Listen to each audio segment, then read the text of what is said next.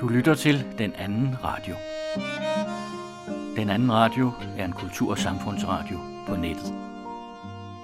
Du finder os på adressen www.den2radio.dk Velkommen til Den Anden Radio og til podcast inden for vores kerneområde kultur og samfund. Siden Google Chrome for nogle uger siden lavede en helt ny opdatering, har der været problemer med afspilningen af den anden radio. Vi håber, problemet snart bliver løst, men i hvert fald kan man lytte til den på Microsoft Edge, som har en fin lyd. Intermezzo har to overskrifter i denne uge. Prisen på mælk og honning og den blodige tilstand af årtusinders ufred. Fordi man ikke bryder sig om Israels mangeårige håndtering af Palæstina i Vestbreden og Gaza og finder den højere ekstreme regering forkastelig, er man ikke nødvendigvis antisemit. Og fordi man er afsky for Hamas massakre og gisseltagning, er man ikke nødvendigvis imod palæstinensernes krav og kamp for egen stat og økonomisk og politisk frihed. Det indlysende i den umulige fred på disse kanter er lige så ubarmhjertig som ørkenen, hvor i kun beduinerne forstår at færdes. Havde skaberens sønlige stedfortræder kendt Netanyahu, ville han måske også have neddæmpet kærligheden i lignelsen og lavet den korrupte, skrupelløse premierminister ligge, hvor han lå. Ifølge gamle fortællinger var det folk, der var født på en søndag, særligt for ondt at kunne se spøgelser. Den påstand findes der ingen videnskabelige beviser for, men i anledning af Alje Helgensdag søndag har den anden radios Pia Koppelmann opsøgt tre forskellige personer, der enten via deres job eller af andre grunde gerne vil forholde sig til begrebet spøgelser. Det er sovnepræst ved Vor Frelser Kirke på Christianshavn, Finn Damgaard, der fortæller om de traditioner, der er forbundet med alle helgens dag, og dertil ejeren af Ghost Tour i København, Nynne Hvidgren, samt restauratør ved Bastionen og Løven, Thomas Gage. I denne uge kan I opleve den svenske jazzsanger Josefine Kronholm, og det er Claus Vest fra Radio Jazz, der interviewer hende. Jorden er centrum i landbruget, men der er mange forskellige holdninger til, hvordan den skal behandles i relation til dyrkning. Det skal vi høre om i den anden radioserie om fødevareproduktionens natur og arkitektur. Pløjefrit landbrug kendes også som conservation agriculture og har rødder tilbage til store klima- og miljøproblemer i 1930'ernes USA. Efter flere år med tørke opstod en katastrofal erosion i form af blæst og jordfyning. På de store markområder, der tidligere havde været prærier dækket af græs, men var blevet opdyrket og kendt som Amerikas brødkurve, blæste jorden simpelthen væk. Udstrakte arealer med ødelagt frugtbarhed gav anledning til nytænkning og nye dyrkningsmetoder. I musikhistorien er der en lang tradition for at komponere musik, der beskriver naturens mange former og fænomener. Lyt med, når kan med i musikvidenskab og biologi, Line Fogdal Christensen fører os ind i værker af Mahler og Beethoven og John Luther Adams og undersøger, hvilken slags natur, der kommer til syne. Er det lysegrønne marker og åbne enge eller truende naturfænomener? Som alle de små fortællinger i krøniker viser, var Henrik Pontoppidans tiltro til menneskene ikke overvældende. I øvrigt skal vi vist lige sige, at den udgave af krøniker, som Carsten Farag læser op af, ikke svarer helt til originaludgaven fra 1890. Pontoppidan havde den vane altid at arbejde videre med sine udgivende bøger, forbedre og forandre, beskære og tilføje, så også krøniker kom igennem årene i adskillige ændrede udgaver. Den, I skal høre denne gang, er den af Pontoppidan-kenderen Torkild Skærbæk redigerede fra 1979. Den lille afslutningstekst i Krøniker er en dyster, misantropisk lille fabel om den unge mand, der drager ud i verden for at finde de vise sten, og til sidst møder en illusionsløs, blindet og fordrevet konge ude i en ørken. Han smiler og virker fuldstændig tilfreds, rolig og afbalanceret. Han må da have fundet de vise sten, livets store hemmelighed. Refleksioner er tekster skrevet og læst af Peter Sapfe. Denne gang er erindringer temaet for to tekster, Love Me Tender og Lille Kæld og 2. verdenskrig. Love Me Tender rammer lige ind i den erindring, der aldrig bliver væk, ala kan du huske, hvor du var, da Kennedy blev skudt, og den anden tekst Lille Kjeld og 2. verdenskrig, fortalte Kjeld i 1980'erne, og Peter Sapfe har nedskrevet og bearbejdet den. Kristendommens fremkomst i den græsk-romerske verden har haft en enorm indvirkning på den europæiske kulturs udvikling. De forestillinger, som er bærende for den kristne tro, er i dag så indgroet i den europæiske kultur, at de i vid udstrækning er blevet en del af den europæiske selvforståelse. Det er et fænomen, som har haft vidtrækkende konsekvenser for stort set alle aspekter af livet for den europæiske borger. Forestillingen om Jesus Kristus som Guds inkarnerede søn og fortællingen om den lidende Jesus på korset, som genopstod til menneskehedens frelse, er en beretning, som de fleste europæere kender og dyrker ved forskellige højtider. Det de færreste tænker over i dag er, at det kanoniserede billede af kristendommen, som står tilbage i dag, er et produkt af en lang og blodig kamp om retten til at definere det kristne budskab. I podcastserien Europas idehistoriske rødders tredje udsendelse får du et indblik i, hvad der har formet kristendommen og hvilken antik arv kristendommen er bygget på. Og det er professor Hans-Jørgen Schanz, lektor Jesper Tang Nielsen, dr. Fil Niels Hybel, ekstern lektor Kasper Dalgaard og lektor Annika Witthammer, der medvirker. I serien med 10 svenske og 10 danske operasangere med international karriere møder vi et lille udsnit af de store sangere. Nogle er midt i karrieren, andre er stoppet, og andre igen er døde. Men glemmes må de ikke, og det bliver de ikke på den anden radio. Denne gang gælder det tenoren Nikolaj Jetta og sopranen Henriette Bunde Hansen.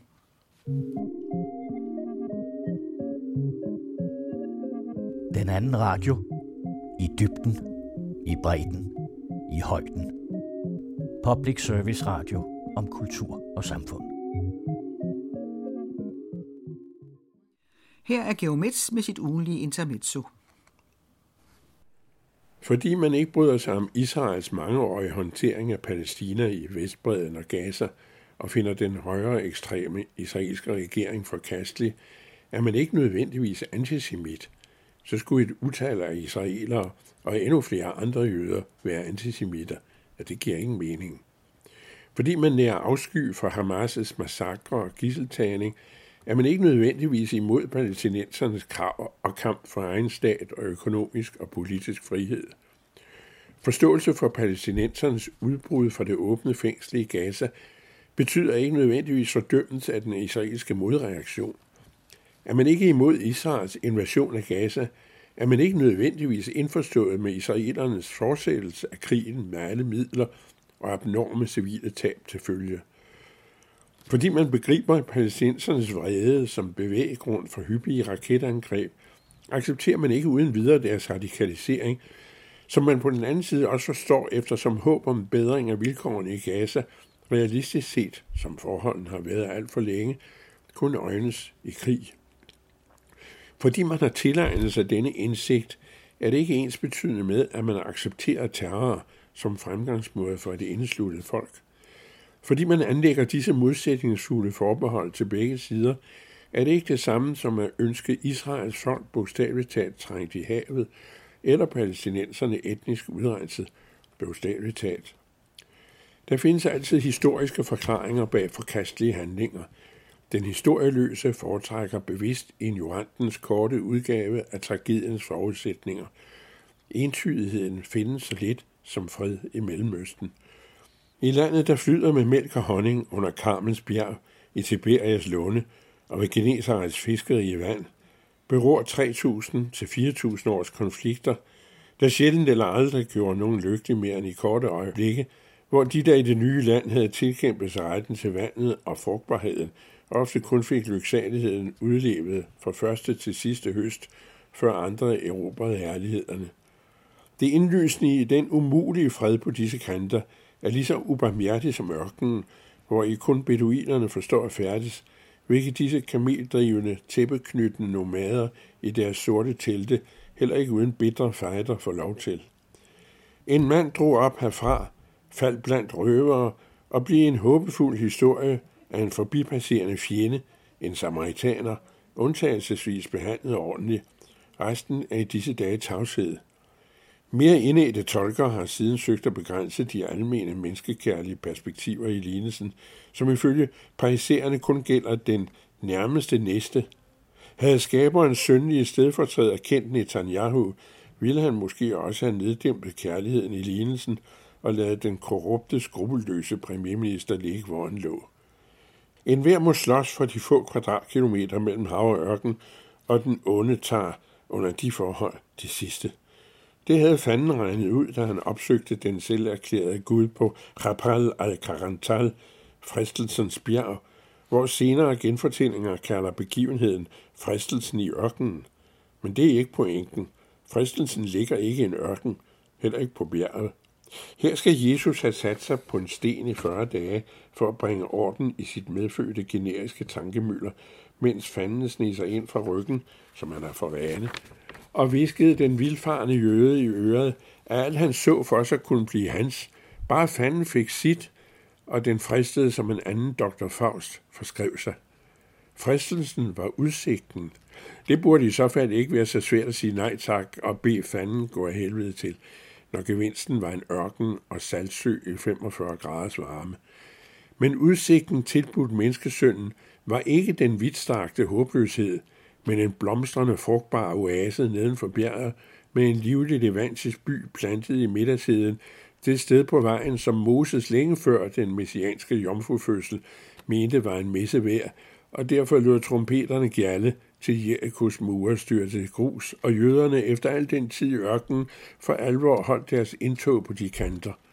Godt 2025 år senere er Jericho stadig en fristende oase, hvor der før i tiden, da håbet levede om to stater og samme eksistens, var skæg og ballade, og i den by, der var elgammel, da Methusalem gik i skole, funklede barer, hoteller og casinoet, hvor israelerne steg ned fra Jerusalem og spillede på roulette. Alt det, de ultraortodoxe ikke brød sig om, og forterede lidt af hvert og drak sød vin i spanden. Det var tider.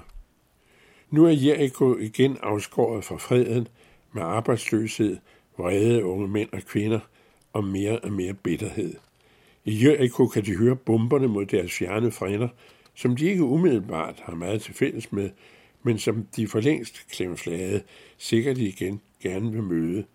Ligesom israelerne nu holder tæt sammen, skønt de lige før var på randen af borgerkrig. Mund selv de uopnåelige to stater er nok til varig fred. I hørte Geomets, og Intermezzo kan også læses i fredagens information. Den anden radio. I dybden, i bredden, i højden. Public Service Radio om kultur og samfund.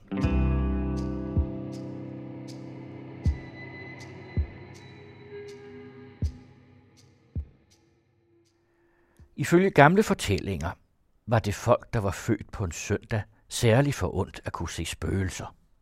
Den påstand findes der ingen videnskabelige beviser for, og i det hele taget er det yderst sparsomt, hvad der er forsket i det emne, som alle har hørt om, men som de færreste tør tale om. I anledning af alle sjæles dag, som fejres i starten af november, opsøgte den anden radio tre forskellige personer, der enten via deres job eller af andre grunde gerne vil forholde sig til begrebet spøgelser. Vi vil dog overlade det til lytterne selv at bedømme, om de mener, der eksisterer ånder og spøgelser eller ej. Finn Damgaard, sovnepræst i Vor Frelsersovn på Christianshavn. Ja. Tror du på spøgelser? Øhm, nej, det gør jeg ikke. Nu ved jeg, at du har studeret det nye testamente meget grundigt. Så er vi ude i en fornægtelse af nogle ting, eller det er rigtigt. Der er noget med en historie om, at, at, øh, at uddriver man en ånd, så kommer der syv tilbage, eller noget fra, fra et hus. Så, så det er rigtigt. Der er helt klart nogle lag om, om noget der også, men, men sådan er det jo med, med alle religiøse traditioner, at der er noget, som bliver mere vigtigt, og noget, som bliver mindre vigtigt. Og, og det er klart, den historie er mindre vigtig i den protestantiske kristendom. Har man valgt at sige. Det har man valgt at sige. Det er jo fortolkning, der er jo nogle tekster, vi, vi finder vigtigere end andre. I 1500-tallet, der var der også i en dansk sammenhæng nogle traditioner om, at spøgelserne kom frem til jul. Men øh, det er jo så en, en tradition, som så er blevet væk igen. Ikke? Ja, for lad os lige holde fast i det, at nu er vi så omkring 1. november. Men er der en øh, årstid for ånder, for spøgelser, eller hvorfor er det havnet den dag?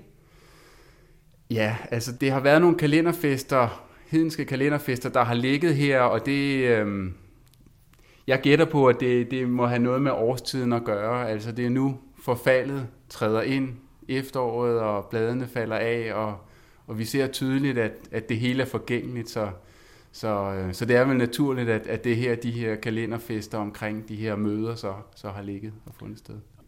Ånderne, eller, eller sjælensdag, eller helgensdag, ja. øh, er oprindeligt fra, fra den katolske kirke. Mm.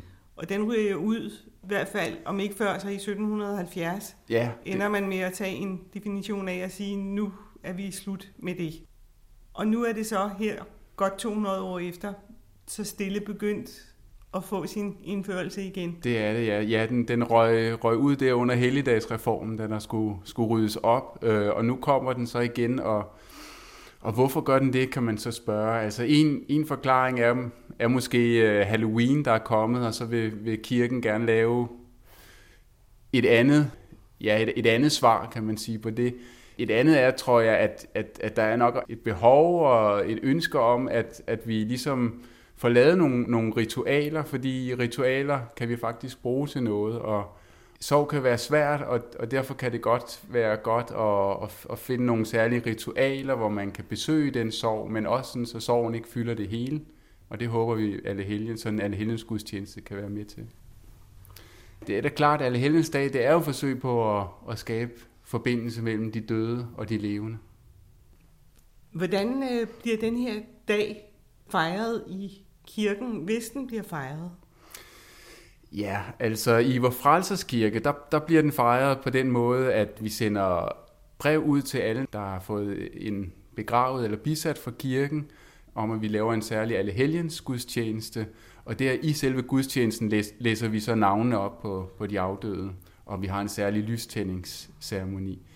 Men jeg ved også i andre kirker, at man, man har taget nogle elementer ind for Halloween, så øh, man lader nogle børn skære græskar ud og, og, øh, og sætter lys op og, øh, og tager udgangspunkt i det. Ja, der er forskellige traditioner i forskellige steder. Jeg kan måske forestille mig på Lolland, at det er roer, man skærer ud, og ikke og hvad ved jeg. Altså, og man kan sige, i forhold til, til Halloween, så er der også mange øh, kirker, der faktisk benytter sig af, af Halloween. Selvom man kan sige, det bygger på den her tanke om de her spøgelser, der, der farer rundt. Men, men der, der gør kirkerne for, vel formentlig det, at, at jamen, man kan godt bruge det her gys, de her sjove drillerier, og så kan man faktisk også bruge det til en pointe om, hvad der så er det kristne håb og den kristne tro, at de faktisk hviler i, i fred. De har det godt, vores døde. Nynne Hvidgren er ejer af firmaet Ghost Tour. Et firma, der har specialiseret sig i at lave rundvisninger på steder, hvor det efter sine spøger. Vi mødtes på en café i København, og jeg spurgte hende, hvordan hun havde fundet på at lave sin spøgelsesture. Ja, ja hvordan fandt jeg? Jamen, altså, jeg er uddannet historiker, så det var jo også noget formidlingsaspekt i det. Altså, at jeg synes, det var sjovt at formidle historie på en anden måde, end at fortælle om tørre årstal og den slags. Og der er spøgelser jo også en rigtig sjov måde. Så, så måske kan man sige, at nu er jeg begyndt at holde de her spøgelseshistorier, men umiddelbart var baggrunden jo sådan mere det her med, at man lavede rundvisninger og fortalte historier og sådan noget. Og, og det med spøgelser gjorde det jo bare sjovt, fordi at der er jo det her meget uvisse aspekt i det, og, og det er jo fuldstændig det modsatte af at være historiker, hvor alting jo er fakta. Det her det er jo absolut ikke fakta på nogen som helst måde. Altså, så, så det er jo også lidt det sjove i, at man fortæller nogle historier, som måske også kan vække folks nysgerrighed. Min hånden på hjertet, Nynne. Har du oplevet noget på jeres ture, eller er det bare fortællinger, I kommer med?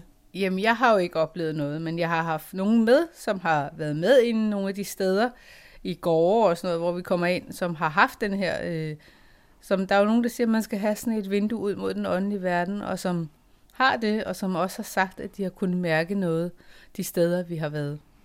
Men hvad er det, der hvor du så siger, at du tror på det. Altså, du har ikke nogen personlige oplevelser, mm. men mm. du tror på, på de historier, du har fået fortalt?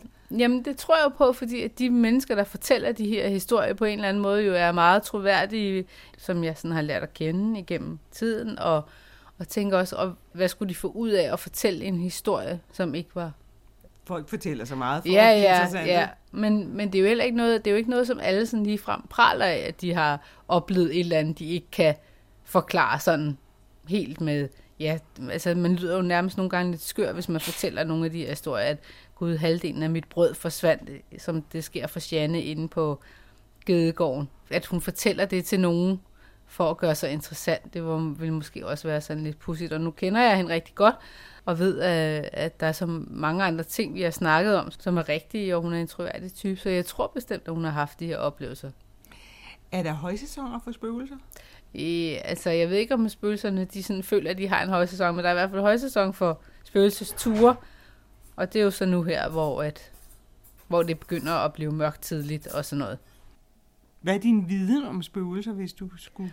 Jamen altså, jeg ved sådan lidt om igennem medier, som vi også har haft knyttet til, lidt om spøgelsestyperne. Altså, at der findes jo folk, der ofte går igen, fordi de er død på en eller anden voldsom måde, eller en eller anden ulykkelig måde. Men det kan jo også godt sagtens være nogen, der bare er tilknyttet sådan positivt til en bygning. Der findes også det, der hedder genganger, som er nærmest sådan et, et hologram, altså et billede, der bare gentager sig om og om igen. En, person, der gør det samme, som de gjorde, da de var i live, og ikke rigtig kan komme ud af den kontekst. Og så findes der også de her former for ånder, som, som de her medier siger, som har deres egen fri vilje, som altså sådan kan bevæge sig frit omkring. Så vi snakker om tre typer af ja, ting, som ikke er i den fysiske verden? Ja, altså i hvert fald to, sådan de der ånder, som har deres egen fri vilje, og, og så de her genganger, sådan deler de det meget kraftigt op. Men hvis du talte med dem mest, så havde de sikkert mange flere nuancer, end, end dem, jeg kender til. Ikke? Og dem med deres frie viljer, hvad ja. kan de finde på? Skal vi være bange for dem? Nej, men ikke nødvendigvis. Jeg tror ikke, at øh, man skal være bange for spøgelser. Jeg tror også, at de... Øh, jeg har også fået at vide, at de også meget sådan ofte vender tilbage, hvis der er ting, de ikke rigtig sådan føler er uafsluttet i deres liv på jorden at de vender tilbage for ligesom at afslutte nogle ting og finde ro i sjælen, og det er jo også derfor, vi snakker om den her sjælefred, som jo er så vigtig for, at man jo ikke vender tilbage til den her verden. Men er et spøgelse knyttet til noget fysisk? Altså hvis vi ikke har vikingespøgelser, mm. og ikke har jernalder mm. spøgelser og bronzealderspøgelser, mm. og har det så noget at gøre med, at der ikke er nogen fysiske rum, som de mm. har opholdt sig i dengang, som eksisterer længere? Er, er det ja, det kan, det kan man egentlig måske godt forestille sig, at der er noget fysisk, der skal knytte dem her til, øh, til jorden stadigvæk, at de ikke bare render sådan hvileløst rundt. Fordi det er jo tit netop, at de er knyttet til enten en person eller til et hus, som de har, eller en bygning, som de har været ret sådan tætte på. Så øh, det er jo en, kunne være en rigtig, rigtig god forklaring på, at man ikke finder de her rigtig gamle øh, spøgelser. De historier, jeg ligesom får, det er jo sådan øh, folk, der tager med på turen, og har en eller anden tilknytning til et eller andet sted herinde i byen, og så siger Gud, ved du jeg har boet der engang, nede i, hvad ved jeg, Løvstræde eller sådan noget, og der havde jeg den her oplevelse. Og så tager vi nogle gange ud og snakker med dem, og prøver at høre, og, og det, der jo er interessant, hvis man skal fortælle en historie, det er jo ikke bare at sige, ja, så er vi nået til den her bygning, og herinde spørger det også, og det spørger også herinde ved siden af, og sådan noget. Altså man bliver jo nødt til, vi, der, der er jo så et noget historisk researcharbejde i det, og finde ud af, hvad er det for et hus, og hvem har eventuelt boet der før i tiden, og hvad har deres skæbne egentlig været, og sådan noget. Så, så der er jo mere sådan historiearbejde i det, ikke? at kigge i arkiver og folkemindsamlinger og den slags. Øhm, hvad er din yndlingsspøgelseshistorie, hvis du har sådan en? Jamen, det er nok den der nede fra Krabsegården, hvor at de her to unge mænd bor i lejligheden. Der er en ind. lejlighed inde i Krabsegården? Ja, det var der i 2003. Det er der ikke længere. Men inde i baghuset, der havde man lavet lejligheder. Og der er en helt særlig kælder, som øh, går 7 meter ned i jorden, og som er fordelt på tre etager. Og så går der bare sådan en åben skagt igennem de her tre etager. Øh, og det har altid været sådan et et sted, man opbevarede mad dernede i kælderen. Og de bor så derinde, og så begynder de at mærke en eller anden tilstedeværelse ude i køkkenet. Og så inden Hvordan mærke en tilstedeværelse? Jamen, den her kraftige fornemmelse af, at uh, der er nogen, og det er jo også det, vi talte lidt om i starten, at det er meget det der med en eller anden fornemmelse, at man jo enten fornemmer et eller andet, eller hvis man ikke kan se dem, øh, og høre lyde, og de ser døren gå, og høre trin på trappen og sådan noget. Så derfor så begynder de sådan ligesom at undersøge, hvad der egentlig kan være i resten af huset, og så går de rundt til alle de her lejligheder, der nu ligger i baghuset. Og det er kun alle de unge mænd, der ligesom siger, at de også har samme fornemmelse. Bor der også unge kvinder?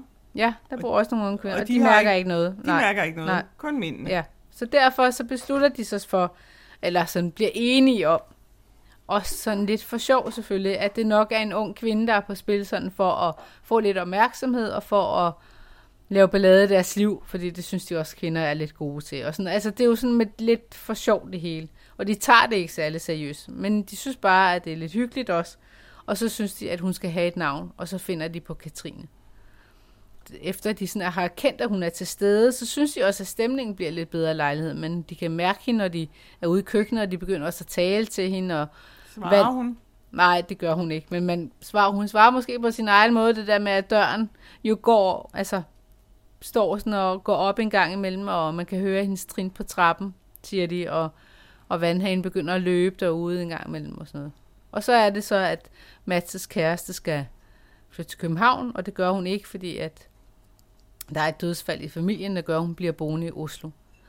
Og han bliver selvfølgelig rigtig ked af det og fuldstændig heartbroken og går i byen med nogle venner og kommer sent hjem om natten og har brug for at tale med sin gode ven Karsten, som er ham, han deler lejlighed med. Og så sidder de her to fyre og taler til langt, langt ud på natten og har sikkert også fået nogle øl og, og eller Mats har også glemt at lukke døren, altså hoveddøren ind til lejligheden. Så da de sidder inde i stuen og snakker, så begynder den her hoveddør at klapre ret kraftigt op imod kammen. Og til sidst... Og der er ikke øh, noget vind? Eller... Nej, nej, der er ingen vind, og det er jo også sådan... Den står bare og klapper? Ja, og, og de er, altså, det er jo... Øh, enten er det sådan helt åben eller helt lukket ind til den der stue, ikke? Så øh, døren, fordi at det er så skævt. Og så sidder de der og snakker, og så begynder det at blive kraftigere kræfter med den her dør, der står og klapper. Og til sidst, så råber Madsen ud i rummet, at øh, prøv at høre her, hvis der er, det er dig, Katrine, så beslut dig lige for, om du er indenfor eller udenfor. Men øh, luk dog døren efter dig. Og så lyder der det her største brag. Det er kæmpe bang, og de får selvfølgelig en stor forskrækkelse, og, og må også trække på smilbånd og tænke, at hun jo måske ikke bare, hun brød sig nok ikke om den samtale, der var blevet ført inde i, i stuen af de her to unge fyre. Og så sker der det nogle måneder efter, at der er en jubilæumsfest, og Carsten er faktisk flyttet ud af Krabsegården, og Mats er flyttet ind i forhuset. Og der er et galeri inde i baghuset nu. Og der øh, er der et jubilæum, og Marietta, Mats' stemmor, som ejer huset, hun har inviteret en masse gæster, og blandt andet en kvinde, der hedder Inger Kongsted, som øh, har boet i Krabsegården hele sit liv, og hendes, både hendes far og hendes farfar har ejet Krabsegården. Og hun kan bare huske, at hun altså fik at vide, da hun var lille pige, at hun ikke måtte lege nede ved den her kælder, fordi at øh, hendes far fortalte hende, at der var en pige, der engang var faldet ned igennem den her åbne skagt og var blevet slået ihjel. Og det, hun var altså røget de her syv meter ned gennem den her åbne skagt og havde brækket nakken. Og så er det jo, at Mads og Carsten, som jo aldrig har vidst, at der var en pige, der var, var død nede i den her kælder, var simpelthen faldet ned. Og det, der jo kommer rigtig meget bag på dem, er jo, at Inger Kongsted så fortæller dem, at, at pigen, hun havde hed Anne-Katrine. Og de havde gået og kaldt deres spøgelse Katrine. Så, så det synes de alligevel var ret skræmmende, og havde det heller ikke sådan sønderligt godt øh, umiddelbart efter. Men har sådan ligesom fundet lidt ro med det, og, og Mats' far, som også bor inde i huset, han siger altid i dag, at hun kun viser sig for unge mænd, og ikke for de her gamle mænd, ældre mænd, som han selv også er. Så det er jo ikke sådan, at de mærker hende hele tiden, men de synes bare, det er hyggeligt at tænke på, at hun egentlig holder til derinde. Så det er et spøgelse på, vej, på, på jagt efter en ung fysisk ja, mand? Ja, måske ja. Og hun går stadig rundt derinde? De har ikke øh, hørt hende i lang tid, fordi nu er der jo galleri derinde, og det er jo Marietta og hendes og Mads' far, som styrer det. Så de der unge fyre, de er jo ikke rigtig i baghuset, og der er ikke nogen lejligheder derinde mere. Så man har ikke sådan hørt hende, men, men må ikke, at hun holder til et eller andet sted. Hvad øh, er der flest af? Mandlige spøgelser eller kvindelige spøgelser? hvis der er en statistik ja. på det. Jamen altså, vores det er faktisk... Øh, der er nok flest kvindelige. Der er nok flest kvindelige spøgelser. Jeg har nogle enkelte mænd med på øh, de historier, jeg kender. Altså de historier, vi fortæller, der er der nok flest kvindelige, men vores gamle historier, der var det sådan mere 50-50. Altså, der fortalte vi nogen nede fra Nyhavn og sådan noget. Der var ret mange mandlige spøgelser med. Er de forsvundet, eller Nej, er de nej. bare forsvundet ud af jeres katalog? Ja, de er bare forsvundet ud af vores katalog. Vi bliver også nødt til at fortælle nogle nye historier og lave vores ruter lidt om og sådan noget. Der er jo sådan også noget, det er jo sådan helt, en helt anden boldgade, men sådan mere planlægningsagtigt, at man gerne vil starte og slutte en tur nogenlunde samme sted, og alle sådan nogle praktiske ting, som når man arrangerer en, en byvandring, ikke? Nu har du så fortalt om en af dine yndlingshistorier, mm. som Mm. er Katrine, mm. som går efter unge Ja. mænd. Men har du også en yndlingstype spøgelser? Mm. Øh, en yndlingstype spøgelse. Åh, det har jeg ikke tænkt så meget over. Men Da, man kan jo godt få sådan lidt ondt af dem.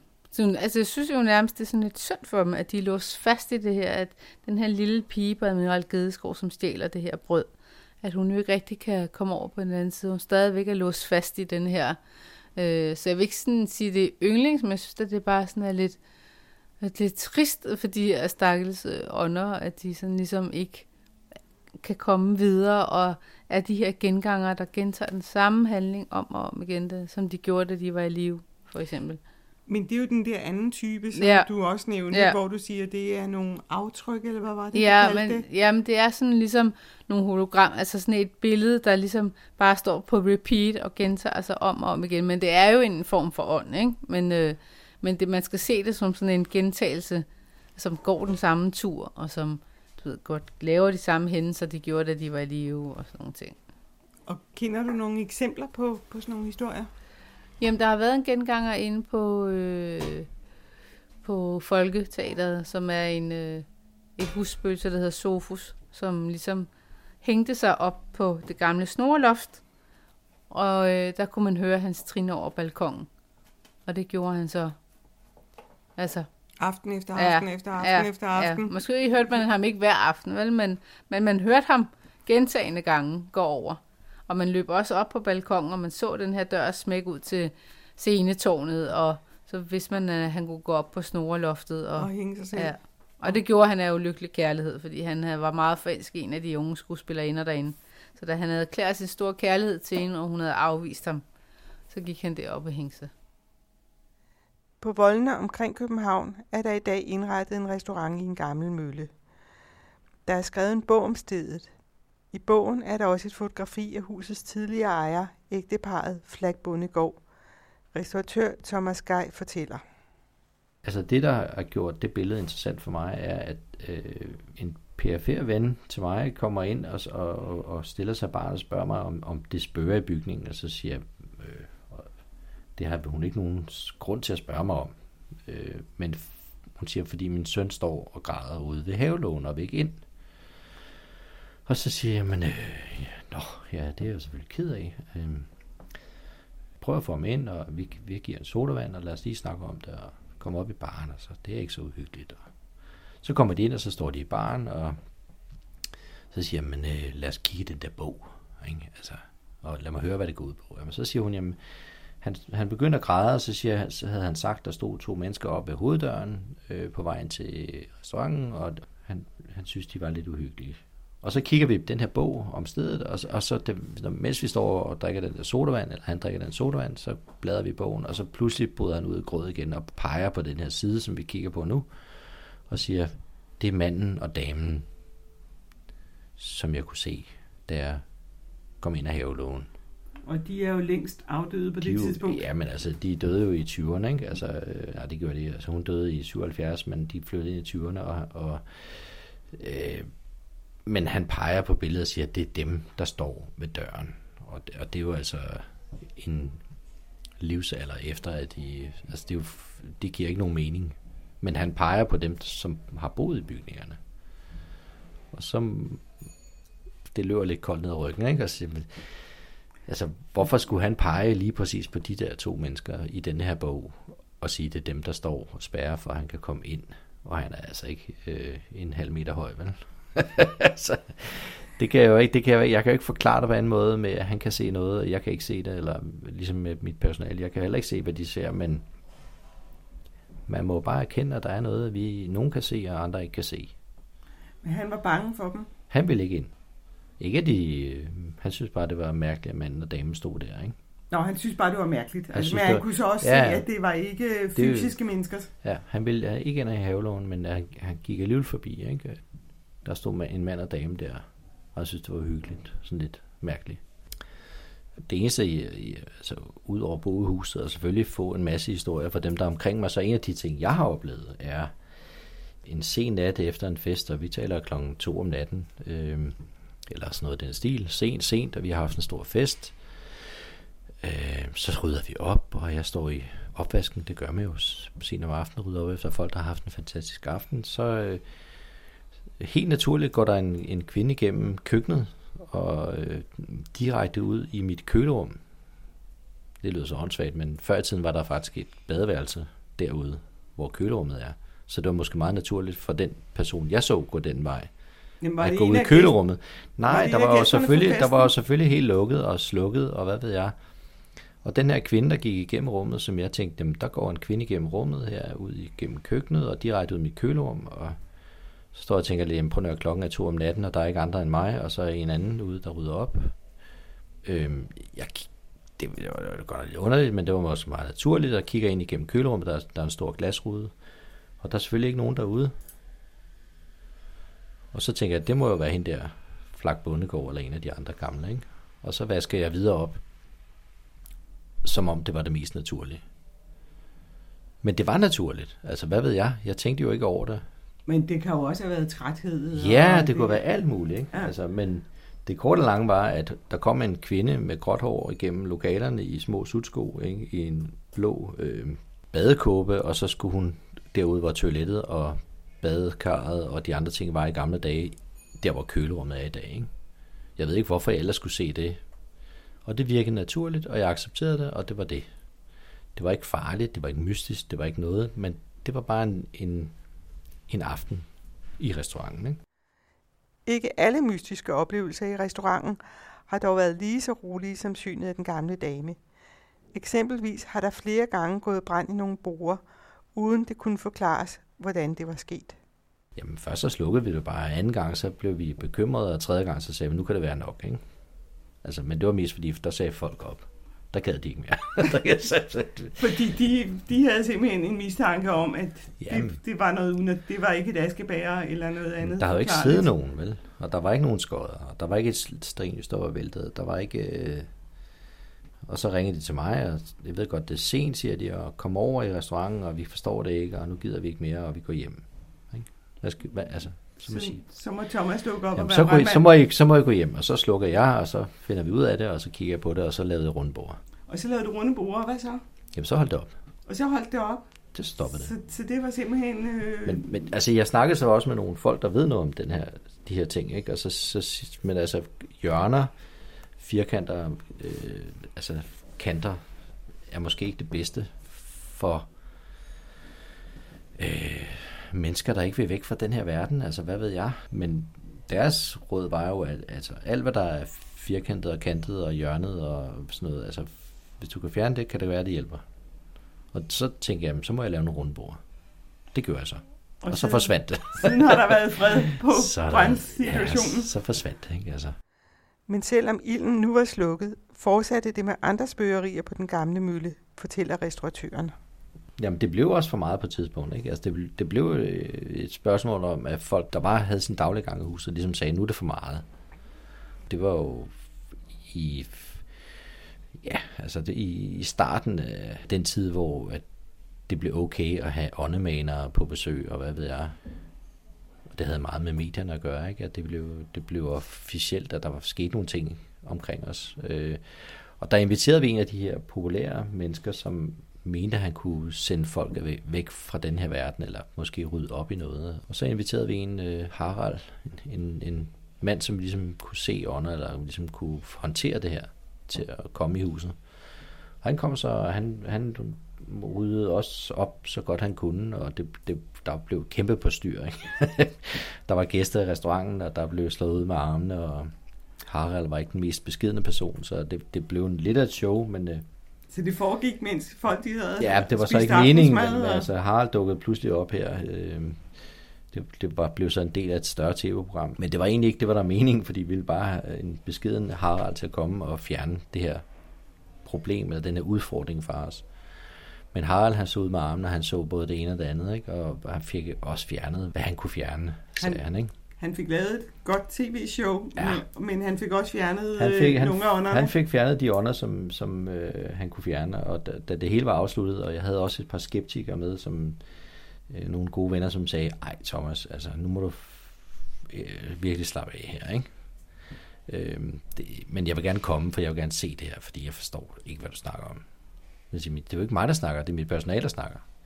Men øh, da Harald kom, så sad de her mennesker så også og kiggede på, og de måtte jo også ligesom sætte sig et skridt tilbage og sige, jamen, ah, det skulle lidt for mærkeligt det her, ikke? Og, men Harald ryddet, og så da hele det var afsluttet, og alle åndede lettet op, så, så siger Harald så over for mig og skeptikere og alle mulige andre, siger, nu er det slut.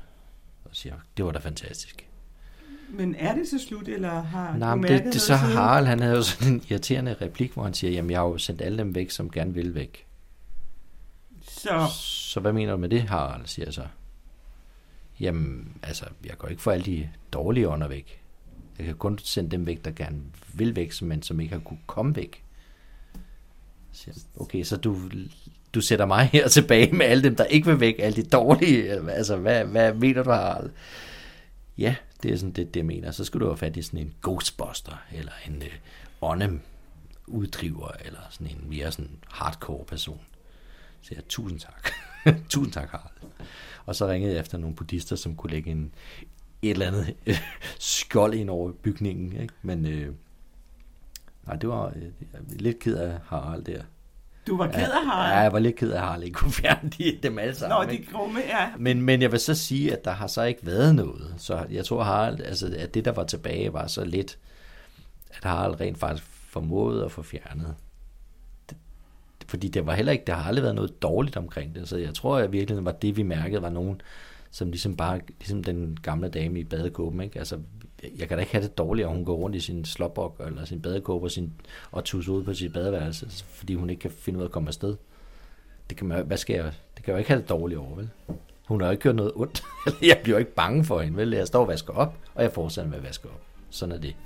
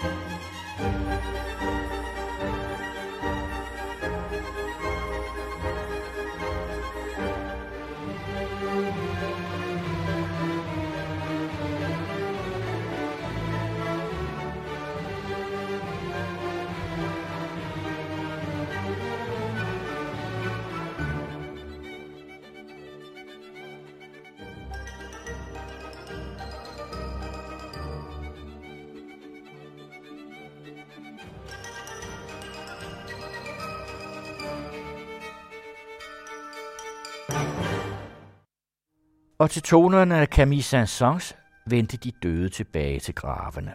Udsendelsen var tilrettelagt af Pia Koppelmann.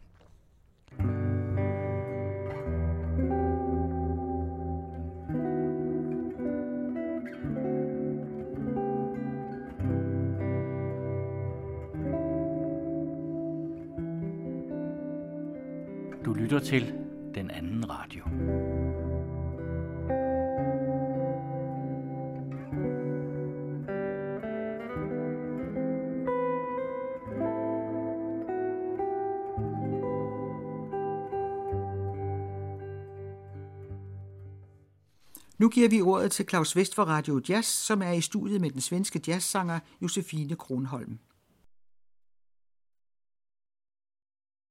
så siger vi velkommen til lytterne, hvor vi skal sende noget i serien Ny Dansk Jazz. Det er nummer 11 i serien. Og gæsten i dag, det er Josefine Kronholm. Og velkommen til studiet, Josefine. Tusind tak, Claus. Anledningen, det er den, jeg hørte jer for nylig spille på jeres turné med Sten Rasmussens gruppe, mm-hmm. øh, Milton på svenska. Ja. Så jeg tænkte mig, at vi skulle begynde der i hvert fald. Ja. Så, så må vi se, øh, hvordan det udvikler sig. Mm-hmm. Og der på den der nydelige, gode plade, har lavet, der har jeg valgt Ponta de Area som det første nummer. Ja. Skal vi høre den nu? Ja. Det gør vi.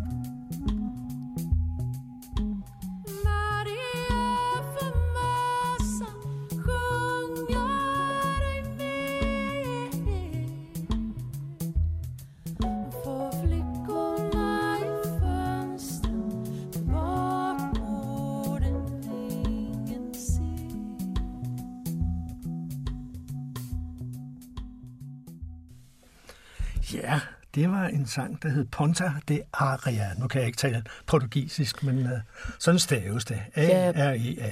Ja, det hedder faktisk Ponta de Areia. Nå, det var godt. Areia betyder sand. Ja, vel, ja. Og Ponta de Areia, det er en punkt, en særlig punkt faktisk, Ja. ja. i Bahia i Brasilien, Ja. ja. i den stat Bahia. Helt ude i vandet. Okay. Det kommer ikke længere ud end det der. Og det, det handler om. Den her sang er, handler om en, øh, en, en toglinje, Ja. som fandtes i gamle dage. Den findes ikke Den mere er der. desværre. Ja, nej. Men den gik fra staten Minas Gerais, som ligger lidt inde i landet, Mhm. mm-hmm. ud til Bahia, Mhm. som transporterer den masse ting der. Ja, Og på den vej, der lå det jo selvfølgelig små stationer ja. med mennesker, der mm. arbejdede og levede, øh, og var meget afhængige af den her togbane. Mm.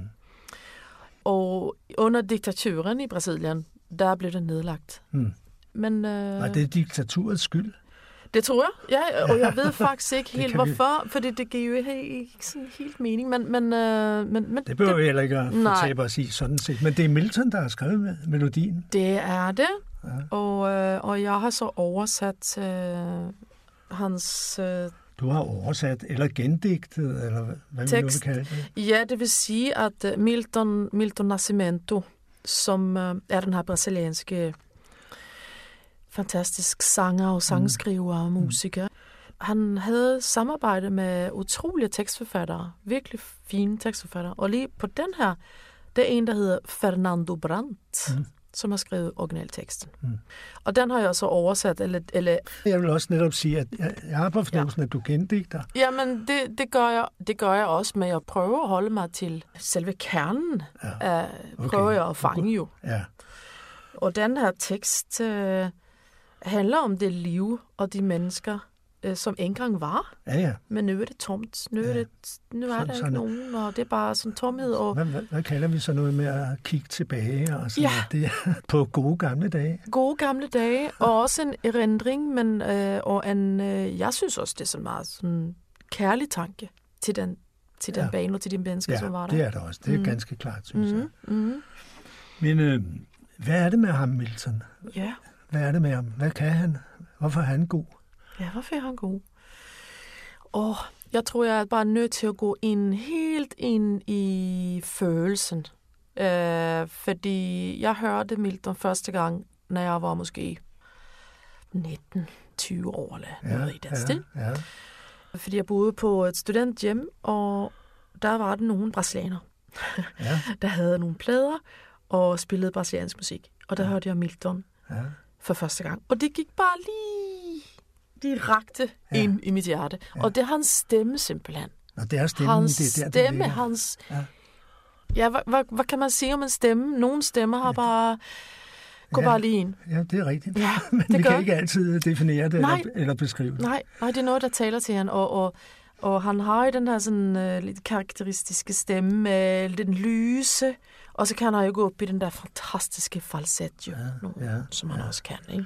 Vi skal høre den, et af de numre, måske det nummer, som Ja, du blev betaget af. Det skal vi. Uh, det skal vi. Vi skal høre... Det hedder Travessia. Ja, eller sådan noget. Travesia hedder ja, det. Ja, Og det var, øh, det var det første nummer, jeg hørte med ham. Og det kommer fra en af hans første plader. ja. Så han er meget ung.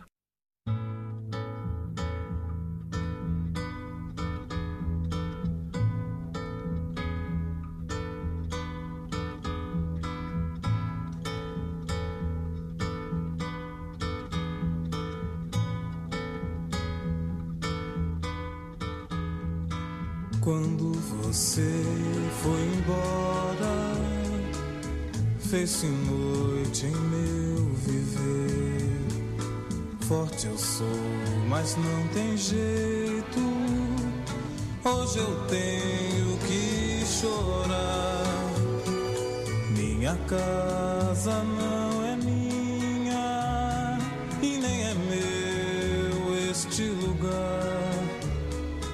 Estou só e não resisto. Muito tenho pra falar.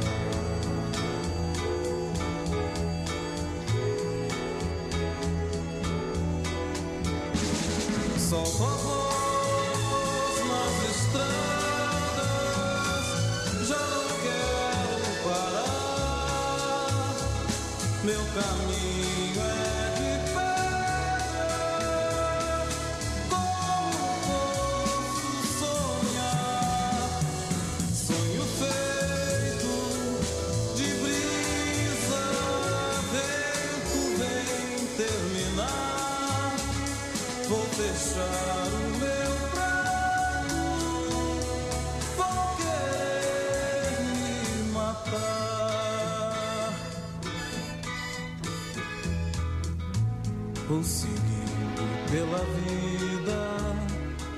Esquecendo de você.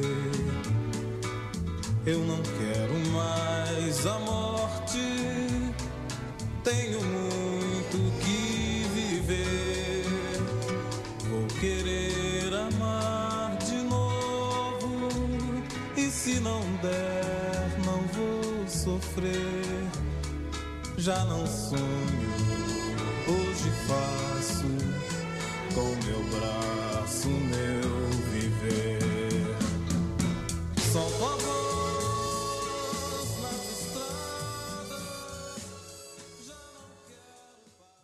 Det var jo Milton. Han blev godt bakket op af strygerne i baggrunden der. Ja, det, det, det må man nok sige. Ja, hvad giver det? Det giver sådan lidt uh, sentimentalitet, ikke? Det er, Ja, det er det, der er det jo lidt også, ja, absolut. Jeg, men jeg synes, jeg synes, det er så dejligt at få lov til at, at få være i de der store følelser. ja. med instrumenteringen, med orkestreringen, at, at man er ikke bange for det simpelthen. Og, og jeg synes også, det er noget med teksten der, at han hører min stemme helt ud til gaden. Ja, ja. Hvordan, hvordan den bare, wow! og det, det synes jeg, det ligger i arrangementet, og det er så fantastisk, det der version, synes jeg. Så kommer vi til det, det pinlige. Du har jo også indsunget det. Ja, jeg, jeg håber Helt ikke, det er bevidst oven i pinligt. købet, ikke? Ja, Så det, vi skal da høre din fortolkning. Det skal med vi. Stine Rasmussens gruppe. ja, det skal vi, og Skulle vi lige huske at nævne alle de fine musikere, der er ja, det, der? det, det skal vi. Vi og- hørte jo i det første der med toget, der blev jeg meget imponeret over bassisten. Mm. Mm. Øh, Frederik Damsgaard. Frederik Damsgaard, jo, som er en øh, fantastisk fin bassist, og øh, spiller både kontra, bass og elbass Ja, ja. på den her Og plade. meget, og meget præcist. Ja, og han holder den der Stabilt. rytme der, ikke? Ja. Og de andre, Ja. så er det jo Sten Rasmussen, dog, ja. som jo er kapelmester det, på... er, det må vi jo ikke glemme. Ej, Han er det den ikke. kapelmester Det på det virkelig. der. Ja. og som jo spiller klaver og alle, ja, orgel og alle mulige ting der. Ja. Klaviatur. Ja. Tangent, Ja, ja, ja, ja. tangenter. Og så en Også- meget dygtig saxofonist. Ja, og så har vi jo også Anders Banke, Ja. der spiller øh, tenorsax og klanet og bassklanet og fløjte. Ja, ja, Alt så fløjt. han kan, han kan også Ja. det hele, han falder ind Det er det. Det kan det, som han. han skal. Mm. Mm. Og så har vi jo en tromslag. Det skulle så- vi jo ikke glemme. Nej, det må vi ikke glemme, fordi det er jo Celso de Almeida. Ja, Så- jeg kendte ham ikke i forvejen. Nej, Så du må godt Øhm. fortælle lidt om Celso. ja, Celso, han har, altså, ja, han har jo spillet med alle mulige ting. Ja. Øh, vi spiller rigtig meget med Rosa Passos, Mhm. mm-hmm. øh, som også er brasiliansk sanger der. Og jamen, han har lavet alt muligt med brasilianske. Selvfølgelig har han det. fantastisk. Øh, og, og det er jo, han er fra Sao Paulo, Ja. og er simpelthen fantastisk at spille sammen med. Ja. Han er så lyhørd, og ja. han, øh, han lytter rigtig, rigtig meget til teksten. Han lytter ja. rigtig meget til, øh, Også selvom teksten vil. er svensk. Ja, jamen faktisk, fordi det er sangerens øh, måde at levere. Altså man ja. leverer, og man fortæller en historie. Ikke? Ja. Jamen det er virkelig. Det er- Man spiller sammen. Det er ikke... øh, Det er heller ikke sådan, at man Det jo han ikke- akkompagnerer, men vi, vi spiller sammen. Ja, ja. Mm. Og det kan vi sikkert høre på det nummer, vi nu skal høre, som hedder Korsning. Korsning. Det, er- det er det, den bliver til. Ja, det, det, ja. Og det betyder jo et eller andet med at krydse. Ja, præcis.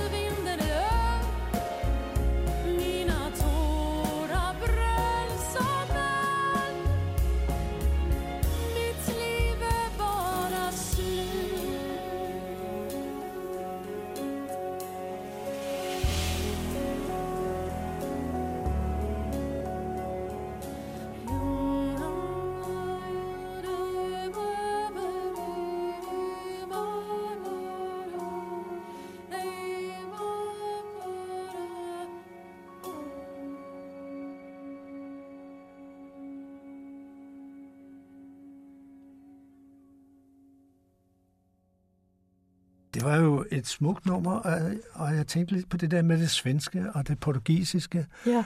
Altså på en eller anden måde. Eller også så får det bare et nyt liv, når det er svensk. Mhm. Så er det altså Sverige, mm. vi er i, og der passer det. Ja, og så er det jo, så er det jo mit sprog. Ja, ja. Så du øh, synger så- bedre på svensk end Så på... jeg, ja, jeg synger jo mit sprog, altså, og jeg, jeg har jo også oversat det, og også gendigtet eller skrevet det på mit sprog. Ja, ja. Øh, så det er jo det der udfordringen i os at oversætte tekster. Ja. Det er jo, at man skal også give det mening på Mm. det sprog, som det bliver til. Det er klart. Ja, Altså, ja. Også i en tid, og også i en... Øh, øh, altså, den her, det her nummer, det er jo skrevet i, i 60'erne, ikke? Jo. jo, det er skrevet i 60'erne, men det er ikke 60'er-agtigt. Nej, nej.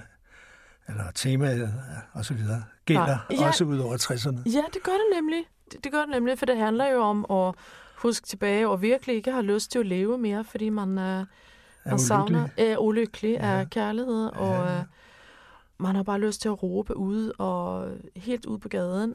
Men noget i en gør, at man fortsætter alligevel at leve, fordi kærligheden til livet er så stærkt. Ja. Og man ikke søger døden mere, men man søger livet, og man vil være, man vil være her tilbage ja. i livet, og man vil elske, og man vil ja. prøve igen. ja, Et trin ad gangen. Ja, ikke? og sådan skal det også være. Ja. Sådan skal det jo være. Mm. Det næste, vi skal høre, der skal vi jo have en brasilianer med på sangen. Nå ja, hedder- Leoninax. Ja, ja. Ja, Og øh, det er igen noget med et tog. ja det er det. Det er et tog, der Det går kan- igen der. Ja, det blå tog hedder den. Det blå, tog, blå toget fra Trin Azul. Ja. Øh, og det er jo et nummer, som øh, er skrevet egentlig af Lo Borges. Ja, det har jeg set det navn, men det sagde Ja. mig ikke noget. Han var en del af det her Milton slæng, eller slænget, Ja, ja, i Klub de Esquina, som det hedder. ja. klubben på hjørnet. Og der var Lo Borges med os, øh, og han har skrevet den her som så Milton sang. Den hører vi bare Mhm. nu. Det blå tog. Coisas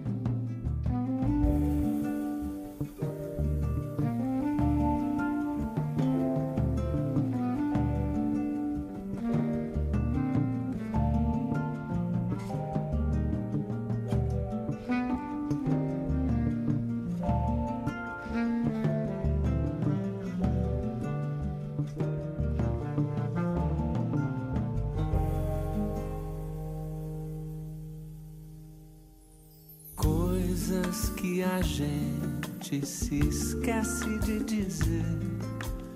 Frases que o vento vem às vezes me lembrar. Coisas que ficaram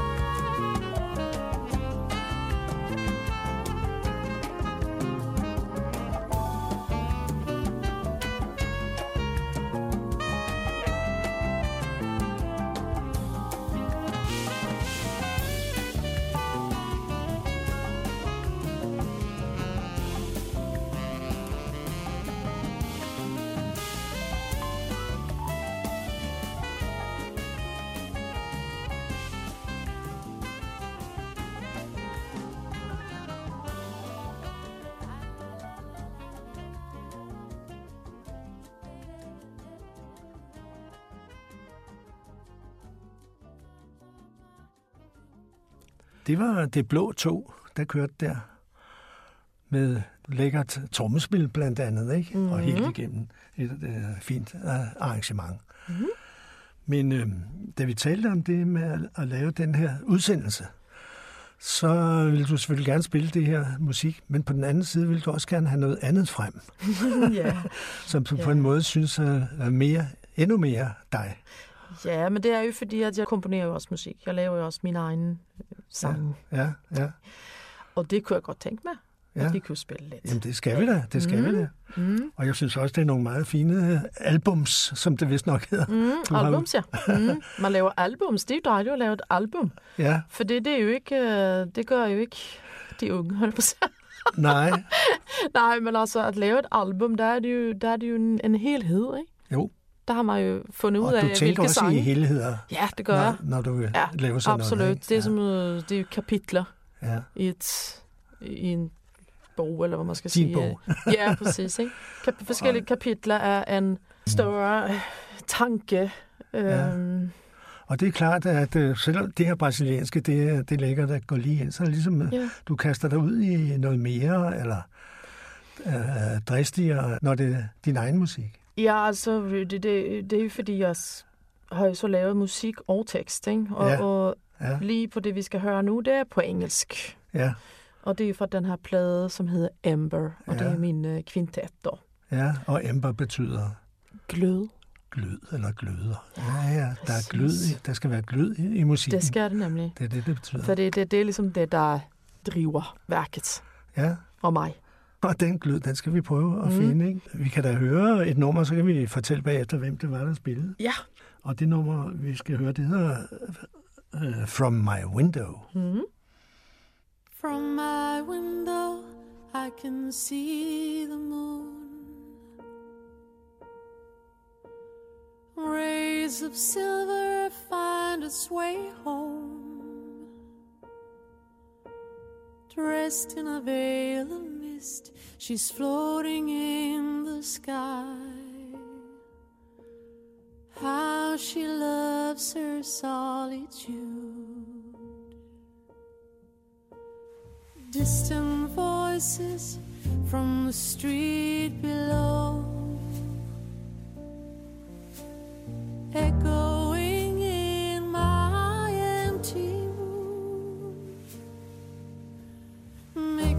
the sound of lonely, swirling autumn leaves, fills my heart with longing tears.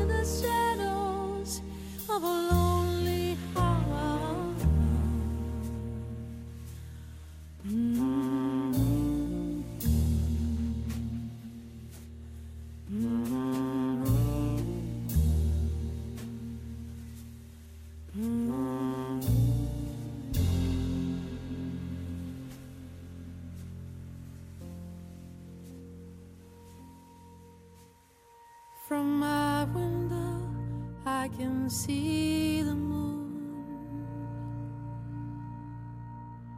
Rays of silver find its way home. Dressed in a veil of mist, she's floating in the sky.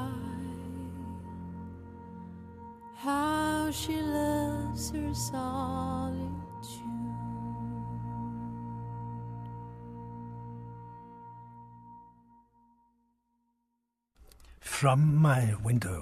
Ja. En stilfærdig og meget smuk sang. Tak skal du have. Med et godt orkester i baggrunden. Ja, det er jo min øh, kvintet, Ja. øh, som jeg har spillet øh, meget med.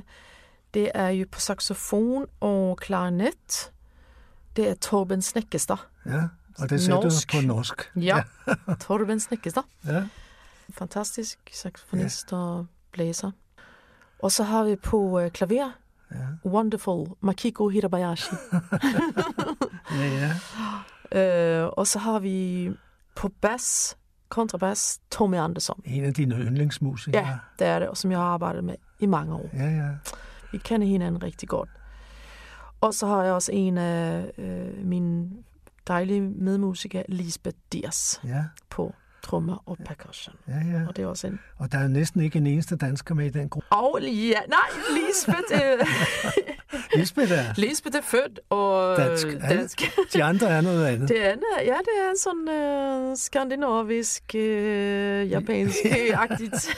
Det er meget, meget internationalt på den ja, måde. jeg synes, der. det er dejligt at have nogle forskellige internationaliteter. Ja, altså... selvfølgelig, men det tænker vi jo slet ikke over. De er jo en del af det danske musikmiljø. Ja, præcis, det er det jo. Ikke? Men Så- man har alligevel noget af sit blod. Ja, på, en- på en eller anden måde Ja, det har bringer man. Det har man. en uh, norsk saxofonist, Ja. han bringer noget norsk. Ja, absolut. Ind- og ind i musikken, jamen, ja, mm, mm, Så, præcis. og det, vil- det skal vi høre mere af. Mm, Der er også en sang, der hedder The Surrender. ja, det er også et meget stille nummer, men jeg synes, Ja, det jeg men samtlige numre på den her, det her album er, Ja. er meget stilfærdige. Det er det. Og de er ikke publikumsanglende. Ej, men det er ikke uh, one, two, three, four, baf. Nej, det er det ikke. Det er, det. Det er uh, ret stille. Det er, det er meget stille, det er meget Mhm. lyrisk, Ja. det er stemningsbåret Ja. og det er det. øh, ikke Mm. tough swing. Nej, nej, det er det ikke. Men lad os høre uh, The Ja. Surrender.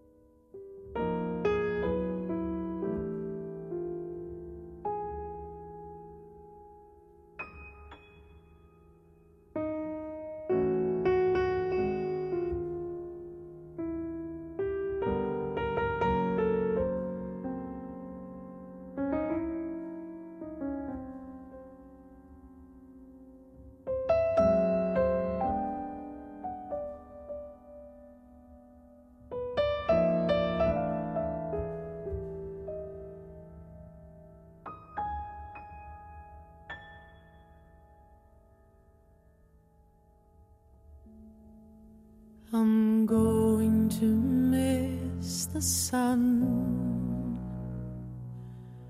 I'm going to miss the moon. I'm going to miss your face.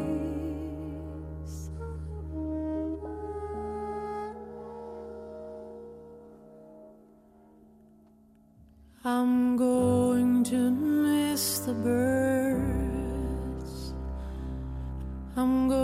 To miss the trees. I'm going to miss the wind, the silent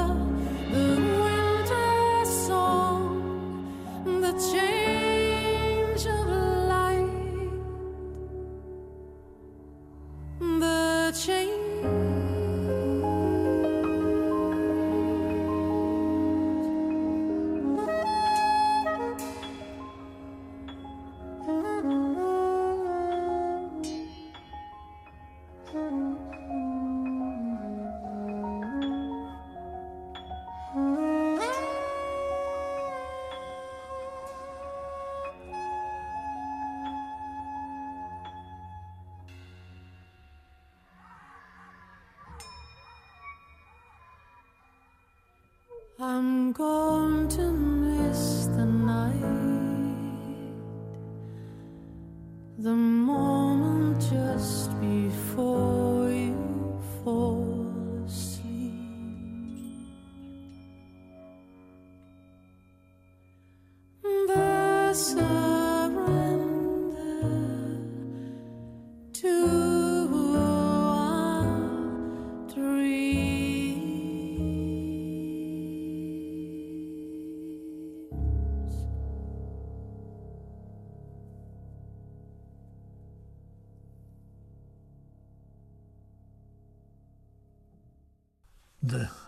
Surrender to Our Dreams Ja. handlede den om. Mm.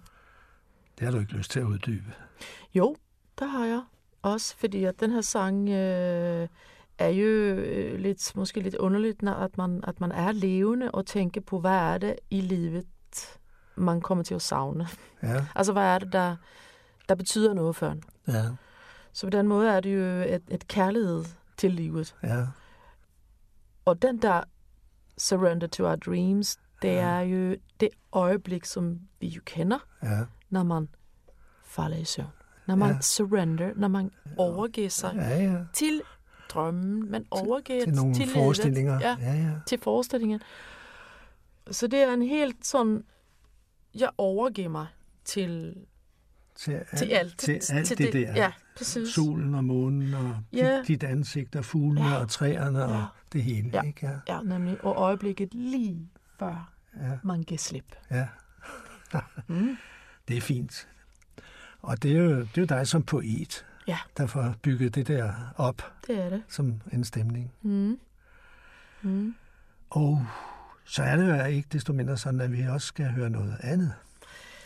Ja, fordi vi taler jo lidt om her, at øh, jeg har jo et øh, orkester sammen med en øh, kornetist, Ja. den amerikanske Ja. ja. kornetist, der hedder Kirk Knafke, Ja, og bassisten Tommy Andersson. igen. Ja, Ja. ja, Og vi har lavet en plade, der hedder Near the Pond. ja. Tæt ved dammen, Ja, eller sådan noget. den kom i 2021. Ja, og den vi lige hørte, den kom i 18, Den tror kom i jeg. 18, så så ja. det, er, det er ny musik. Ja, det er det. Og øh, på den her Near the Pond, der har vi også sådan en trommeslager, der hedder Kenny Woolsey med. Ja, vel, ja. øh, en amerikaner også, og så har vi nogle øh, strings.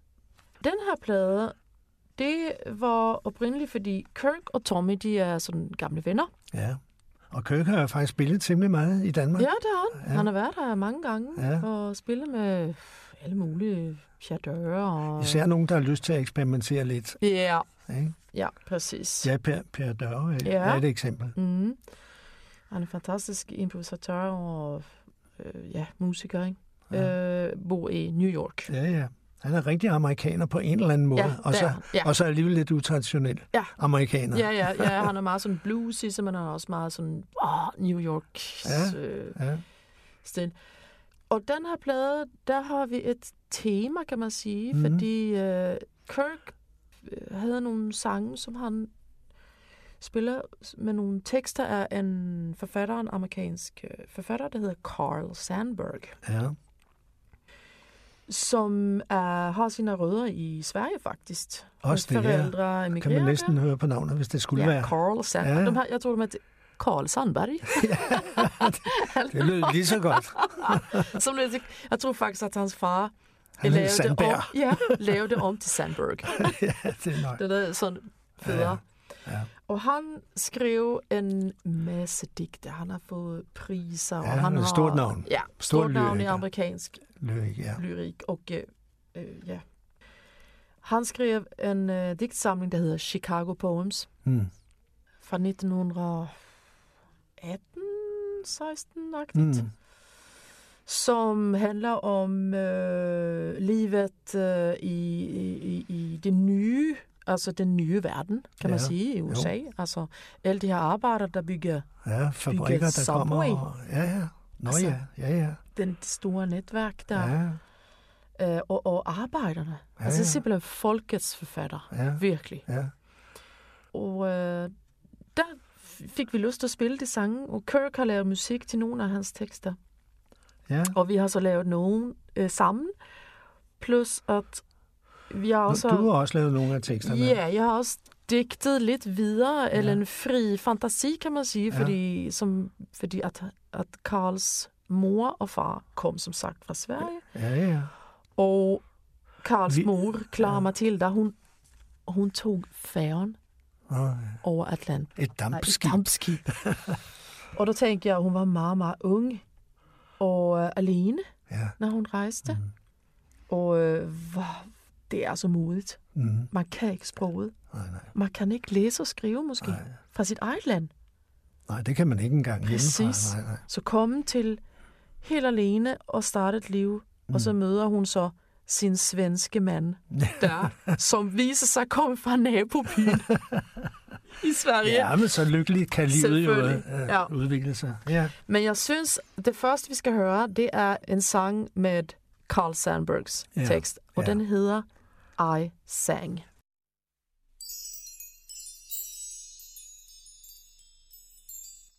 I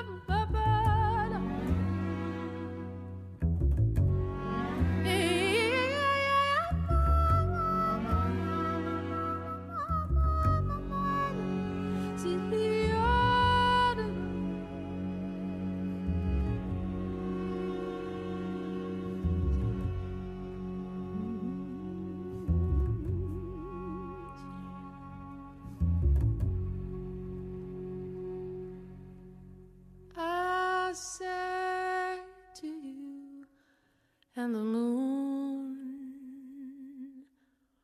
But only the moon remembers I sang.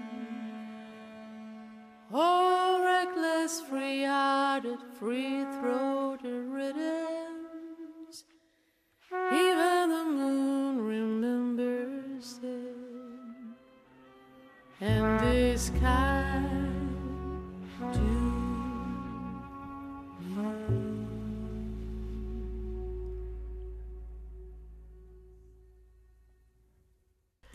flot sang, der fører os tilbage til Amerikas tidlige historie Mhm. i det 20. århundrede, sådan Mhm. cirka.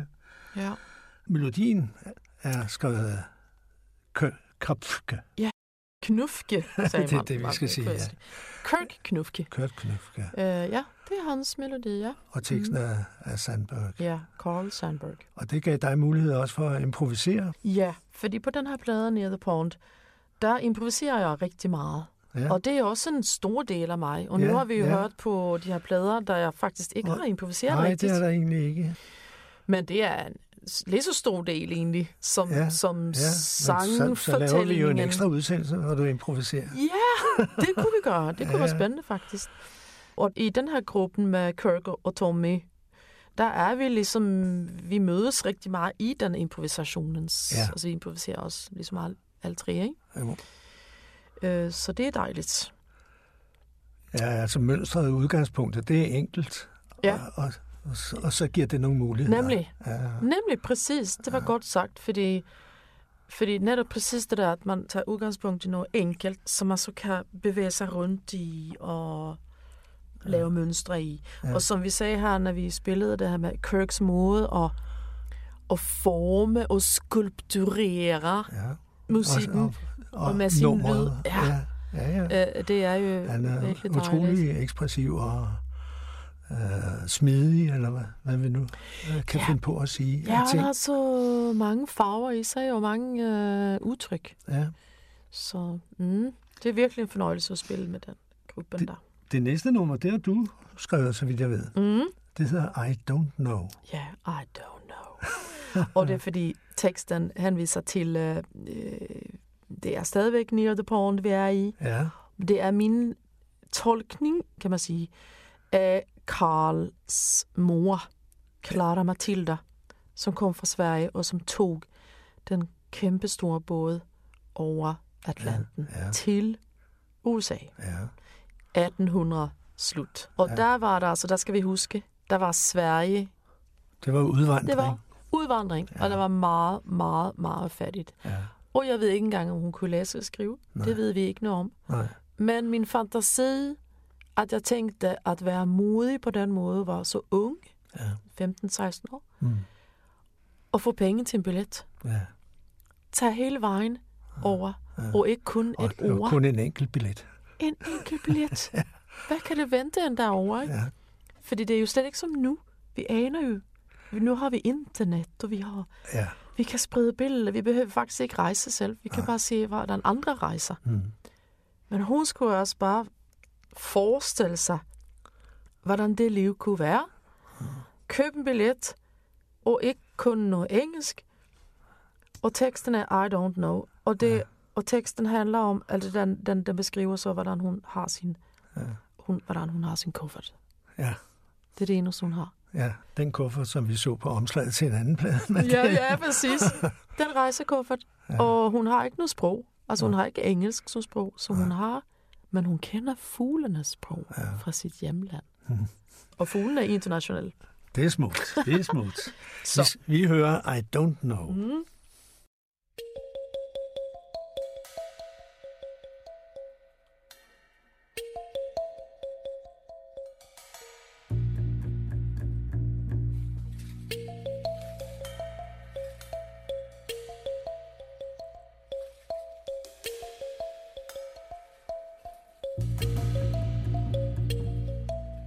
The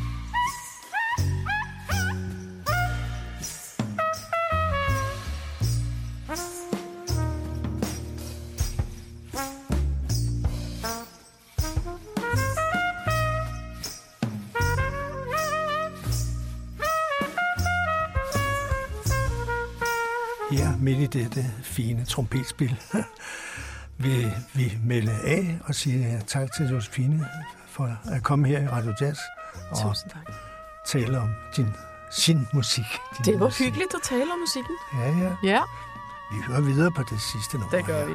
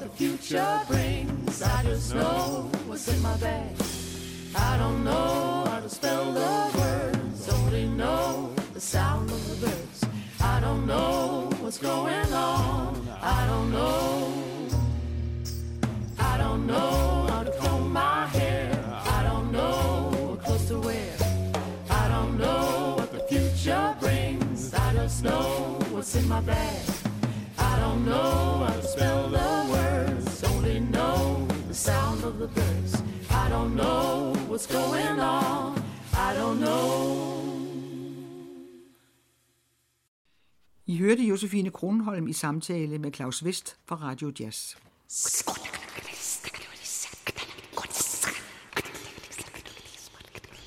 Du lytter til den anden radio.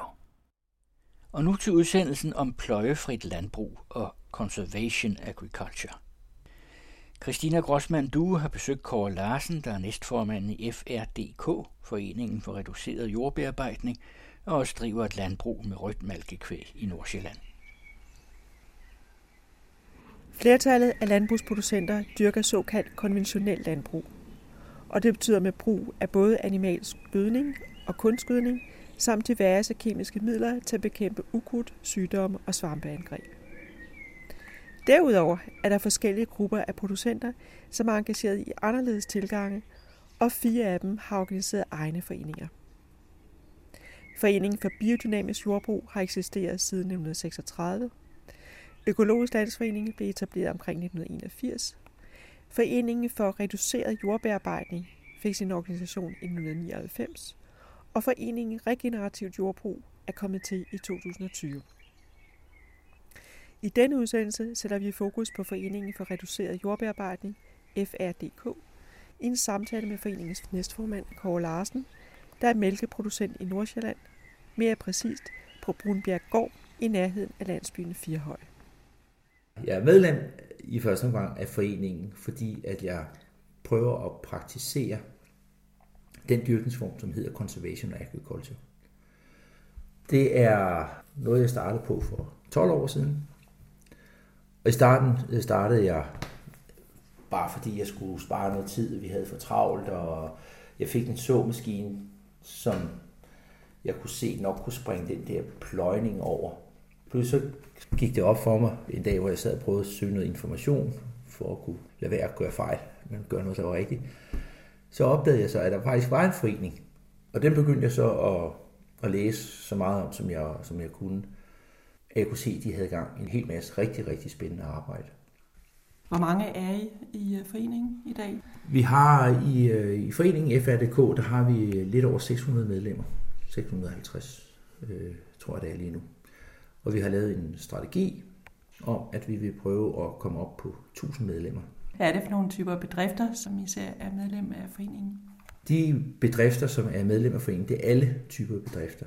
Det er kvægbrugere, det er ren planteavler, det er svineproducenter, det er øh, frøavlere, det er hele paletten. Det idégrundlag, som ligger bag om Foreningen for Reduceret Jordbearbejdning, handler om at undgå at pløje og harve. Altså den praksis, man har i konventionel landbrug, når man bruger en plov til at gå ned i 10 eller 20 cm dybde og vende jorden forud for at en mark tilsås, og bagefter bruger en harve, hvorefter at jorden rives og pløjefurene udjævnes. Når vi taler om reduceret jordbearbejdning, handler det om at så direkte, om at holde jorden dækket af afgrøder hele året, og at undgå at så den samme afgrøde år efter år på samme stykke jord. De tre hovedteknikker er også kendt som Conservation Agriculture, der blev introduceret i 1930'ernes USA. En række af de teknikker, som bruges i Conservation Agriculture, for eksempel det at arbejde med mange forskellige afgrøder og skifte mellem afgrøderne, plus at bruge efterafgrøder og jord, der er tilplantet året rundt, bruges også i det økologiske landbrug. Men CA-dyrkningsformen har det til fælles med det konventionelle landbrug, at der må bruges kunstgødning og kemiske midler til takling af insekter og ikke mindst ukrudt. Den økologiske landbrugsproduktion er lidt svær i det pløjefri system, fordi at man har brug for at, at bryde det, vi kalder den grønne bro. Øh, og der bruger vi jo øh, Roundup sådan mest almindeligt. Det kan du ikke som økolog. Så kan du enten have rigtig meget, så er ideen gået af. Eller også så kan du pløje, og så øh, kan du stadigvæk arbejde med nogle af de øvrige søjler, som dyrkningsprincippet står på. Men det er lige præcis ploven, vi ikke er så glade for, for den laver enorm skade på jorden.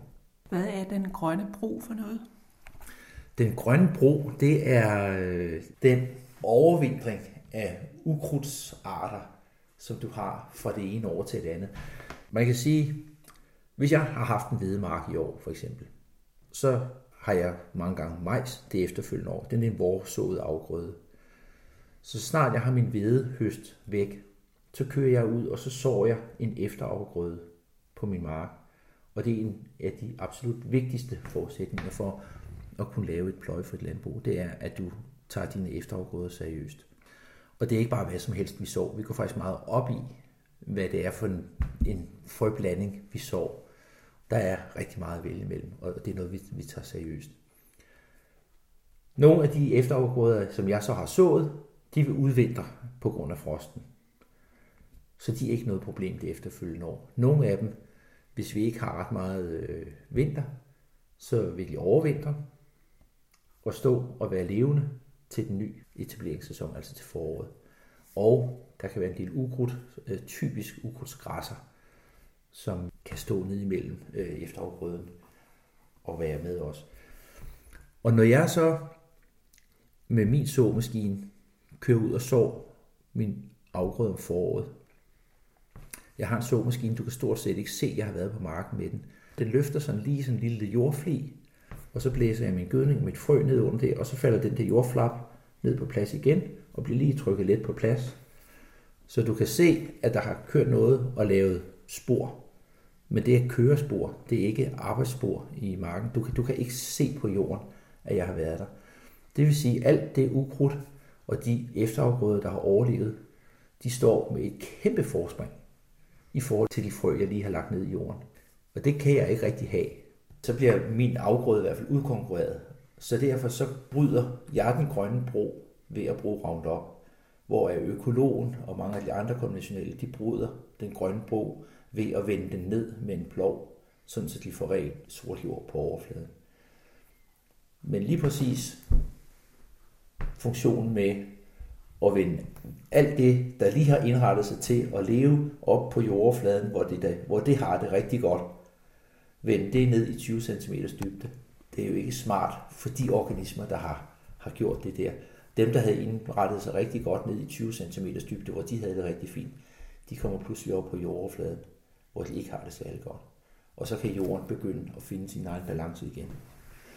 Det er det der, der ikke er smart. Derudover så er vores jord jo så kompleks, så vi drømmer ikke om det. Vi ved jo ikke noget om, hvad der foregår i virkeligheden i forhold til de ting, der foregår. Du skal forestille dig, at hvis du tager en spiseske fuld med jord, så har du lige så mange organismer i den spiseske fuld, som du har mennesker på jorden. Det kan du ikke forestille dig.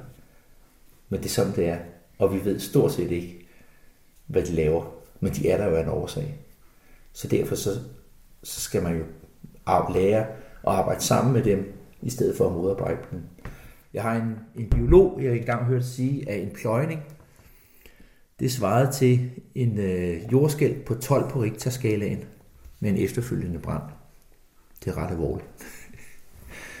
så derfor så prøver vi at undgå det.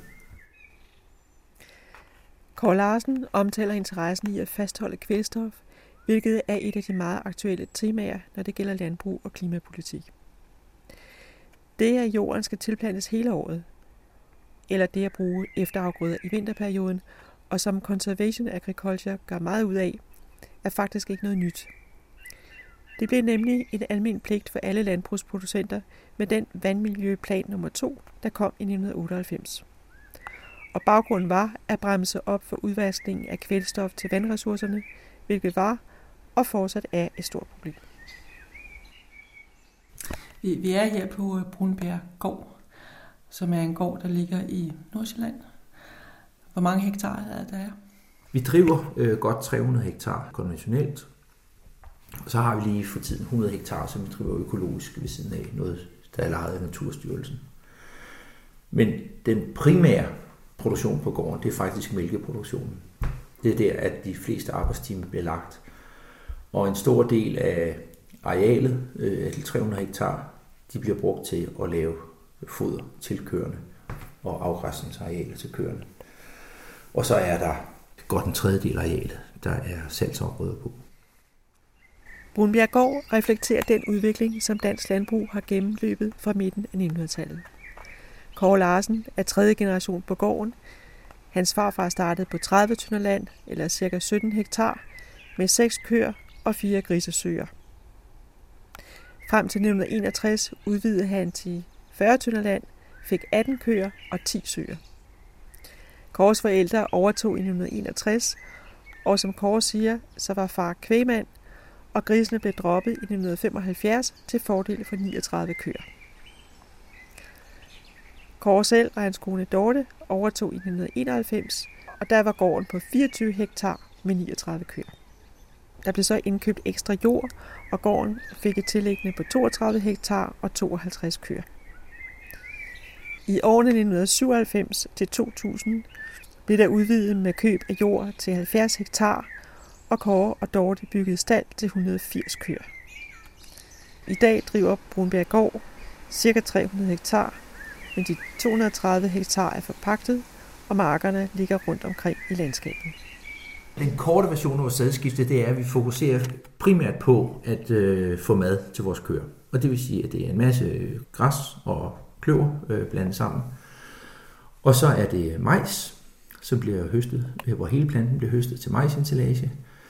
Og så har vi noget hvede, hvor vi bruger noget af hveden til foder, og resten af hveden sælger vi. Og så har vi øh, raps, som er en olieplante, som øh, dels går til enten rapsolie til konsum, eller rapsolie til at blande i, i brændstof, eller hvad fint du nu kan finde på at bruge rapsolie til. Og øh, restproduktet fra rapsplanten, det er et meget øh, værdifuldt foderprodukt. Altså der er, dels er der stadigvæk noget, et højt fedtindhold i det, så den er energirig, øh, og så er der et meget højt proteinindhold. Proteinerne, de sidder meget tit i, i skralden, havde jeg sagt, i skallen. Og, og det er jo lige præcis skallen, man har tilbage, efter man har presset olien ud. Så det er de fire hovedafgrøder, vi har. Og altid, når den skal placeres, så er det altid først af hensyn til køerne, og det areal, der er frit derudover, det bliver så til de der handelsområder. Og så kan man sige, i, i forlængelse af, af den her conservation agriculture snak, så har vi aldrig den samme afgrøde to år i træk. Og når det er sagt, så kan man sige, jamen det passer jo ikke, for du har en græsmark liggende i 3-4 år. Ja, en græsmark, den ligger i 3-4 år. Og så bliver der sået typisk raps efter sådan en græsmark. Og det er fordi, at en, øh, sådan en gammel græsmark der, når du har en høj kløverandel, som vi tilstræber at have, så har du et højt kvælstofindhold i rødderne af de der kløverplanter.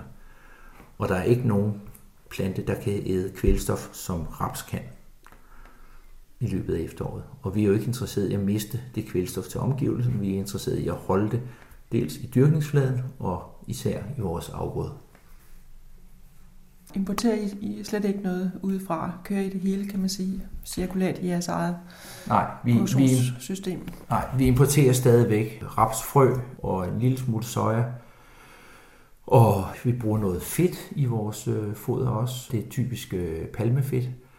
Det gør vi af to årsager. Den ene årsag er, at det fedt, ved man jo, det er meget kraftigt energikoncentreret.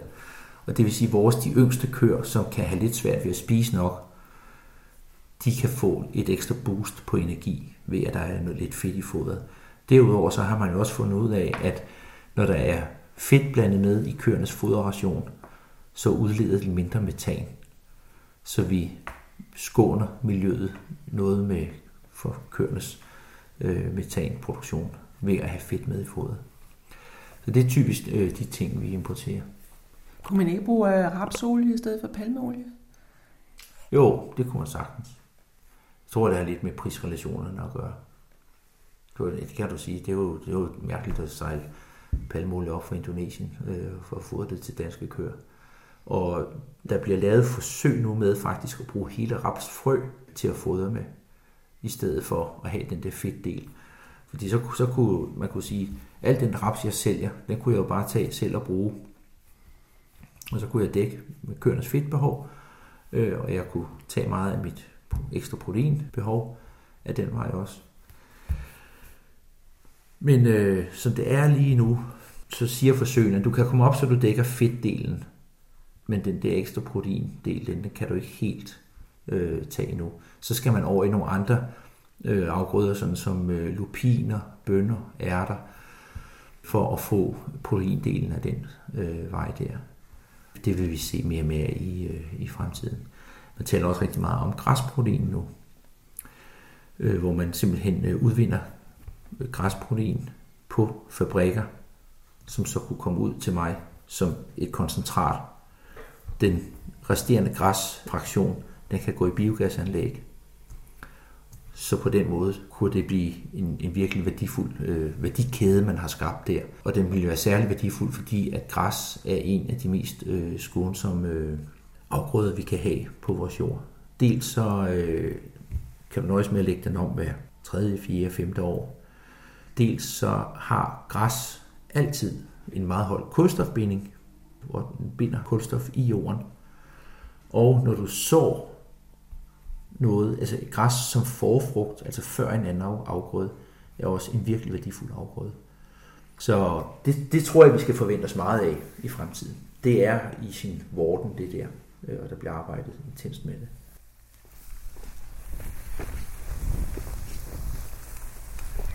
Nu er vi gået ind i, i en, en vedmark her, og øh, det der er lige at sige om den vedmark her, den er sået efter majs sidste år efter det var færdigt med at høste majs, så, så såede vi det her øh, ved med det samme. Det ved, der er sået, det er en sortsblanding. Og det vil sige, at der er tre forskellige hvedesorter, som er blevet blandet og sået i samtidig. Og hvor siger man, hvorfor gør man nu det? Og det har noget at gøre med, at øh, der er altid en masse svampesygdomme, som kan angribe veden. Og der har hvedesorterne har forskellig resistens øh, gen over for øh, de der forskellige svampesygdomme. Og i og med, at vi kombinerer det her, hvis der så er en svamp, der angriber den ene sort, men sorten, der står lige ved siden af, så er resistent over for den svamp. Så kan det godt være, at den ene hvedesort, den bliver lidt syg og bliver trykket lidt, men det giver jo så lidt ekstra plads til den ved siden af. Så på den måde, der prøver man ligesom at sprede risikoen øh, i sin mark. Ellers er måden at takle sådan noget på ved, at man siger, jamen, så kører vi ud og med ekstra øh, fungicider og, og beskytter det der. Men det vil vi helst altså, naturligt prøve at bruge så lidt af som overhovedet muligt. Nå, det vi egentlig er gået ud i vedmarken for, det er for at se, hvad det er, at det her conservation agriculture, det kan i en mark. Lige nu står vi øh, i ved, der er 60-70 cm høj, så vi kan næsten slet ikke se den jord, som veden den står i. Men jeg har taget en grev med, og så prøver vi at skille vedplanterne lidt ad. Den første ting, vi kan se, når vi kommer ned og kigger her, det er, at vi kan se, at der er majsstube fra sidste års høst. Altså alle de der majsrester, som ikke blev høstet og kørt med ind til foder til køerne, de ligger stadigvæk og flyder her på overfladen af, af jorden. Og det er nemlig øh, dem, der er med til at give skjul og næring til kæmpe øh, dyreliv, som er i jordoverfladen. Det vi så også kan se, det er at have fyldt med regnormeeskrementer. Øh, øh, og det er sådan nogle ligesom øh, små øh, jordklumper, kugler, der ligger. Men når man tager dem op, så kan man godt se, at alt det her jord her, det har været igennem en regnorm. Det er sådan noget, jeg bliver glad for at se, øh, fordi så ved jeg, at så er der altså liv i min jord. Der foregår rigtig meget nede i jorden. Og den her jord, eller den her mark, vi står på lige her, hvordan vil du beskrive den?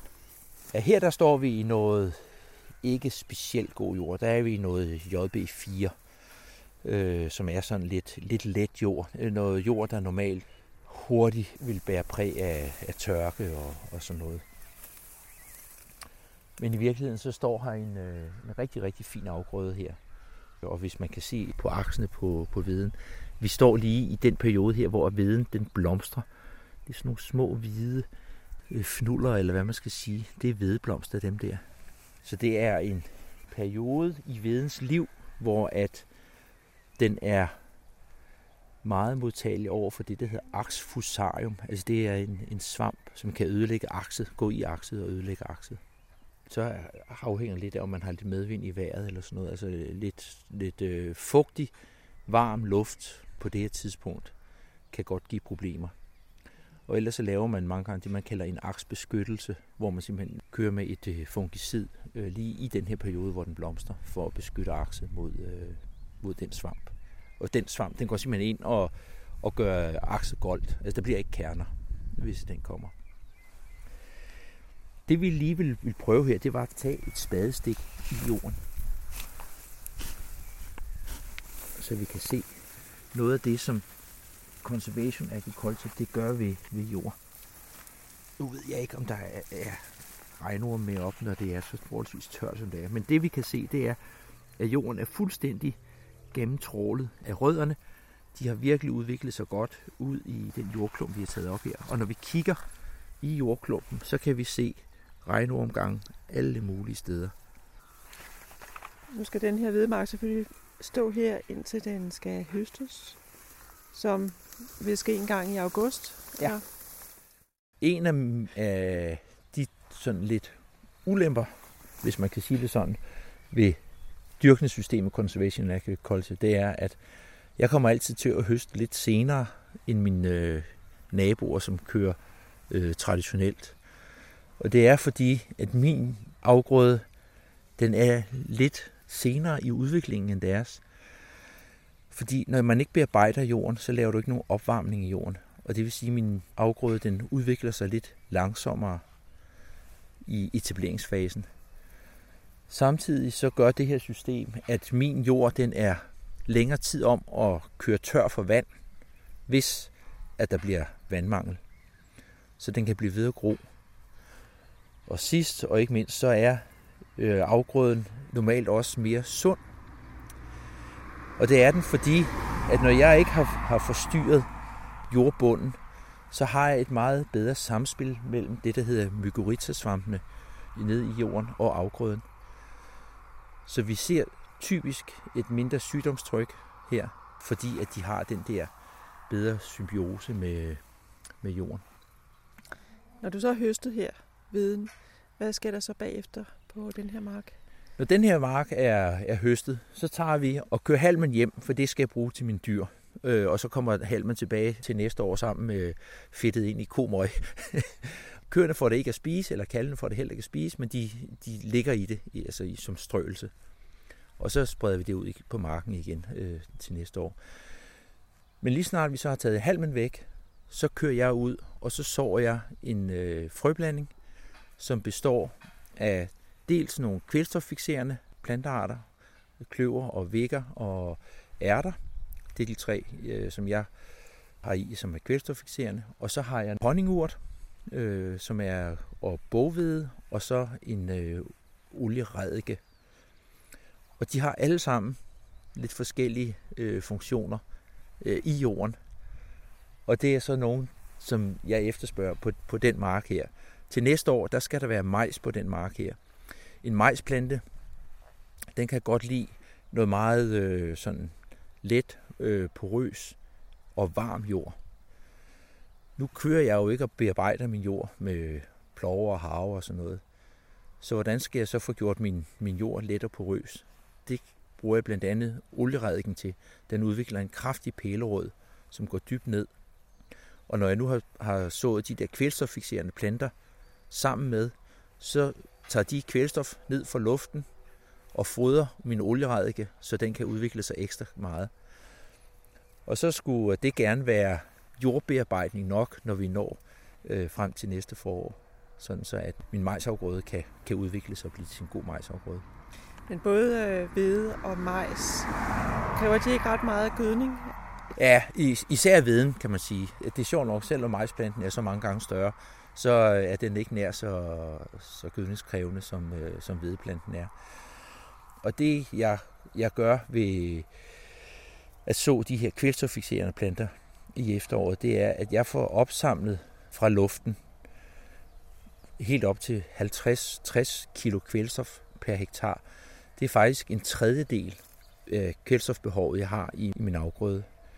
Og så har jeg jo så selv øh, køernes gødning, øh, som kommer herud. Det udgør yderligere en tredjedel, måske faktisk 50 procent oveni. Og så har jeg kun lige de sidste 30-40 procent, jeg skal give øh, som handelsgødning. Og den handelsgødning, vi, vi bruger her, det er, noget, vi kalder startgødning, som er en kvælstof- og fosforgødning, som bliver placeret lige op af majsfrøet. Er du med i nogle øh, eksperimenter eller projekter i foreningens regi, hvor I øh, forsøger jer med øh, andre afgrøder eller forskellige andre teknikker og sådan noget, udvikler på de her principper for pløjefri dyrkning? Ja. ja, det er jeg på den måde, at jeg har været lidt, jeg har bokset lidt med mine majsafgrøder, fordi øh, en majsplante kan bare godt lide, at jorden bliver løsnet i 20-25 cm dybde og gennemarbejde rigtig godt, så den bliver rigtig varm. Og så placerer man så det der frø, som egentlig hører til under helt andre breddegrader end vores. Og så kommer det i gang. Og i og med, at jeg ikke bearbejder min jord, så er min jord jo for kold om foråret. Og det er ikke optimalt for den majsplante. Øh, så der har jeg prøvet øh, lidt forskellige ting, sådan mest på egen basis. Og noget er gået godt, og noget er gået rigtig galt. En af de ting, jeg har prøvet øh, faktisk i de sidste to år, og nok i år må konstatere, at det kan jeg ikke få til at lykkes, det er at prøve at så stangbønder, klatrebønder, sammen med min majs. En bønne det er en meget, meget proteinrig plante, og en majs er en meget proteinfattig plante. Og hvis jeg så kunne kombinere de to ting, at lade majsen bære bønneplanten op, og den bønneplante, den bliver altså bare ved med at gro og gro. Øh, og den kunne stå og lave en masse bønner, som uden problemer kunne blive høstet med øh, sammen med, med den majsintillage der. Og så kunne jeg hæve proteinen, det totale proteinindhold i min, noget af mit hovedfoder. Men jeg må indrømme, at jeg har et kæmpe problem med råger og kraver. De æder det simpelthen for mig. Og sidste år, der kunne jeg godt se, at jeg nok havde inviteret dem lidt ind på marken øh, med den måde, jeg havde fået bearbejdet på. Jeg havde lidt for mange sådan rodture, der lå på jordoverfladen fra den der efterafgrøde, der havde været. Og sådan en rodtue nede under den, der ved fuglene godt, at der ligger ormene lige i overfladen, og der ligger biller og bænkebider og alt muligt kryb og kravl. Så de gik rundt og, og rullede de der rodture, og så åd de de der insekter, der var nede under. Og så pludselig så begyndte der at vokse øh, dels majs og dels bønner lige op i hovedet på dem også, der efterhånden som min afgrøde begyndte at spire frem. Og bønnerne må åbenbart smage særligt godt, for det er helt vildt så store bønneplanter, at de kan gå og pille op og hakke om kul, og så stjæle den bønne, der ligger tilbage der. Sidste år, jeg havde sået en halv hektar som forsøg med blanding af majs og bønner. Og der blev ikke én bønne, altså ikke en eneste bønne, der klarede den til høst. I år, der troede jeg så, at jeg havde gjort det anderledes, og, og vi havde sået flere bønner i, og jeg tænkte, det så sgu godt ud. Der er ikke 10% tilbage af bønnerne. Og de går stadigvæk og hugger øh, dem omkuld. Og det er roer, siger du? Det er roer, ja. Så det er simpelthen et kæmpe problem. Så på den tid der af året, du, du må ikke gøre noget. Jeg har så mange øh, naboer, der bor så tæt på, så jeg kan ikke sætte alle muligt med gaskanoner og, og sådan nogle øh, fugleskramser, der sådan blæser op med mellemrum og laver larm og sådan noget der. Så det er lidt trist, men det er åbenbart sådan, det er. Du har lavet en slikbutik til dem? Ja, jeg har simpelthen lavet en slikbutik, og det er en dyr slikbutik, skal jeg lige hilse at sige. Sidste år, der, øh, der mistede vi faktisk 15 procent af vores majshøst på grund af kraver og råger. Det er ret meget. Det kostede os over 100.000, det, det tab, som de gav os. Og i år, der bliver det mindre, men det bliver nok i hvert fald 50.000. Altså, jeg, det jeg prøver, det er, det er, at man med et godt dansk ord kalder companion cropping, hvor du simpelthen har øh, øh, to øh, afgrøder, som egentlig akkompagnerer hinanden. Og, og det, som bønnen kan, den er nemlig også kvælstoffixerende. Så den kan, kan være med til at booste majsen med kvælstof. Og samtidig har den det høje proteinindhold. Jeg, jeg ved ikke, hvordan hele den her proteinverden og, og ting og sager kommer til at se ud i fremtiden, men, men jeg kunne måske godt forestille mig, at, at vi i virkeligheden vil reducere vores majsareal en lille smule, selvom det er et super godt foder til køer. Og det, det er meget nemt at have med at gøre. Og så at græsarealet bliver øget lidt, så vi så får proteindelen af den maj, og at vi så bruger, øh, i stedet for stivelse for majsen, bruger lidt mere øh, hvede som stivelse. Fordi den er, den er nemmere at håndtere. Ikke?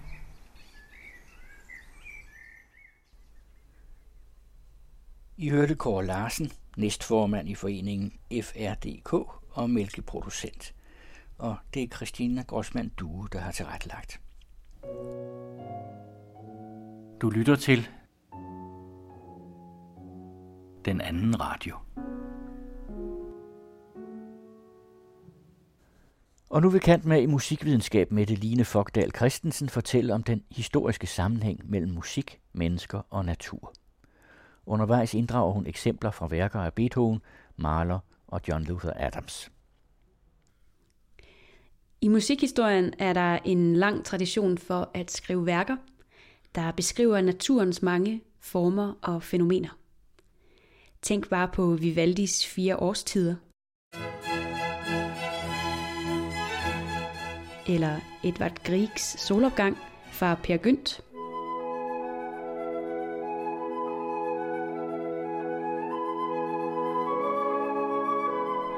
Eller Debussy's La Mer.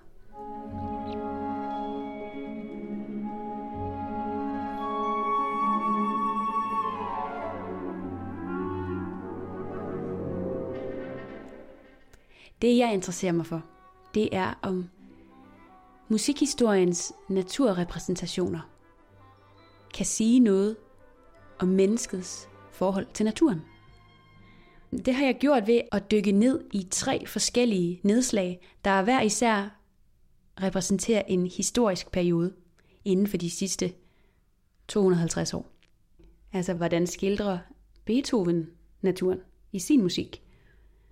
Hvilken form for natur skildrer maler? Og for at trække det lidt længere op i vores samtid, har jeg set på den amerikanske komponist John Luther Adams, for at se, hvordan han skildrer naturen i vores tid. Og disse tre nedslag har jeg så sat i sammenhæng med filosofiens interesse for æstetisk teori. Det er altså den historiske sammenhæng mellem musik, menneske og natur, som jeg har sat mig for at undersøge. Og jeg startede hos Immanuel Kant, som skrev, at når vi forholder os til naturen, så bruger vi vores æstetiske dømmekraft.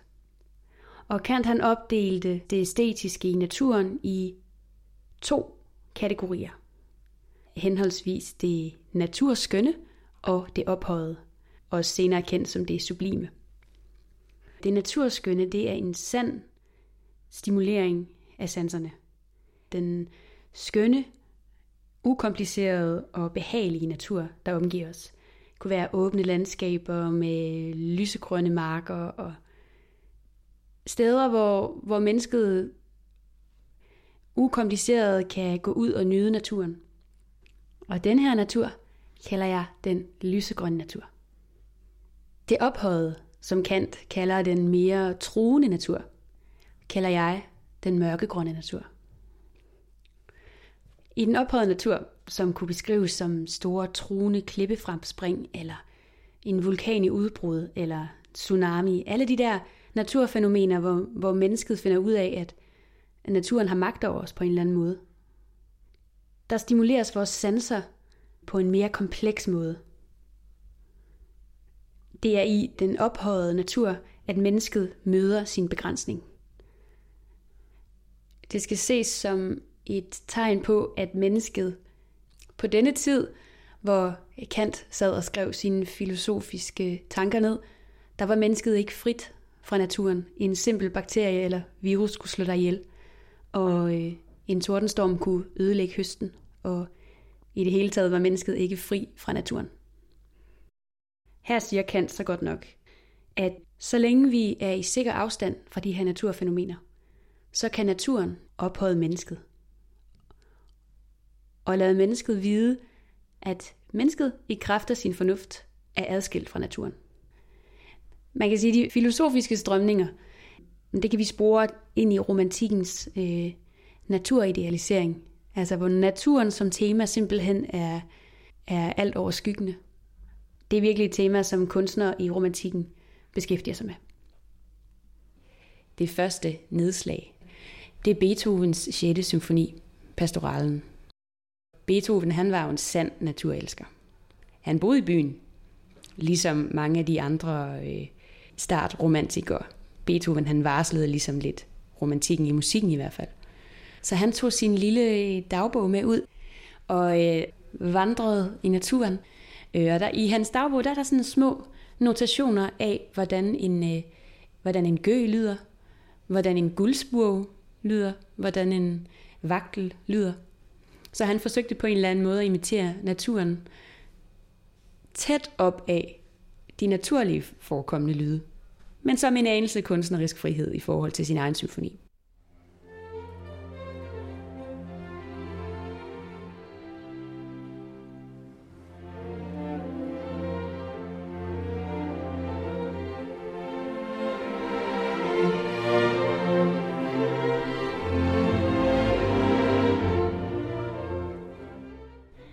første Satz hedder Erwachen heitere Empfindungen bei der Ankunft auf dem Lande. Og det er dejlige følelser, der vækkes ved ankomst til landet. Så scenen ligesom sat. Det er vidunderligt at komme ud af byen og ud på landet.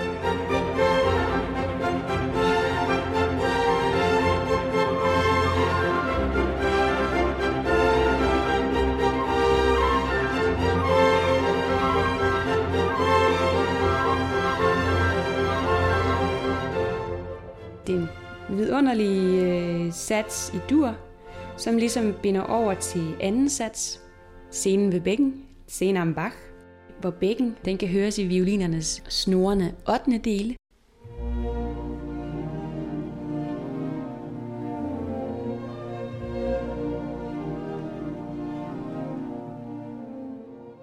som skifter til 16. dele, alt efter bækkens forløb.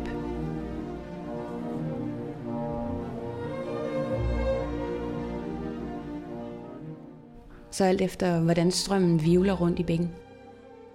Det er en sats, der er hovedsageligt i dur. Og det vil sige, det er livlige, glade, lysegrønne toner, der skildrer et naturlandskab, som er behageligt at være i.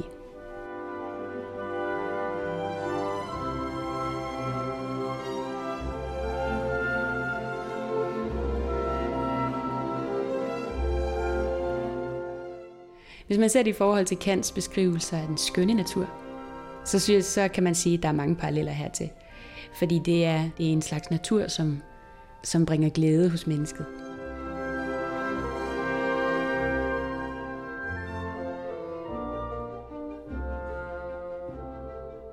Og hvor til sidst vi møder en meget central naturrepræsentation i form af nattergalen, vaklen og gøen.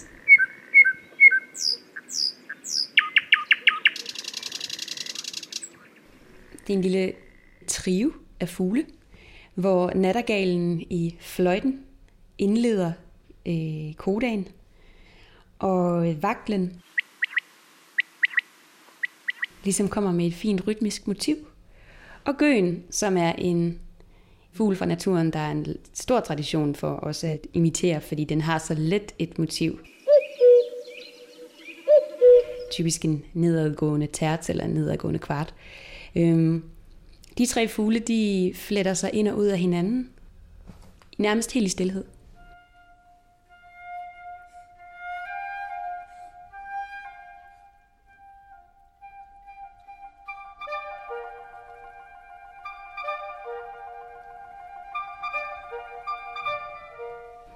Og man forestiller sig ligesom Beethoven sidde der ved bækken og kigge på fuglene og lytte til den her naturscene, hvor fuglene kommer frem og ophøjer menneskets øh, velbehag i den lysegrønne natur.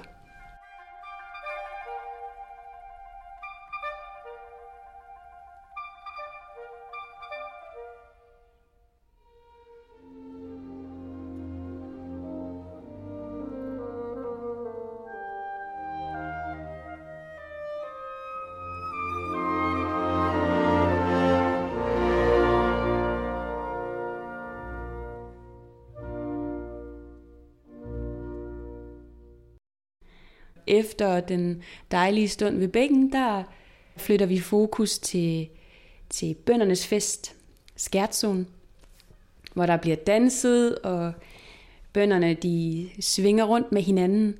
Det er tredje sats. Og øh, der, der er rigtig godt humør.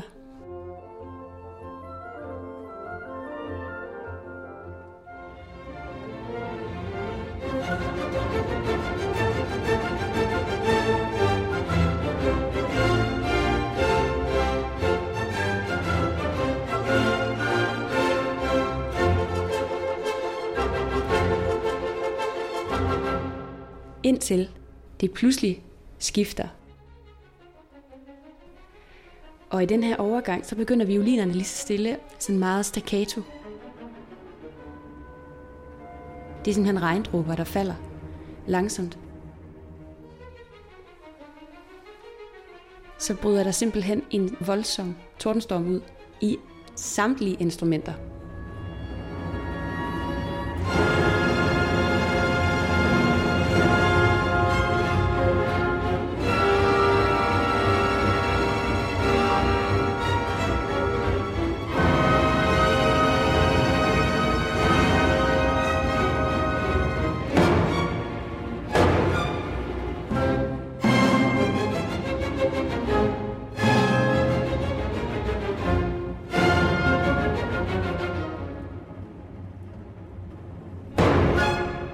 Kan slet ikke forestille mig, hvordan publikum må have modtaget det dengang.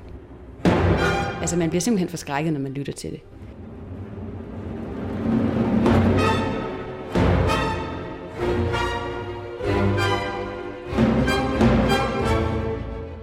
Skiftet fra F-dur til det pludselige skift til F-mol, alene den stemning, det lægger ligesom lidt mere mørkegrønne toner ind over musikken.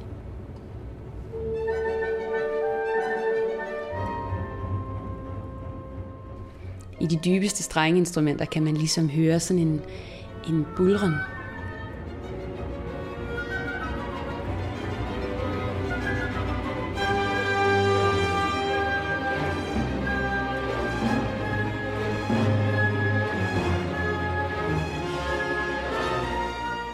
Blitzlyn bliver skildret i øh, høje, meget høje registre for piccolofløjter, og så man ligesom får sådan en visuel effekt af lynet, der slår ned.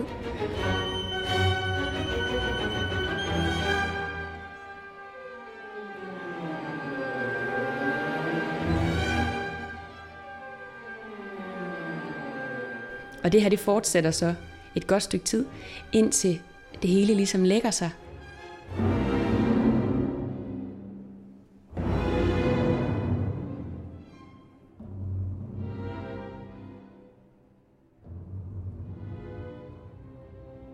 Og man får et billede af sådan et sommerlandskab, som lige har været fuldstændig overtaget af et tordenvejr.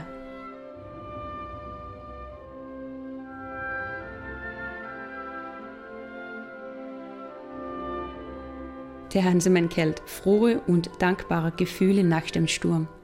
Så glade følelser og taknemmelighed efter stormens udbrud.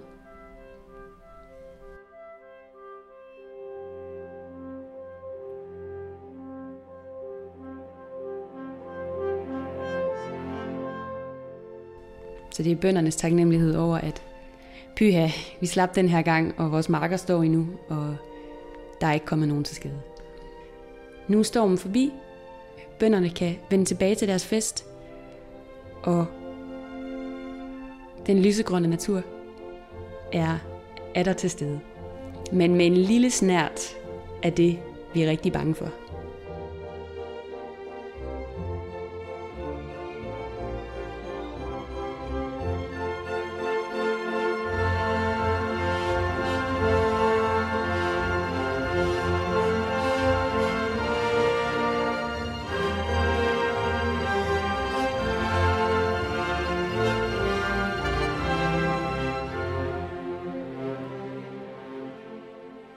Så scenen ved bækken, det er den lysegrønne natur, de skønne naturrepræsentationer, den dejlige snorende bæk og de vellydende fugle. Og den mørkegrønne natur, det er den, det er den mørke, truende tordenstorm, som simpelthen varsler, varsler naturens magtdemonstration over for mennesket.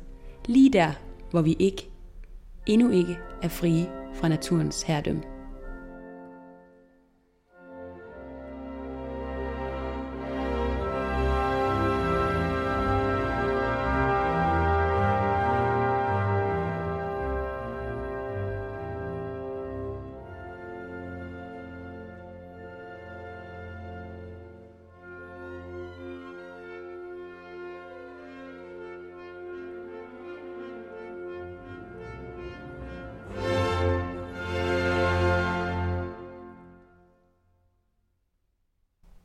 Efter Beethovens pastorale symfoni, der flytter jeg fokus og bevæger mig lidt længere op i tiden. Vi skal nemlig op til Gustav Mahler, den øh, østrigske østriske komponist, der ligesom Beethoven var en meget stor naturelsker. Gustav Mahler var på mange måder en noget mere farverig komponist end Beethoven, og øh, meget idealistisk komponist. Den symfoni, jeg har valgt at tage udgangspunkt i, øh, Mahlers øh, tredje symfoni, det er simpelthen en musikalsk evolutionshistorie. Der tager sit, sin begyndelse i et meget goldt og klipperigt, uorganisk landskab.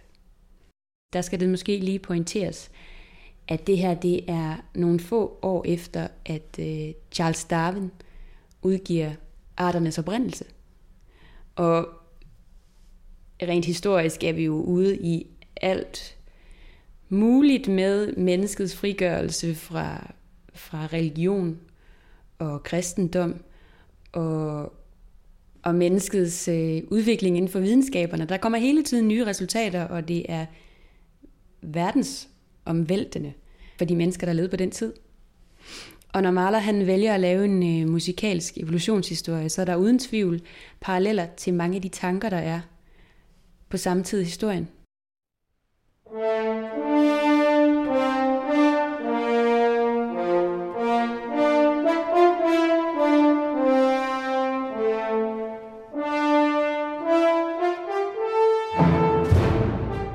I symfoniens første sats, den indledes meget energisk med et marchtema, tema for otte horn, et unisont tema, som ligesom øh, skildrer jordens tilblivelse.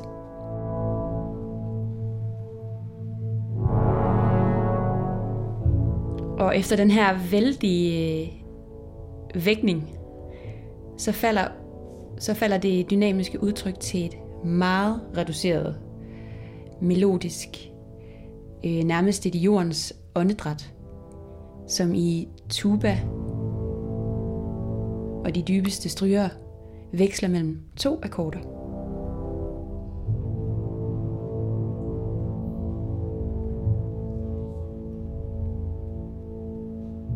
kampen om overlevelse og de første levende organismer på jorden, der øh, kommer og går. Der er ikke særlig meget fremdrift i første, i første sats.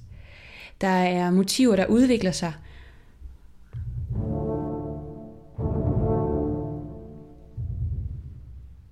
Altså ligesom, forestil dig ligesom nogle organismer, der prøver at, at slå sig fast på jorden, men ligesom sådan ikke rigtig har egenskaberne til at overleve endnu. Så der er en fremdrift, og så falder det dynamiske udtryk fuldstændig ned til den samme, øh, det samme golde åndedræt, som der er lige efter det indledende marschtema. Så ja, første sats er meget præget af et ønske om fremdrift, med en konstant fald i dynamik.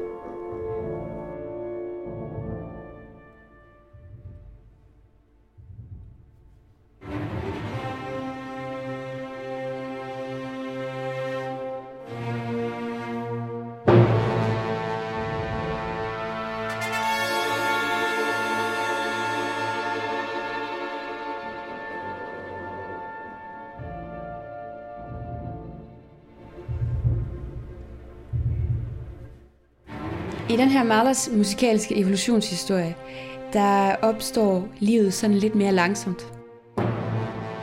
Og i første sats høres det blandt andet ved, at det langsomt skifter lidt mere til, til dur hen mod slutningen, hvor vi så i symfoniens anden sats, som hedder Was mir die Blume erzählen, hvad blomsterne fortæller mig, øhm, ligesom har fået øh, etableret et et grønt landskab på jorden.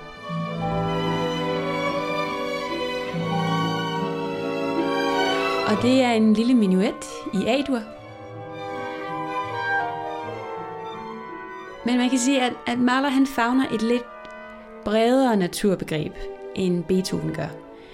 På den måde, at andensatsen ligesom afsluttes ved, at selv blomsterne må bukke under for kampen om overlevelse i det, at der stormer simpelthen en vind ind over marken, og blomsterne knækker, sådan som Marler beskriver det i hvert fald i sit program.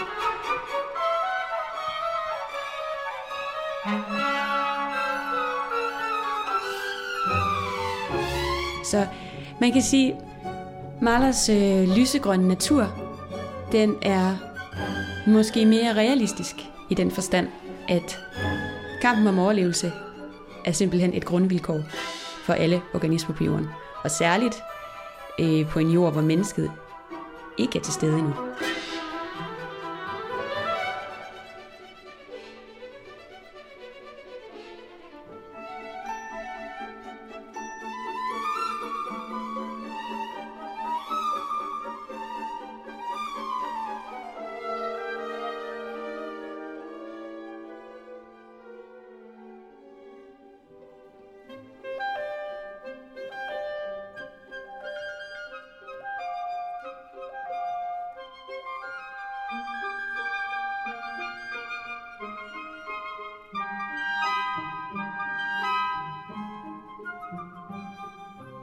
Symfoniens tredje sats. Hvad dyrene fortæller mig. Der er vi overgået rent evolutionshistorisk til dyrenes arena. Det indledes med en dyrescene. Forestil dig Beethovens fuglescene, bare lidt mere kaotisk.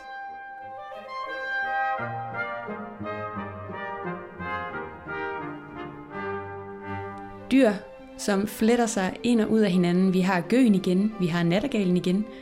Men der er ikke, lige, der er ikke nogen, der står frem.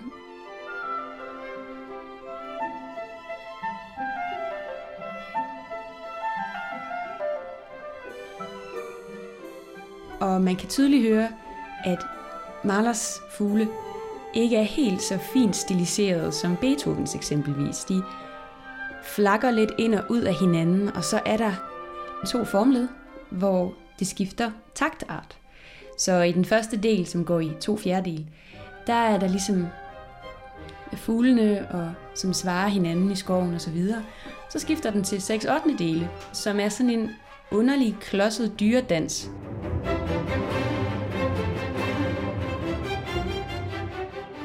Man skal simpelthen forestille sig, at vi er ude i skoven på dyrenes domæne. Fuglene sidder og fløjter ind i munden på hinanden, og nede på jorden, der render de tunge dyr rundt på kloge og danser. Mennesket er ikke på jorden.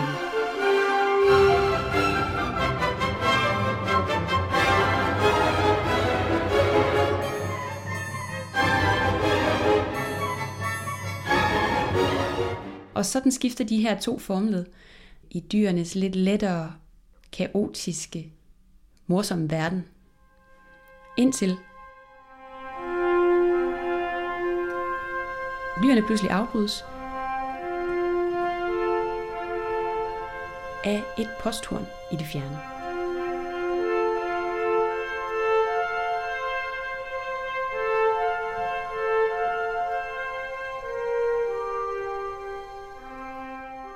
Det posthorn, som pludselig skærer hele det musikalske lydbillede, det er mennesket, der ankommer til jorden.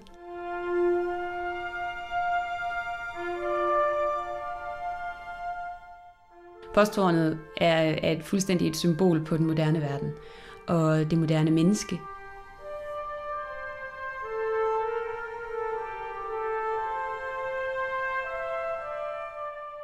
Af musikken, som, som kommer efter posthornets varsling, det står som meget kontrastfyldt i forhold til dyrenes kaotiske vekslen mellem mol og dur og klodset dans, skiften fra to fjerdedele til seks ottende dele, og sådan kaos i hele musikken, til et meget fint øh, musikalsk formled, med fine, blide dur og tre klange.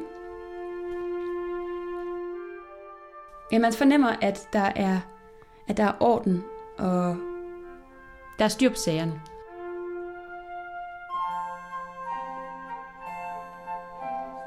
Efter posthornet har, har skåret lydbilledet for første gang, vender vi tilbage til dyrenes verden. Men den her gang, øh, der er dyrenes verden om muligt endnu mere kaotisk. Formledene brydes lidt mere, og den der klodsede dans, den bliver endnu mere klodset. Og man fornemmer ligesom, at der er uro.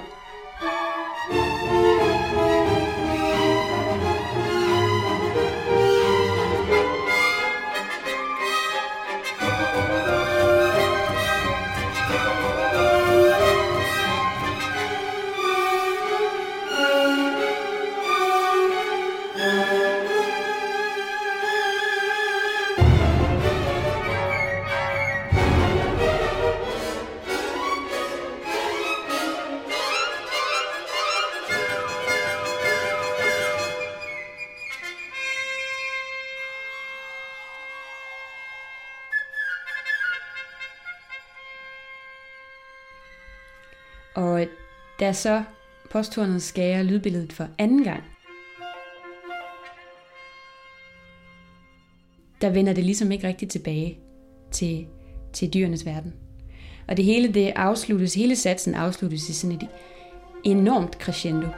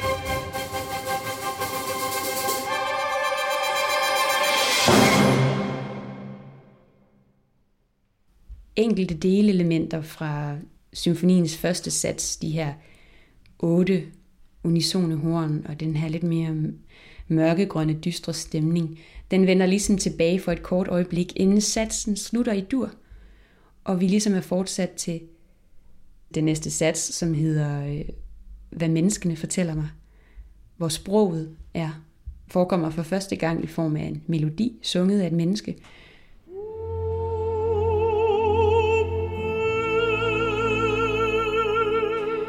Øhm, sådan rent symbolsk giver det jo meget mening.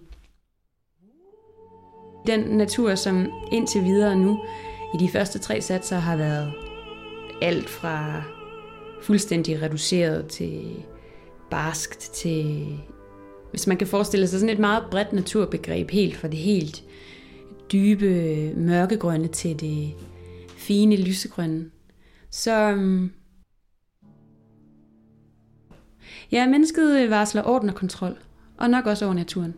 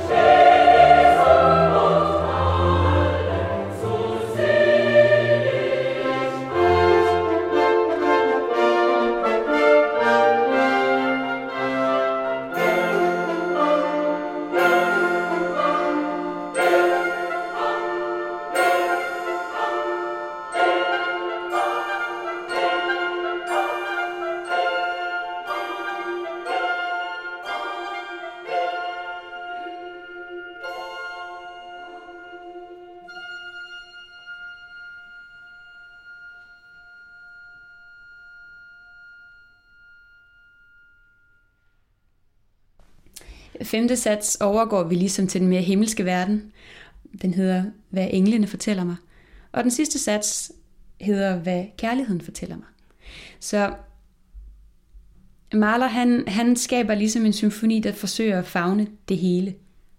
Et naturbegreb, for det første, der fagner alt fra det lysegrønne, uden dog at idealisere det på samme måde som Beethoven, til det mere mørkegrønne, det mørkegrønne forstået som der, hvor livet det sådan lidt kæmper om at være til. Og, altså mange læser den her dyresats mellem, altså satsen mellem med dyret og mennesket, som en kritisk kommentar til det moderne samfund.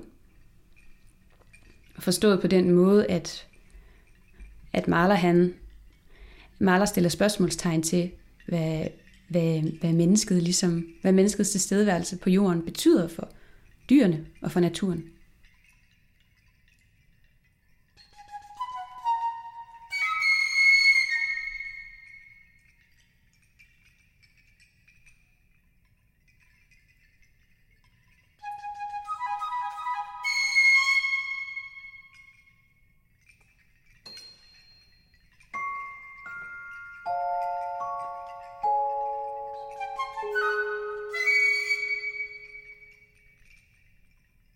Det sidste nedslag, det, det tager udgangspunkt i den økologiske tanke og den amerikanske komponist John Luther Adams, som i 70'erne flyttede til Alaska. Efter at have været klimaaktivist i nogle år. Men han flyttede simpelthen til Alaska i, i et ønske om at komme lidt tættere på naturen. Han er komponist, og jeg har taget udgangspunkt i to af hans værker.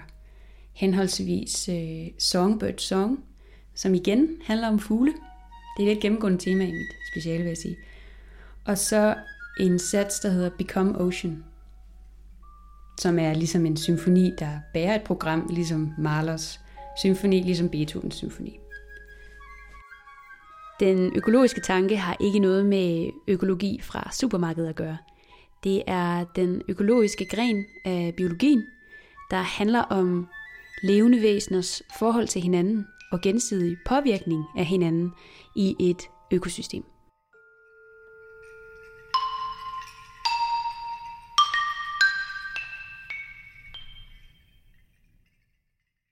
Hvis vi ligesom zoomer ud og kigger på menneskets udviklingshistorie, ikke?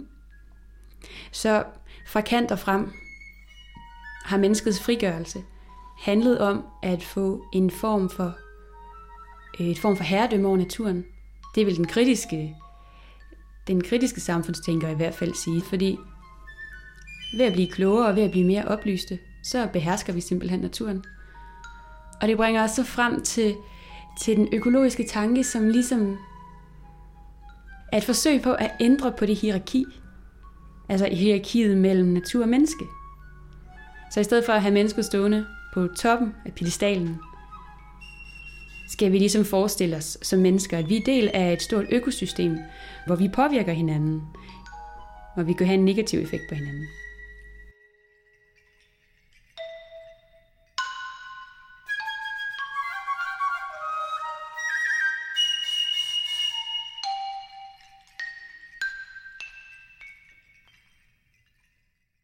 Songbird Songs er John Luther Adams forsøg på at give en mere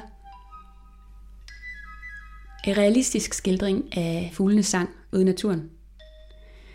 Men det skal ikke handle om, hvordan mennesket ser på naturen.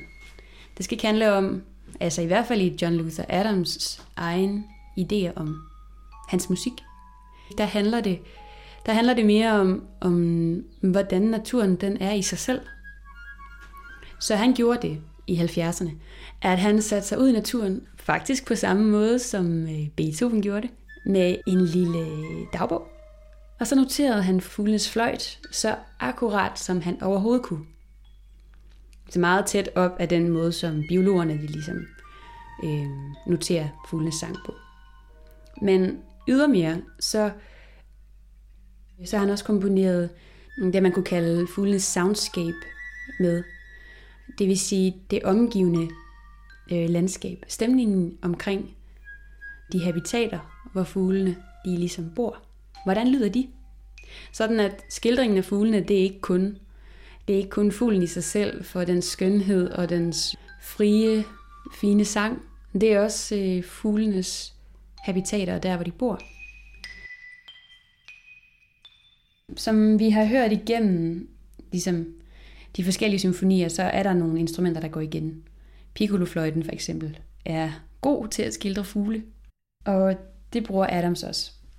Fordi piccolofløjten simpelthen kan nærme sig de høje registre som fuglene. Øhm, ja, som fuglene synger i.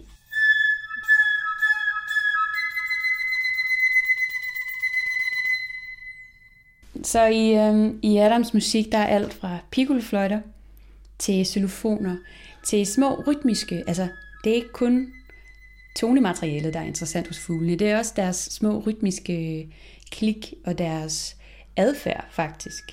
Altså, pisker de rundt på en gren, eller sidder de helt stille, eller hvad gør de? Og det har Adam simpelthen forsøgt at øh, repræsentere ved, ved noget percussion.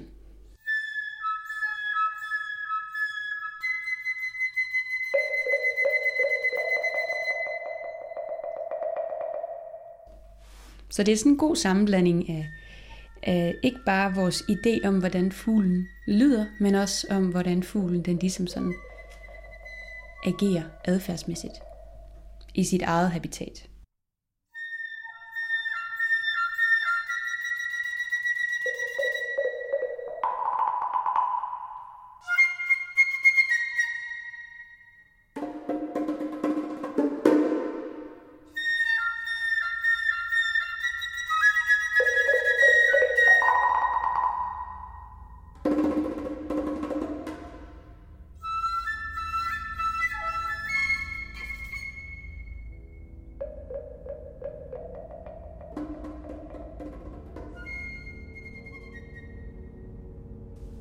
Andet værk, som jeg har beskæftiget mig med, med John Luther Adams, det hedder Become Ocean.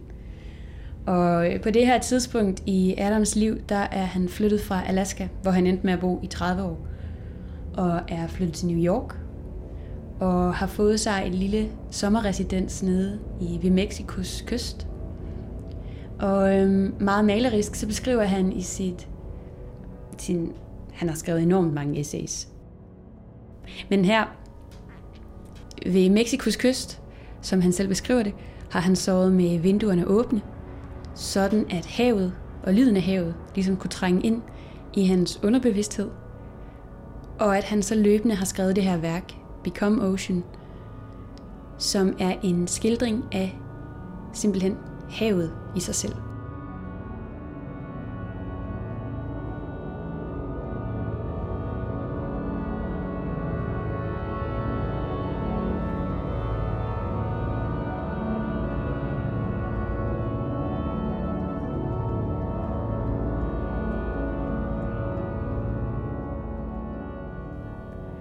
Og ved at øh, lytte til det her musik, skriver Adams, skal vi kunne forestille os som mennesker, at vi er en del af noget større, og at vi ikke bare er mennesker, men at vi er en del af naturen.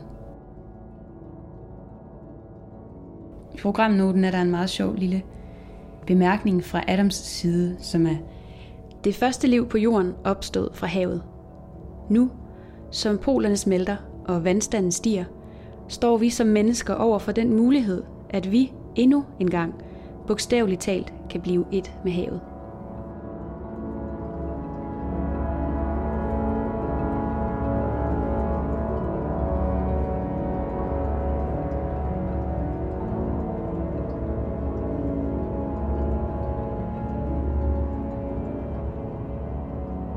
Hvad jeg ligesom sidder med her, det er tre forskellige tilgange til naturen. Og tre forskellige naturforståelser på en måde. Fordi Beethoven, han står som komponisten, der ligesom vandrer ud af byen og vandrer ud som en turist og nyder de åbne landskaber og bliver lidt, bliver lidt forskrækket over en meget voldsom storm, men solen bryder jo frem igen og så videre. Ikke? Så det er ligesom en, det er en meget romantisk billede på, på en natur, der ligesom på en eller anden måde er lidt til for menneskets skyld. Og så er der maler, som simpelthen forestiller sig et naturbegreb, der fagner en evolutionshistorie. Og naturen er ikke bare til for menneskets skyld. Altså naturen er simpelthen opstået, før mennesket overhovedet kom til. Og der er en tid før mennesket. Så er natur både liv og død og mørkegrønt og meget lysegrønt. I det hele taget en stor sammenblanding af hele det grønne spektrum. Og hos John Luther Adams, der er, øh, jamen der bliver, mm, det er ret interessant, fordi den økologiske tanke ønsker jo egentlig, at mennesket indgår i naturen ja, på lige vilkår. Men der sker bare lidt det, hos i hvert fald Adams, at naturen jo lidt bliver løftet op på en pedestal på en eller anden måde. Selvom han beskriver, at fuglene er frie og det er ikke direkte imitationer, det er et forsøg på en levendegørelse af naturen. Og det samme med Become Ocean, at her skal vi forestille os, at vi er en del af noget, der er større end os selv. Men så bliver det aldrig rigtig helt øh, mørkegrønt. Det bliver lidt, øh, det bliver lidt naturidealiserende. Og det, det er også lidt det, jeg nærmer mig i min konklusion, at historisk er den lysegrønne natur idealiseret fordi det er altså den, der ikke kan slås ihjel. og øh, den mørkegrønne natur, som vi er lidt bange for. Den ligger lidt og ulmer og bliver berørt. Sådan alt efter menneskets behov på en eller anden måde.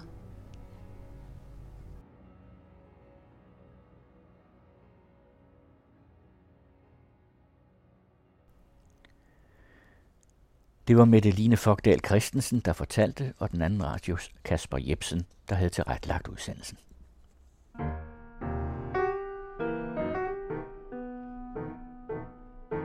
Du lytter til den anden radio.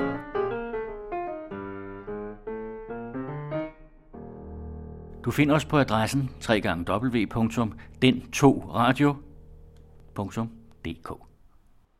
Nu læser Carsten Farov den sidste af de 11 fortællinger, der udgør Henrik Pontoppidans samling Krøniker, der udkom første gang i 1890. Det er en lille bitte fabel om sindsroens dybe hemmelighed.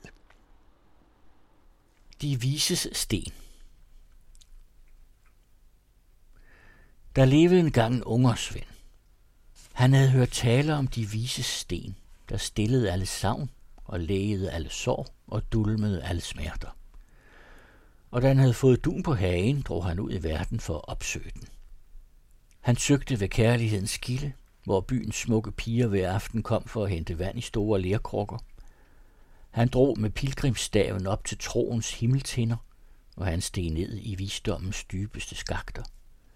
Men intet sted fandt han husværelse for sine savn og lægedom for sine sår. Der hørte han om en mand, der levede ene ude i ørkenen i selskab med et ulvekuld. Det var en fordreven konge, som havde hersket over alt land fra morgenrødens hav til aftenskyggens sletter. Han havde boet i et slot med 500 guldtinder og haft jordens skønneste datter til ægte. Nu levede han som tigger i en usel jordhytte, forrådt af sit folk, forladt af sin hustru, forhånet og forstødt af sine egne sønner, der havde udstukket hans øjne og drevet ham ud i elendigheden. Ungersvenden, der var vandret ud i ørkenen for at opsøge denne hårdt prøvede mand, traf ham siddende på en sten foran sin jordhule, i færd med at lege med fem ulveunger, der lå på ryggen og spejlede i sandet omkring ham. Hans hår og skæg var hvidt som en oldings. Hans kæmpe skikkelse var bøjet, og han havde næppe pjalter nok til at dække sin nøgenhed med. Da han hørte den fremmede nærme sig på sand, løftede han sit mægtige hoved, og over det solbrunede ansigt med de dybe, tomme øjenhuler gled et smil. Den unge vandringsmand undrede såre, og han sagde til ham, Er det dig, der har været konge, og har hersket over alt land fra morgenrødens hav til aftenskyggens sletter? Den gamle nikkede. Ja, det er mig, sagde han stadig smilende. Og det er dig, der har levet i et slot med 500 guldtinder og har haft jordens skønneste datter til ægte. Hm, ja, min søn. Det er mig. Og det er dig, der blev forrådt af dit folk, forladt af din hustru, forhånet og forstødt af dine egne sønner, som stak dine øjne ud og drev dig herud i elendigheden. Åh, oh, jeg vidste, ja, ja, jeg vidste. Og endda smiler du. Ja, nu, men ja, hvorfor skulle jeg ikke smile? Der faldt der som et lyn over den unge vandrer, og han udbrød, sandelig. Så har du også fundet de vise sten, der stiller alle savn og læger alle sår og dulmer alle smerter. Sig mig det. Har du ikke? Oldingen stussede. Ja, de vise sten, sagde han. Ja, nu ja, du har vist ret, min ven. Jamen, hvor er den da? Dybt herinde svarede den gamle og pegede på sit bryst. Jamen, hvad mener du? Oh, sig mig det, udbrød ynglingen og faldt på sine knæ med fremstrakte hænder. Hvad er de vise sten, der stiller alle savn og læger, alle sår og dulmer, alle smerter? Der rejste sig den stolte konge, og han sagde, det er den dybe, tavse menneskeforagt. Ja, man må mindes Pontoppidans berømte udtryk, man må holde gallen flydende. Som alle de små fortællinger i krøniker viser, var hans tiltro til menneskene ikke overvældende. I øvrigt skal vi vist lige sige, at den udgave af krøniker, som jeg, Carsten Farve, har læst op af, ikke svarer helt til originaludgaven fra 1890. Pontoppidan havde den vane altid at arbejde videre med sine udgivende bøger, forbedre og forandre, beskære og tilføje, så også krøniker kom gennem årene i adskillige ændrede udgaver. Den, I har hørt her, er den af Pontoppidan-kenderen Torkild Skærbæk, redigeret fra 1979. Den anden radio.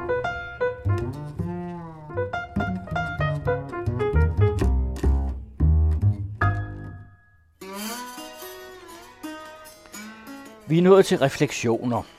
Denne gang er det den anden erindringshistorie med tekster af Peter Sapfe. Loven i Tænder og Lille Kæld og 2. verdenskrig.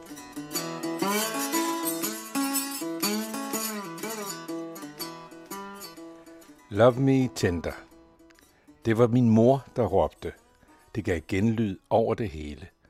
Børnene, der legede i gården, stansede med et sæt, og de så efter, hvor råbet kom fra. Det var nærmest et skrig. Mor var ude i gården og i gang med at hænge vasketøj op, ganske som hun plejer. Hun strakte sig og stod på tær, når de lange laner eller due skulle hænges op, og med et enkelt kast, så kunne hun få tøjet til at lægge sig over to snore på én gang. Så hævde hun ned i den midterste del, så det blev til fire lige store stykker, der hang ned fra snorene. Så undgik vasketøjet at røre jorden, når det hang og svajede i vinden. Det var smart. Hun hørte musik fra radioen, og nogle gange dansede hun rundt om tørrestativet. Håndværkerne over på den anden side havde lagt mærke til hende, og de fulgte hende interesseret, når hun hængte vasketøjet op. Indimellem vrikkede hun med hofterne i takt til musikken. Vinduet var åbent, og lige udenfor stod den tændte radio. Det er derfor, det er så godt at bo i stuen, så kan man høre den musik, man kan lide, mens man ordner vasketøj, jublede mor med et smil. Det var Elvis Presley, der sang i radioen lige nu, og det var Love Me Tender. Og bagefter kom der endnu et Elvis-nummer, og så et til. Mor nynnede med og bevægede sig i takt, men så var der en mand i radioen, der sagde et eller andet, mens Elvis blev trængt i baggrunden, og mor udstødte så det høje skrig, og slap alt, hvad hun havde i hænderne, og løb op ad køkkentrappen og ind i lejligheden. På vejen kom hun til at vælte sin kaffekop, der stod på trappetrinet. Kaffen sejlede nedad, og resten af det våde vasketøj lå stadig i korn og dryppede. Det var meget sært alt sammen. Tre af mine venner, Gunnar, Arne og Morten, kom hen og spurgte, hvad er der sket med din mor? Nu kunne vi alle fire tydeligt høre hende inden fra lejligheden. Hun græd højt. Der kom også nogle nysgerrige nede fra den anden ende af gården, og de gloede ind ad døren til vores køkkentrappe. Jeg smækkede døren i. Hvad kom det dog dem ved? Så gik vi ind i lejligheden, hvor vi stadig kunne høre mor hulke. Heldigt at have mine venner med, for jeg havde aldrig set eller hørt mor sådan før. Hun lå på sengen og pressede sit ansigt ned i puderne, der allerede var våde af hendes tårer. Hvad er der sket, mor? spurgte jeg tæt ved hendes øre. Jeg følte mig fortabt. Min mor plejede jo at kunne klare det meste. Kan vi ikke hjælpe med noget? spurgte Gunnar. Nej, mumlede mor nede fra puderne. Ikke spor prøvede Arne sig frem. Nej, mor hulkede videre og sagde, han er jo død, han er her ikke mere. Hvem er død? Og hvem er her ikke mere, spurgte vi i kor og så undrende på hinanden. Mor rejste sig op i sengen og sad nu som en lille havfrue. Hun kastede sit hår tilbage og græd og snøftede så højt, at man kunne høre det både op i opgangen og ude i gården, hvor der nu stod flere af vores kammerater og glåede nysgerrigt. Så kom det. Mor råbte, kongen er død. Vi kiggede på hinanden. Kongen, spurgte vi i kor. Gunnar tog ordet og sagde, undskyld, øh, vi har ingen konge her i Danmark. Vi har en dronning. Arne synes, at han skulle støtte Gunnar med at bekræfte det, vi havde lært i skolen. Han fortsatte selvsikkert. Hun hedder nemlig Margrethe. Og så fire andre navne, som jeg ikke kan huske lige nu, og så et på islandsk. Mor satte sig op i sengen og så os i øjnene, en for en, og sagde, Dronning Margrethe, ja, det hedder hun. Hun er kvinde. Men kongen er en mand, den bedste og smukkeste i hele verden, og jeg vil aldrig, aldrig, aldrig glemme ham så rakte hun sine arme op mod himlen, op mod lyset, ligesom englen gør nede i vores kirke, og radioen spillede endnu en gang Love Me Tender.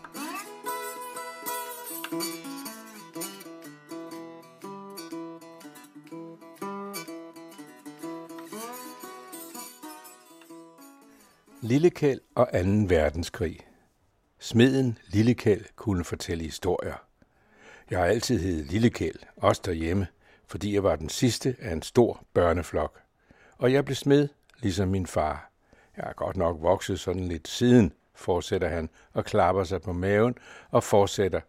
Men Jacques har altid kaldt mig Lillekæld.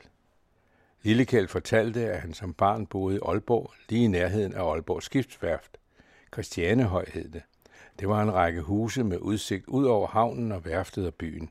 De fleste, der boede her, arbejdede på værftet. Det var under 2. verdenskrig, og Danmark var besat af tyskerne.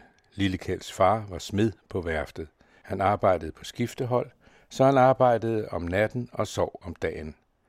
Når han var vågen, var han næsten altid sur, for han fik aldrig sovet ud, fortæller Lillekæl.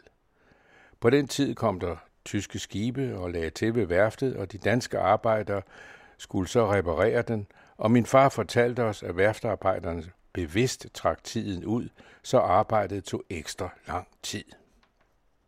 Selvom Lillekælds far helst skulle sove om dagen, fordi han arbejdede om natten, så havde hans far også overskud til at lave praktiske ting derhjemme.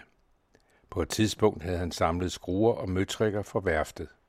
En morgen, da vi skulle i skole, mødte vi far på bakken på vej hjem. Han gik og skubbede på sin cykel, for den var tungt lastet med alle mulige jernsager, som var organiseret, som han sagde. Det vil sige, de var langtidsudlånt fra værftet. Nu skal vi nemlig have et cykelskur, sagde han til os. Nu skal alle familiens cykler stå i vores helt eget cykelskur. Og der skal de stå på række og geled, og ikke mere ligge spredt rundt omkring, hulter til bulter. Det er noget tjusk og noget råd, men nu skal det være slut. Og I børn, I skal hjælpe til, råbte han efter os, men der var vi allerede på vej i fuld fart ned ad bakken. Næste søndag var far stået op meget tidligere, end han plejede. Han vækkede hele familien ved at hamre løs på nogle blikplader, som han også havde organiseret. De skal bare rettes ud, for at de skal være taget på vores nye cykelskur, sagde han. Efter et par timer og en masse larm var alle pladerne rettet nogenlunde ud. Så skar han dem til med en vinkelsliver af tysk fabrikat og borede huller i dem med en boremaskine af tysk fabrikat, som han havde lånt af sin gode ven Elmer fra værftet. Elmer kom også selv forbi og hjalp med at holde ved og tage fra. Elmer kunne også svejse. Han lavede et firkantet jernstativ med ben i hvert hjørne, og efter fars instruktion gravede vi en forsænkning i jorden til et fundament.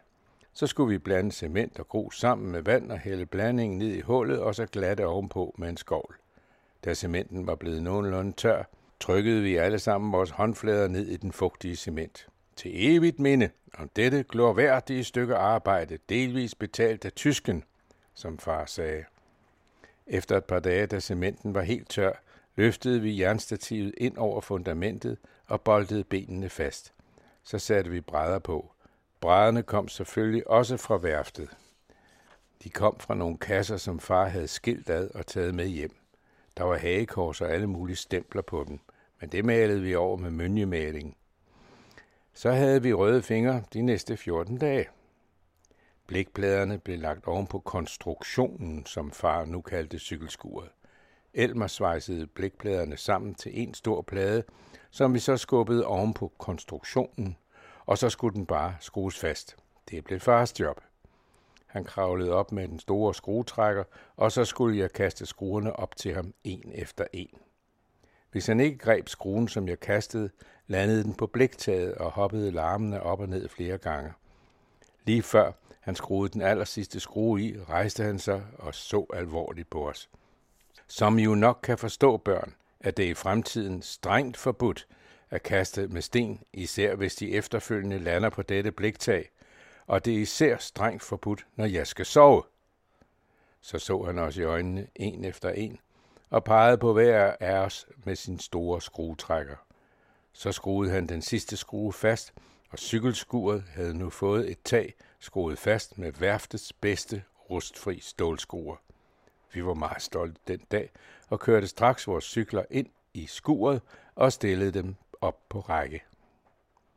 Der kom flere og flere tyske skibe til havnen. De skulle repareres.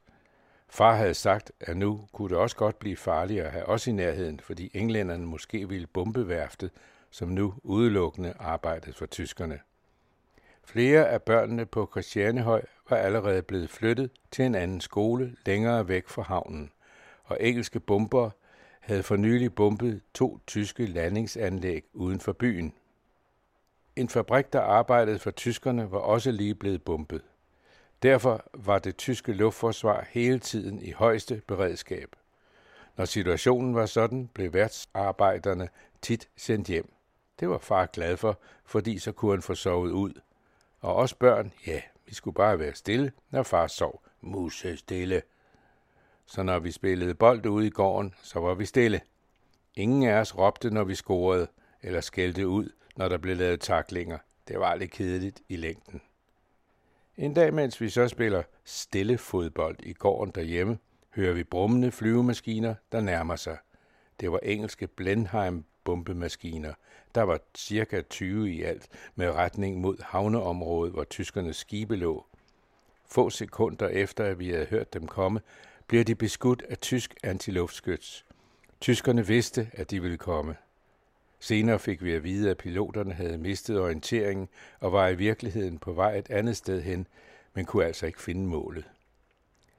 Det bliver hurtigt til en frygtelig massakre, næsten lige ud for, hvor vi står på bakken. Det blev blodigt at se på.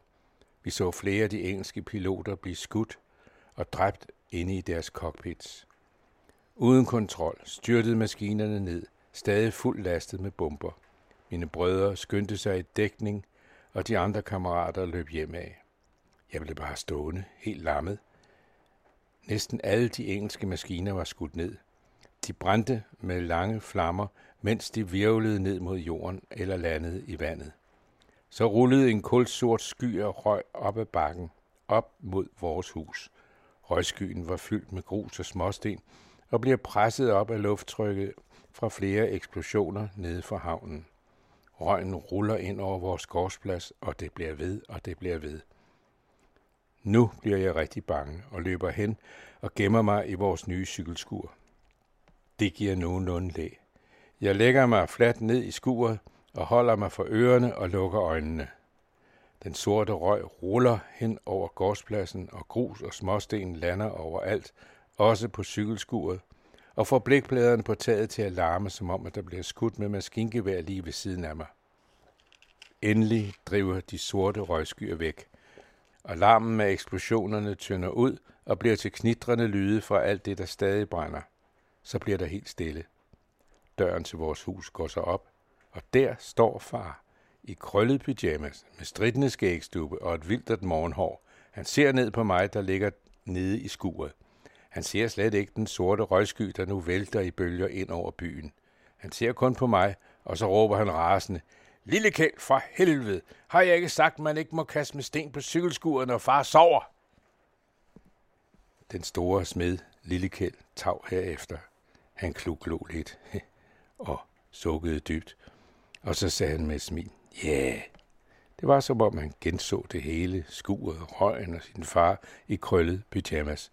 Men det er jo så lang tid siden nu, sagde han, og fortsatte sit arbejde.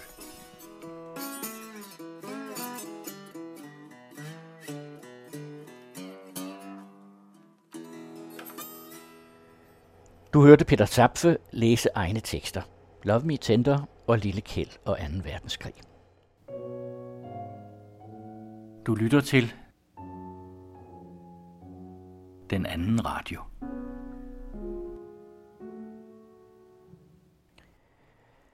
I den tredje udsendelse af podcastserien Europas idehistoriske rødder skal det handle om kristendommens fremkomst i den græsk-romerske verden og den antikke arv, som kristendommen er formet af. I programmet medvirker professor Hans-Jørgen Schanz, lektor Jesper Tang Nielsen, dr. Fil Niels Hybel, ekstern lektor Kasper Dalgaard og lektor Annika Witthammer.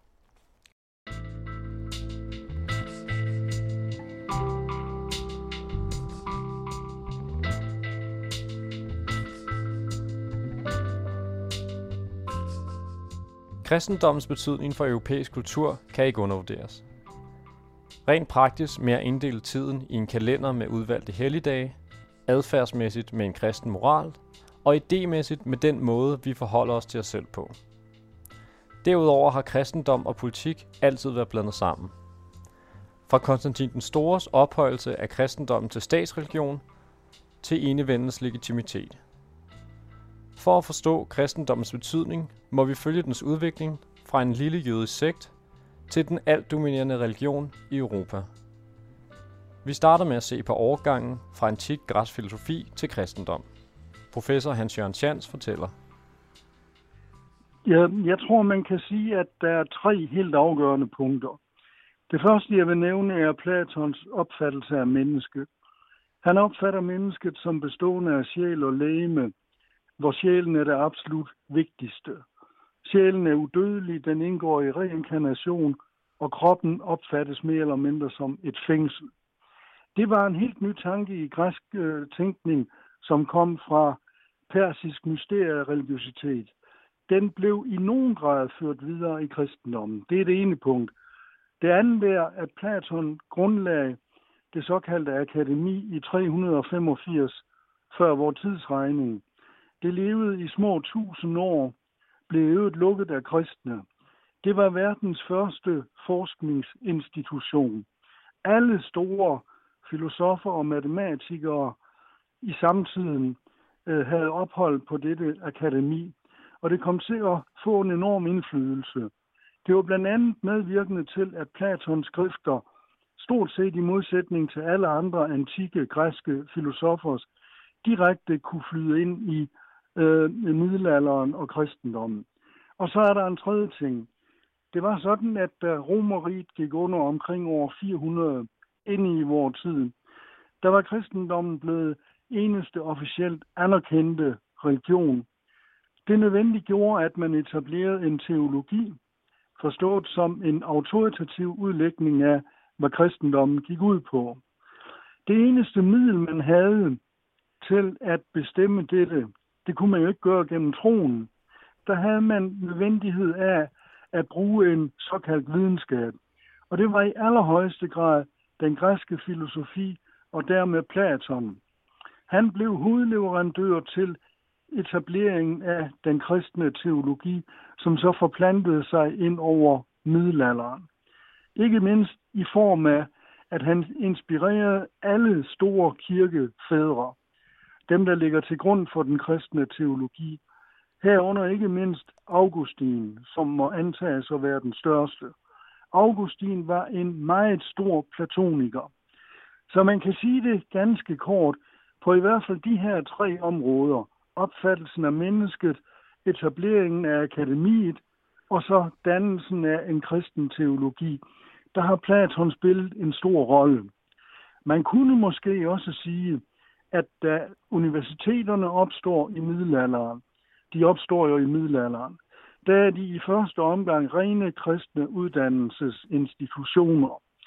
Universiteterne er ganske vist etableret på baggrund af Platon-eleven Aristoteles' tanker om, hvordan man inddeler den menneskelige viden. I nogen grad var Aristoteles' opfattelse inspireret af Platons akademi. Så summa summarum er, at Platon har haft en ekstrem indflydelse. Så stor, at en engelsk matematiker og naturvidenskabshistoriker og idehistoriker, der hed Whitehead, engang sagde, at hele den vestlige filosofi er ikke andet end fodnoter til Platons filosofi. Det er selvfølgelig vanvittigt overdrevet, men det har et græn af sandhed. Det er meget kort fortalt de spor, som Platon lægger ind i kristendommen. Sjovt er det at se, at da reformationen indtræffer med Luther, der er Luther meget opmærksom på, at det er faktisk det afgørende punkt i hans reformation, at den græske filosofi, og her med Platon og Aristoteles, ikke skal dominere udlægningen af, hvad kristendommen er. Fuldstændig korrekt så Luther, at den katolske lærer er en blanding af græsk filosofi og kristendom, sådan at det er den græske filosofi, der stort set skaber alle begreber i den katolske kirke. Så På en række punkter kan man sige, at Platon har været helt afgørende for Europas kristendom.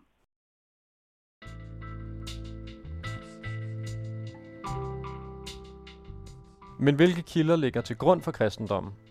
Det fortæller lektor Jesper Tang Nielsen om her. Det første, man skal vide, når man taler om øh, kristendommens opståen, er, at den faktisk i begyndelsen slet ikke var kristendom, men jødedom. Fordi kristendommen opstod som en jødisk sekt. Jesus var jøde, og de første kristne, de første kristustroende, var jøder og forstod sig selv som jøder. Så kristendommen var egentlig en sekt inden for jødedommen, der troede på, at Jesus var en messias. Og de aller tidligste kilder, vi har til kristendom overhovedet, eller til den her jødiske sekt, kristendommen, dem finder vi i det nye testamente. Og der er vi 27 skrifter i det nye testamente, hvoraf de alle sammen på en eller anden måde handler om Jesus. Nogle handler også om hans liv og, og hvad han gjorde og sådan nogle ting. Men det interessante er faktisk, at de allertidligste skrifter, vi har i det nye testamente, det er Paulus' breve. Og i dem, der hører man faktisk om denne her begyndende religion, hvordan den udbreder sig, og hvordan Paulus, der er apostel for kristendommen, han udbreder den i den antikke verden. De her breve skriver han til nogle af de menigheder, han har grundlagt, og til en enkelt, nemlig den i Rom, som han ikke selv har grundlagt. Og der fortæller han om, hvad der nu skal forstås ved denne her nye tro på Kristus. Øh, og det er alt sammen inden for et jødisk univers. Paulus opfatter sig selv som jøde. Og det samme kan man faktisk også sige om de skrifter, der så handler om Jesu liv, nemlig evangelierne. Dem har vi fire af i det nye testamente. Og hvis Paulus han skriver en gang i 50'erne, så er det tidligste evangelium, nemlig Markus evangeliet, det er fra omkring år 70. Og det fortæller så historien om Jesus, om hvordan han blev døbt af Johannes Døber, og hvordan han så til sidst ender sit liv på korset, og så en historie om en tom grav. Så det er så den, den tidligste skildring, vi har af, af Jesu liv. Allerede på det tidspunkt må man nok sige, at det er præget af troen på ham som Kristus, eller det er helt sikkert præget af troen på ham som Kristus. Øh, det er derfor, der overhovedet fortælles om ham. Øh, men, men stadigvæk inden for sådan et, et slags jødisk univers, hvor man kristendommen opfatter sig selv som jødedom, nemlig som den sande jødedom. Det galt også for Paulus. Markus evangeliet får så nogle efterfølgere. Det er Matthæus og Lukas evangeliet, som har kendt Markus evangeliet, men fortæller mere, end Markus har fortalt. Øh, og især har de meget mere talestof med, nemlig noget, som Jesus har sagt. Noget af det mest kendte er sikkert bjergprædikenen, eller nogle af de store lignelser, den fortabte søn og sådan noget, som de her evangelier har med det stof, som de Matthæus og Lukas evangeliet har med, som Markus ikke har med, det er i, i ret høj grad præget af denne her begyndende religion og dens spørgsmål, den har haft i slutningen af det første århundrede. Og fortællingerne svarer på spørgsmål, de menighederne sikkert har haft, for eksempel om, hvordan skal man forholde sig til rent og urent eller lignende. Samtidig med, at de altså fortæller på en måde den samme historie, som Markus evangeliet fortæller. Og så har vi endelig det fjerde evangelium, Johannes evangeliet, øh, som faktisk fremstiller Jesus på en helt anden måde end de tre andre. Man kan sige, at det måske i mere direkte grad er influeret af samtidens filosofi, og derfor fremstiller det Jesus som mere filosofisk måske, og dermed teologisk end de andre evangelier. Grundlæggende er det en fortælling om Jesus, men den tager sig ud helt anderledes end de andre evangelier. Og så har vi en række andre skrifter i det nye testamente. Vi har flere breve, og vi har en apostlenes gerninger, der er fortælling om, hvordan kristendommen eller Kristus troen, den udbredes fra Jerusalem ind til Rom. Det nye testamente indeholder de ældste kilder til historien om den her jødiske sekt, der bliver til kristendommen. Hvornår den så egentlig bliver en selvstændig religion, det er der ret stor uenighed om blandt forskerne. Man kan sige, at inden for det nye testamente er det nok forstået som en jødisk sekt, der vil være den sande jødedom. Men vi kan jo se, at på et tidspunkt, så skilles vejene, så bryder de to med hinanden. Om det så er de kristustroende, der bliver smidt ud af jødedommen, eller det er de kristustroende, der bryder med jødedommen og forlader den, det er meget svært at sige noget om. Og i hvert fald kan vi ikke se det ud fra det nye testamente. Men hvordan startede den proces, der gjorde netop disse kilder til ortodox kristendom? Det giver ekstern lektor Kasper Dalgaard et indblik i her. I begyndelsen, der var der meget få problemer inden for kristendom. Der var de alle sammen øh, nærforventende. De regnede med, at jorden ville gå under lige om lidt. Så derfor så var der ikke den store grund til at øh, få ensrettet teksterne. Vi skal forestille os, at hver af de her mange små menigheder, de havde en lille tekstsamling. De havde nogle evangelier, de havde nogle af Paulus' breve og så forskellige, øh, og det varierede fra område til område. Og det udgjorde ikke det store problem. Altså, man skal jo stadigvæk huske på, at øh, stort set alle de nytestamentlige skrifter indeholder en intern kritik af andre kristne. Paulus kritiserer de jødekristne og så videre. Altså, der er altid os og så dem. Men det gjorde ikke så meget, fordi verden gik under lige om lidt. I de her mange små menigheder, der har større eller mindre skriftsamlinger, de har cirkuleret fra menighed til menighed, og visse har været vigtigere i nogle områder end i andre områder. De her mange kristendomme, de var ofte uforenelige i deres kristologi. Nogle mente, at Kristus var et menneske, andre mente, at Kristus var en guddommelig figur osv. De var til synlædende ikke et stort problem for de kristne, at der var de her forskelle. Og det er nok fordi, de havde væsentligt andre ting at tænke på, såsom forfølgelser fra romernes side og den slags ting. Det, der så sker, det er, at det kristne fokus på en en hellig skriftsamling, det fremkommer på grund af en af de mest spændende personer i den tidlige kirkehistorie, nemlig øh, Markion. Hvem Markion egentlig var, det er et meget omdiskuteret øh, spørgsmål, og eftertidens kirkefædre, de har givet ham stort set skylden for alting i den her verden. Altså alle kætterier, det bliver ført tilbage til Markion, fordi han var fra kirkens synspunkt en øh, ubehagelig karakter. Fordi det han gjorde, det var, at han stillede spørgsmål til, hvilke skrifter var de ægte.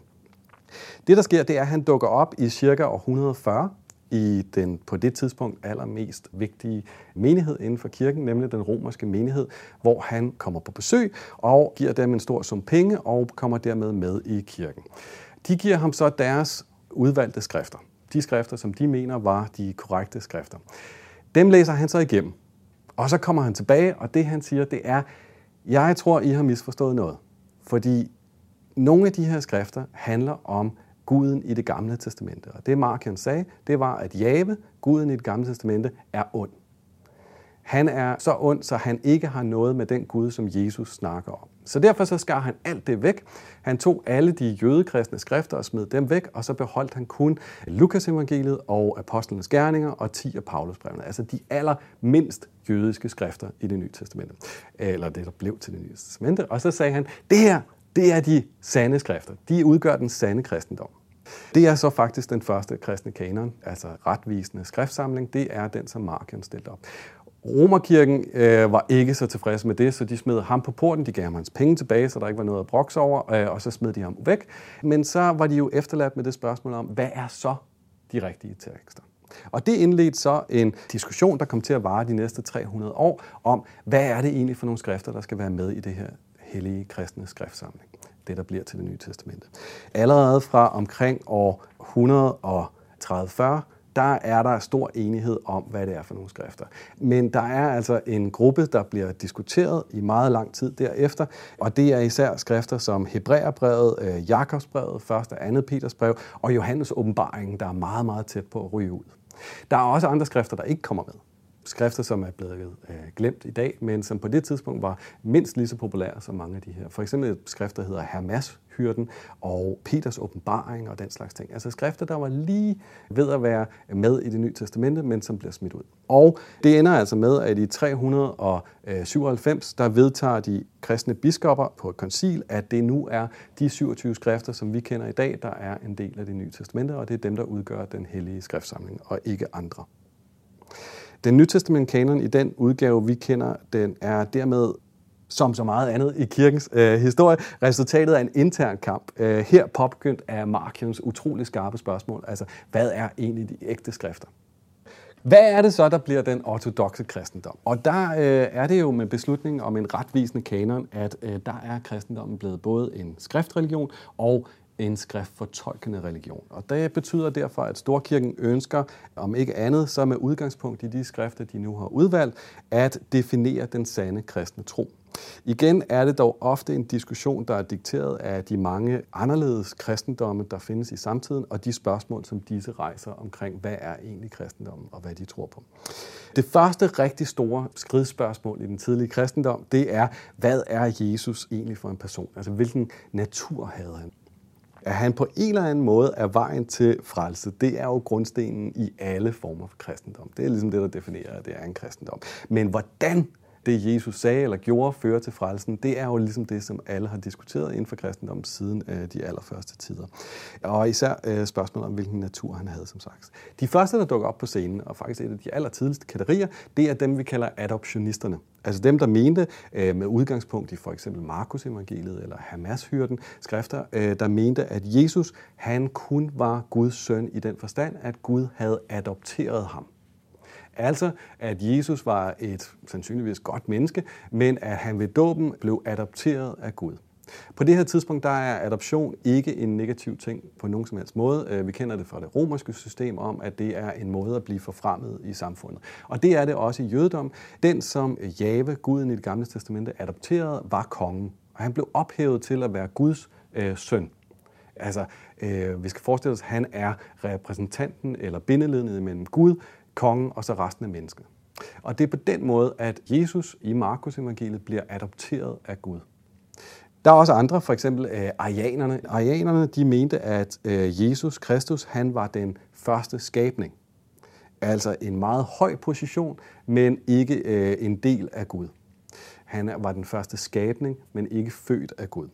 Der er også andre. Øh, der er karpokraterne, der mente, at Jesus han var en vismand, der havde den særlige evne, at han kunne huske sine reinkarnationer og den slags ting. Altså forskellige former for forståelse af, at Jesus var et, noget andet end det, vi inden for ortodoxien kender i dag. Mødt med alle de her forskellige positioner, der måtte Storkirken så komme med dens eget svar på det. Og processen bag det, det er en kombination af lærte kristne, der debatterede og diskuterede herom, de såkaldte kirkefædre, og så en lang række møder, hvor øh, biskopper fra store områder de mødtes, altså konciler og synoder, og der diskuterede de så de her ting, fik fremlagt teologiske øh, diskussioner, og så stemte de om, hvad de mente, der skulle være den sande kristendom. Altså, hvad natur havde Jesus? Øh, det stemte de så altså om om, og det mest fantastiske er, at de altid var enstemmige i de her konciler, fordi det sørgede Helligånden for. Det kan godt være, at de ikke alle sammen stemte på det samme, men Helligånden sørgede for, at det var enstemmigt. Der afstemmer man simpelthen, hvad er ortodoxiens svar på Jesu naturspørgsmålet. På de her møder, der aftales indholdet simpelthen i det, der kommer til at blive de oldkirkelige bekendelser. Den mest kendte af disse er nok øh, Nicanum. Den blev vedtaget i 325 i Nikæa, og det er et koncilmøde, der simpelthen er præget af ønsket om at bekæmpe arianismen. Så den primære trosbekendelse inden for kristendommen er altså affødt af striden mod arianerne. Det kan man se, fordi hvis man kigger på denne her Nicanum øh, trosbekendelse, så er den første linje, den kender de fleste, det er den, der handler om øh, faderen. Altså, jeg tror på én Gud, den almægtige fader osv. Altså, en sætning. Øh, lige derefter, så kommer der en lang smøre om Jesus. Hvad natur han var. Netop fordi det var det, man diskuterede på det tidspunkt. Det er jo så det, der kommer. Og jeg tror på en Herre, Jesus Kristus, Guds enborne søn, som er født af faderen før alle tider. Gud er Gud, lys er Gud, sand Gud er sand Gud, født ikke skabt af samme væsen som faderen, ved hvem alt er skabt osv. Altså, den lange teologiske smør handler simpelthen om at slå arianerne ihjel, teologisk set. Altså fjerne deres øh, argumentation. Fordi alle de her led, de er simpelthen resultatet af de teologiske diskussioner, der foregår på det her tidspunkt, mellem forskellige forståelser af, hvad eller hvem Jesus er. Når det derfor to gange understreges, at Jesus han var født og ikke skabt, så er det netop en afvisning af den arianske kristendom. Ligeledes er udsagnet født før alle tider simpelthen en afvisning af netop adoptionismen. Altså, han var ikke adopteret. Han var født før alle tider. Jesus var evig og med til at skabe universet stort set. Så derfor, de her enkelte led i trosbekendelsen, som kristne i dag siger stort set, uden at tænke over, hvad det egentlig betyder, er simpelthen affødt af de her kæmpe store teologiske diskussioner, der foregik i Oldkirken. Kirkens svar, det blev altså, at øh, nej, Kristus han var født, ikke skabt, og det blev han før tiden var til. Med de her trin, der bliver den særlige kristne treenighed simpelthen skabt. Altså, treenigheden er jo kernen i kristendommen, og ikke en ting, man kan finde særlig meget om i det nye testamente, men den kommer ind igennem kampen mod de forskellige kætterske retninger i oldkirken. Altså den her idé om, at de tre, faderen, sønnen og helligånden, de alle er evige og er samme væsen, og ingen er underordnet nogen anden i denne her treenighed. Samtidig med, at de er en, Altså ikke tre evige skabere, men en. Altså det er et stort problem at forstå, hvordan treenigheden egentlig hænger sammen. Der er skrevet hele skrifter om det. For eksempel det skrift, der hedder Athanasium, der simpelthen opsummerer det med, at det er en Gud i tre personer og tre personer i enhed. Hvordan kunne kristendommen have set ud med andre kilder? Kasper Dalgaard fortsætter. Med Storkirkens interne udrensning i perioden fra det andet til det 5. århundrede, der forsvandt jo en stor del af diversiteten inden for kristendommen. Og selvom der altid har været mange udgaver af, hvem Jesus var og hvordan kristendommen formidler frelsen, øh, så var der til synligheden i de tidlige århundreder et overvældende antal kristendomme rundt omkring i området. Mange af disse de er jo blevet slettet fra teologihistorien desværre i en sådan grad, at vi knap kan identificere, hvad de egentlig troede på. Vi kender måske navnene på dem, eller vi har et enkelt fragment af dem. Men heldigvis så var mange af ortodoxiens øh, forkæmpere, altså kirkefædrene Irenaeus og Tertullian osv., de var jo meget optaget af netop at bekæmpe disse forkerte former for kristendom. Og derfor så skrev de meget nøje ned, hvad disse forskellige kristendomme troede på. Og det er faktisk primært igennem deres nedskrivninger, at vi ved, hvordan de opfattede kristendommen. Og det vi skal huske på, det er, at vi er ude i en variation inden for kristendommen, som vi i dag har svært ved at forstå, fordi vi taler om kristendommen, der for eksempel troede på, at der var tre guder, eller 30 guder, eller nogen, der mente, der var 365 guder. Altså kristendomme, som selvom de er enige om, at det er Kristus, der på en eller anden måde har formidlet frelsen, så var resten meget, meget anderledes end det, vi er vant til i dag. Visse skrifter fra den her tid er det, vi kunne kalde uskyldige teologiske videredækninger omkring heltenes liv. Altså for eksempel, vi skal jo forestille os, at der var ikke internet, der var ikke øh, Netflix og den slags ting. Der var kedeligt dengang, så derfor om aftenen var det rart at høre mere om, hvad heltene havde lavet. Øh, især Jesu liv bliver udfoldet i en grad, som er Harry Potter-fankulturen værdig i dag. Altså, øh, man ønskede at vide mere om Jesu liv. Og det øh, medfører det, vi kalder barndomsevangelierne. For eksempel det, der hedder Thomas' barndomsevangelie, der fortæller om Jesu tidlige liv. Og der kan vi så læse, at Jesus han var lidt af en ballademager. Øh, jeg plejer at sige, at han var en øh, ADHD-type, fordi hver gang der var nogle af hans legekammerater, der blev sure på ham, eller ikke ville, som han ville, så slog han dem ihjel. Så Jesus var altså noget af en ballademager, forstået på den måde, han dræbte børn til højre og venstre. Han fik lærere til at blive fyret osv. Men øh, Maria, Jesu mor, bliver opsøgt af legekammeraternes forældre, og Jesus bliver altså tvunget af sin mor til at genopvække disse børn, som han har slået ihjel osv. Det er ganske underholdende læsning. Der sker også det, at det næste store barndomsevangelie, det der hedder det arabiske barndomsevangelie, har en lidt anden tone, fordi i det, der er Jesus allerede fra tidlig tid velopdraget og har, er bedre til at styre sin guddommelighed, og det betyder altså, at han ikke slår nogen børn ihjel. Tværtimod så er der børn, der får lov til at bade i hans badevand, og derigennem bliver helbredt, og der er folk, der får lov til at tage hans snavsede vasketøj på sig, og dermed bliver de også helbredt. Altså en, en noget mere velopdragen og øh, korrekt Jesus.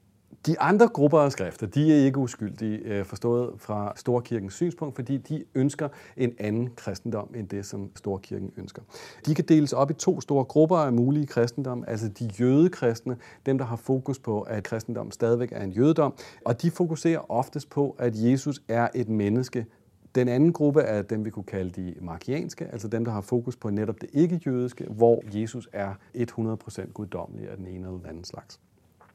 Eksempler på det er der mange af og de er rigtig underholdende. Et eksempel er det, der hedder Nazareernes evangelium, øh, som stammer fra meget tidligt i det andet århundrede, altså samtidig med nogle af de nytestamentlige skrifter, og et eksempel på en jødekristen øh, forståelse af Jesus-figuren, hvor Jesus er 100% et menneske, der er adopteret af Gud, og dermed ingen øh, mirakuløse fødselsberetninger har, eller noget som helst, men altså en klassisk jødisk kristendom. Der er også det skrift, som de vegetariske forfattere skriver, altså Ebioniternes evangelium fra også øh, det andet århundrede, som også har en anden Jesusfigur, hvor han i disse skrift er en overærke engel, der er blevet skabt til at regere denne her jord af Gud. Altså han er den første repræsentant, men ikke en del af Gud, en ærkeengel af en slags.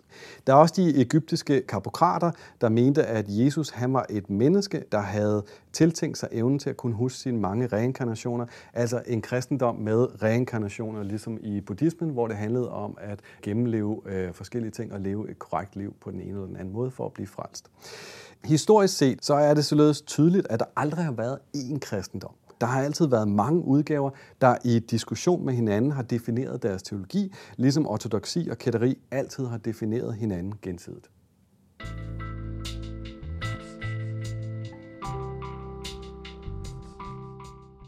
Udviklingen og udbredelsen af en samlet kristen ortodoksi skabte grobund for kristendommens voksende politiske magt. Lektor Niels Hybel fortæller her om kirkens indflydelse på middelalderens samfund. Den kristne tro er jo, jo i sig selv en vigtig ideologisk forudsætning for centralmagter. Det er formentlig også derfor i mine øjne, at øh, kristendommen i, i tidlig tid, jo altså efter at de kristne blev forfulgt, så går den faktisk hen i 391 og bliver den eneste tilladte religion i øh, Romeriet, det vil sige det, øh, det tidligere østromerske rige. Fordi den fremlægger jo i virkeligheden sådan et hierarkisk system, som er monastisk. Man har Gud for oven, og Gud uddelegerer så sin magt til jordiske herskere. Og et af de store stridsspørgsmål i den tidlige middelalder, altså før omkring 1100, det er, om den her magt fra Gud, den bliver uddelegeret direkte til de værtslige magthavere, det vil sige kejseren, senere kongerne, eller den går via øh, kirken, efterhånden mere og mere paven. Det diskuterer man vildt og voldsomt i denne her periode. Så på det her tidspunkt, altså, der øh, konstitueres den opfattelse, altså at, at verden er opbygget på den måde, og dermed følgelig så øh, lægger man også an til, at man på længere sigt kan få en kongemagt, som bliver absolut, hvad ikke sker i middelalderen, men jo sker senere. Altså en kongemagt, som faktisk fjerner sig fra det øh, folkelige grundlag, som øh, de middelalderlige, og også de tidlige middelalderlige konger faktisk byggede på. Så i, øh, i den ideologiske forstand er kirken en, en meget væsentlig forudsætning for, øh, for de middelalderlige kongerigers øh, opståen. Og jeg kan lige i parentes sige, at altså, kirken i sig selv udvikler sig jo også mere og mere i denne her monastiske retning, som kulminerer i øh, uh, 1054, hvor man uh, får skismaet med, med Østkirken og paven. Han nu fremstår som kirkens leder, som, som den egentlige leder af hele butikken, så at sige. Det er først derfra, man for alvor kan tale om en, en egentlig pave.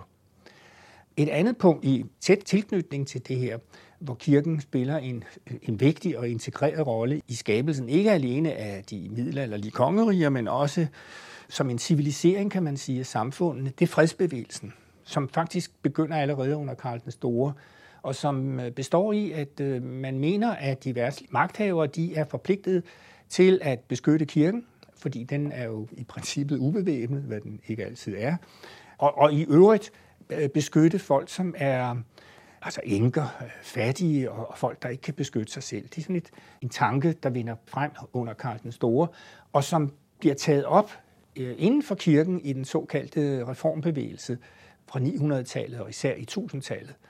Og igen hænger sammen med det ønske om at centralisere magten i kirken under en pave, men hvor man altså har et krav om at få øh, skabt fred i samfundet, altså at få beskyttelse, og man indfører forskellige tidspunkter og steder, hvor, hvor man ikke må slå hinanden ihjel. Øh, igen en forudsætning for udviklingen af det voldsmonopol, som kongemagten efterhånden udvikler, men som i hvert fald når vi taler om Danmark, ikke på nogen måde kan sige at være fuldt udfoldet ind i, i 1300-tallet. Men det bliver det jo på længere sigt, og det er jo sådan set også det, vi lever med i dag, bortset fra banderne. Ikke? Det var jo normalt, en normal tilstand i, i, i middelalderen. En anden måde, som kirken er integreret i, i det her samfund på, er, at lige så vel som kongemagten er et medie for magtudøvelse af de grupper i samfundet, som er magtfulde, øh, så er kirken det sådan set også. Altså de magtfulde klaner, familier, politiske alliancer, eller hvad man skal kalde dem i middelalderen, de forsøger at sætte sig på kongemagten, på de gejstlige institutioner. Og de her magtgrupperinger, et af de medier, de har for magtudøvelse, det er at sætte sig på institutionerne, efterhånden som institutionerne udvikles. Både den gejstlige og, og den værtslige kongemagten slås man om, indtil man får etableret en egentlig kongeslægt. Og den forudsætning for kongedømme, det er også noget, som kirken slæber med, og som vi ikke kan spore i vikingetiden, at der er slægter og en bevidsthed om genealogi. Det kommer i høj grad ind omkring 1100, og det er en antik arv, kan man sige, der dukker op der. Og når vi kigger på jordejendommen, så ser vi, at kirkens folk, de er frontløbere i den grad. Altså, hvad vi ved om jordakkumulation i 1100-tallet og til dels 1200-tallet, det er hovedsageligt, hvad kirken får skravet til sig af jordejendom. De bliver enormt rige, og, og, og visse af de kirkelige institutioner, nogle af klosterne, har faktisk fået samlet al den jord, som de får taget fra sig ved reformationen allerede omkring 1200. Uh, øh, en videre så, i forbindelse med de her jordakkumulationer, så indfører kirken jo også den teknologi, der skal til for at styre sådan nogle jordejendomme, som vi kender fra tidligere, altså fra, fra Frankeriget, og, og som kan spores helt tilbage til Romeriet. Så der er en masse også teknologiflow, det kan påvises masser af steder. Så kirken er ikke bare en ideologisk væsentlig faktor for øh, udviklingen af de øh, middelalderlige kongeriger, det er i, i høj grad også i teknologisk henseende. Og som jeg var inde på tidligere, så øh, er det også kirken, som sagt, der, der står for, for juraen, altså den jura, der svarer til, altså opbygningen af det, det er, det er også kirkens folk. Så man kan dårligt forestille sig den øh, europæiske civilisations begyndelse, som jeg sådan set ser middelalderen som. I hvert fald så opfatter paverne i slutningen, eller en pave i slutningen af, af, af middelalderen, han opfatter Europa som noget særligt øh, i den forstand, at Europa er kendetegnet ved at have et atomiseret politisk system, altså det vil sige en masse suveræne kongeriger, som er forenet af kirken, altså af den romersk-katolske, den universelle kirke. Og det er jo sådan set det, vi opfatter ved Europa, og i, i, i mange hensener, hvis vi ser på andre højkulturer i verden, så er de jo langt mere pyramidalt opbygget, end Europa er i, i middelalderen. Og det er måske der noget af den dynamik også ligger, som har været baggrunden for, at Europa, så at sige, er, er løbet fra meget den anden verden. Med middelalderens afslutning vendes fokus igen tilbage til spørgsmålet om, hvad den sande kristendom var. Lektor Annika Wittermar fortæller her, hvordan reformationen gav et nyt perspektiv på den enkeltes forhold til Gud, og samtidig udfordrede pavemagtens ortodoksi. Europæisk kristendom opfattes nogle gange som en slags selvstændig søjle europæisk tænkning. Men det giver bedre mening at forestille sig en slags helix, som snor sig ind og ud gennem århundrederne. Nogle gange i samklang med andre strømninger, nogle gange i opposition, og nogle gange uden at man kan se, om ideen først opstod i en kristen kontekst eller udenfor. Et eksempel er, hvordan kristen tænkning spiller ind på opfattelsen af staten. For i løbet af den sene middelalder sker der det, at retten til at definere, hvad der er sand kristendom, så at sige, decentraliseres. Gennem middelalderen har det i Vesteuropa været pavestolen, der havde definitionsmagten – men i løbet af senmiddelalderen begynder denne magtposition at blive udfordret. I Danmark forbinder vi magtkampen med Luthers opgør med afladet klostervæsen og den katolske kirkes kontrol med de lokale fyrster. Men løfter vi blikket lidt fra den danske reformation, så er det langt tidligere, at modstanden mod pavestolens magt over de europæiske stater opstår.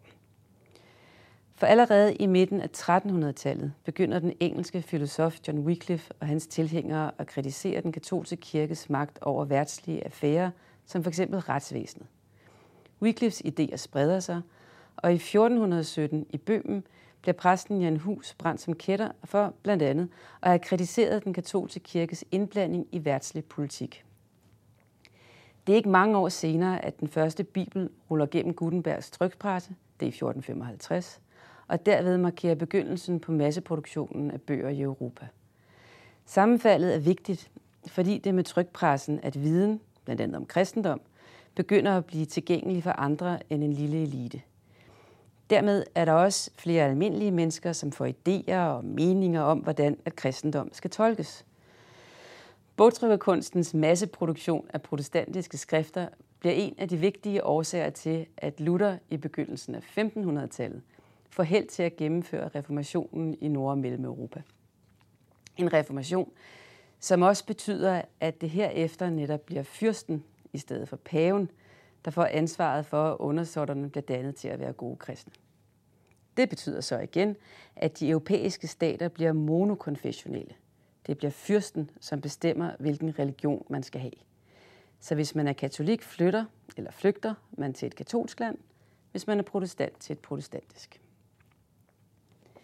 Bevæger vi os et århundrede frem, har reformationen knopskudt. For uden lutheranere og kalvinister i Mellem- og Nordeuropa, er der opstået en række nye protestantiske bevægelser, som ofte ikke har den lokale fyrstes støtte. Det er på det her tidspunkt, at den amerikanske østkyst bliver koloniseret af nogle af de protestantiske minoritetsbevægelser, dem som bliver forfulgt i de europæiske stater.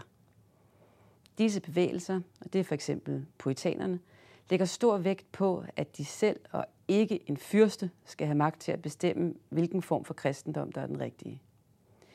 Det fører med tiden til en statsform i Nordamerika, hvor religion og politik forfatningsmæssigt er adskilt. Denne amerikanske idé om en stat, der er uafhængig af religion, inspirerer også efterhånden europæisk tænkning. Og i løbet af 1800-tallet garanteres religionsfrihed i de demokratiske stater, som efterfølger de enevældige fyrster. Men det er vigtigt at understrege, at selvom staten bliver adskilt fra de gamle kirkesamfund, så er de konger og kejsere, og med tiden også præsidenter, som leder staterne, ikke ateistiske. Alle tilhører den ene eller den anden kristne konfession. Når vi så når frem til omkring i dag, tales der om, at religion er blevet en privat sag. Men hvis vi igen løfter blikket lidt fra Danmark, så spiller de kristendemokratiske partier stadig en væsentlig rolle i det europæiske politiske liv. Kristendemokraterne blev dannet i slutningen af 1800-tallet, som især en katolsk reaktion på industrialiseringen og de kår, som arbejderne fik i de voksne byer. Det var således et kristent modsvar til de socialistiske arbejderbevægelser. De europæiske kristendemokratiske partier har spillet en væsentlig rolle i det 20. århundrede, ikke mindst i det ideologiske tankegods til det, som vi i dag kender som EU. Kristendemokraterne er kendetegnet ved et konservativt syn på moralske og sociale temaer. De er for eksempel ofte skeptiske i forhold til abort og ægteskab mellem folk af samme køn og andre temaer, der kan føres tilbage til kristen etik. Derimod er de oftest til venstre på den traditionelle politiske skala i forhold til spørgsmål om social retfærdighed og solidaritet med økonomisk svagt stillede. Og mens de har tendens til at støtte det pågældende lands majoritetsreligion, så støtter de også familiens ret til at opdrage børn religiøst, uden statens indblanding. Fra middelalderen og frem kan man altså tale om, at de mere dogmatiske elementer af kristendommen er trådt i baggrunden. Det er efterhånden mange århundreder siden, at det var treenighedens beskaffenhed, som var et brændende politisk emne. Og det er også længe siden, at de forskellige kristne konfessioner så deres indbyrdes forskelle som det væsentligste problem. Men det er ikke det samme som, at kristne idéer ikke længere er en del af europæisk tænkning. I stedet er det i dag kristen morallærer, som f.eks. kristendemokraterne ønsker præger de europæiske stater. For kristendom er altid blevet fortolket af de mennesker, som udøver religionen, hvad enten det er kristne præster, kristne politikere eller ganske almindelige kristne mennesker. Og både menneskerne og idéerne er der stadig masser af i Europa.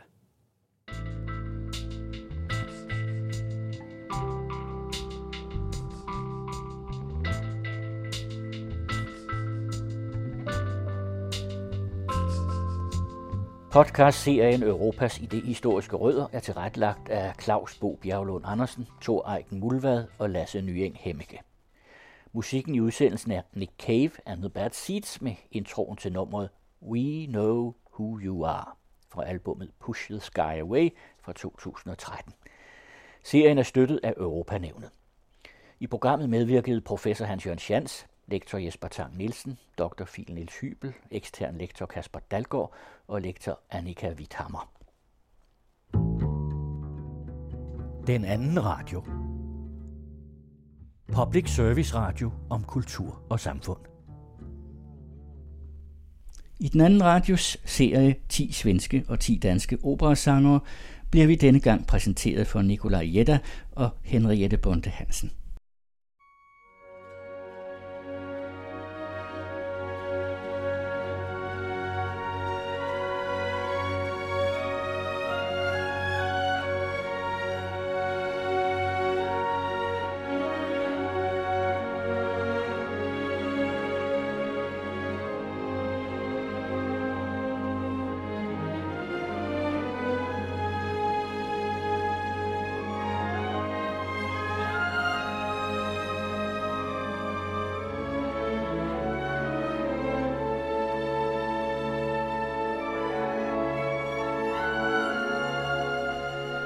Det er utroligt, så hurtigt folk glemmer. 10 år eller 20 år efter en karriere er slut, er der en ny generation, der ikke har kendt eller oplevet de store sangere. Jeg vil gerne portrættere nogle af de sangere i Sverige og Danmark, der har eller har haft en stor international karriere. Se, hvor de stammer fra og hvordan det hele begyndte.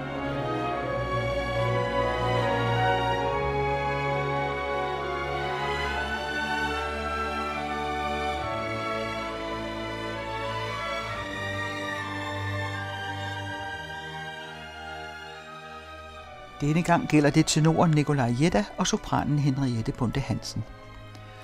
Nikolaj Jettas karriere har været længere end de flestes, og hans liv også. Han døde i 2017, 91 år gammel.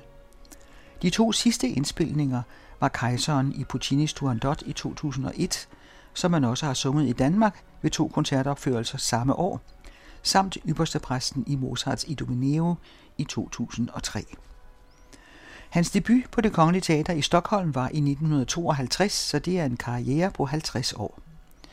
I øvrigt var debuten Chapelou i Adolphe Adams Le Postillon de Longjumeau, som er en prøvesten for alle tenorer. Den har et højt D, altså over det høje C. En triumf for den 26-årige sanger, som dermed var på vej ud i verden. Ganske få måneder efter oplevede han at blive engageret til La Scala i Milano som Don Octavio i Mozarts Don Juan, at optræde med Herbert von Karajan og at få sin første pladekontrakt, som var Dimitri i Mussorgskis Boris Godunov. Sangeren med den lyse, tindrende sopran er Henriette Bunde Hansen, der efter studentereksamen kom på Musikkonservatoriet i København og derefter på Operaakademiet med debut i 1993 på den jyske opera som Adele i Johann Strauss Flagermusen og Anna i De lystige koner i Windsor af Otto Nikolaj. Dermed har hun og Nikolaj Jetta været på banen samtidig i cirka 10 år. Den ene ung og på vej op, den anden ældre og på det sidste. Hun har med sin virtuose stemme og et enestående kunstnerisk overskud sunget alle de store Mozart-roller og stort set alle de lyse sopranroller, der er ved at synge, for eksempel Sofie i Strauss Rosenkavaleren, Adina i Donizettis Elskovsdrikken, Julie i Gounods Romeo og Julie og Fiorilla i Rossines Tyrken i Italien og mange andre operaer. Og Nicolai Jetta er i samme guldklasse og med et fantastisk overskud, scenisk, teknisk og humoristisk. Vi skal høre ham synge tenorarien i den sjove scene fra Richard Strauss opera Rosenkavaleren, hvor feltmarskalinen er stået op, og nu myldrer det i hendes soveværelse med alle mulige tjenestefolk, lakajer, kokke, frisører og mange flere, og så skal der også en tenor til og en fløjtenist til at underholde – og det er ikke en hvilken som helst tenor, man kan engagere til at synge den arie, selvom den kun varer nogle minutter i en tre timer lang opera. Han underholder, mens den grove baron Ox diskuterer morgengaven til den kommende brud med notaren. En forrygende scene med Nikolaj Jetta i spidsen.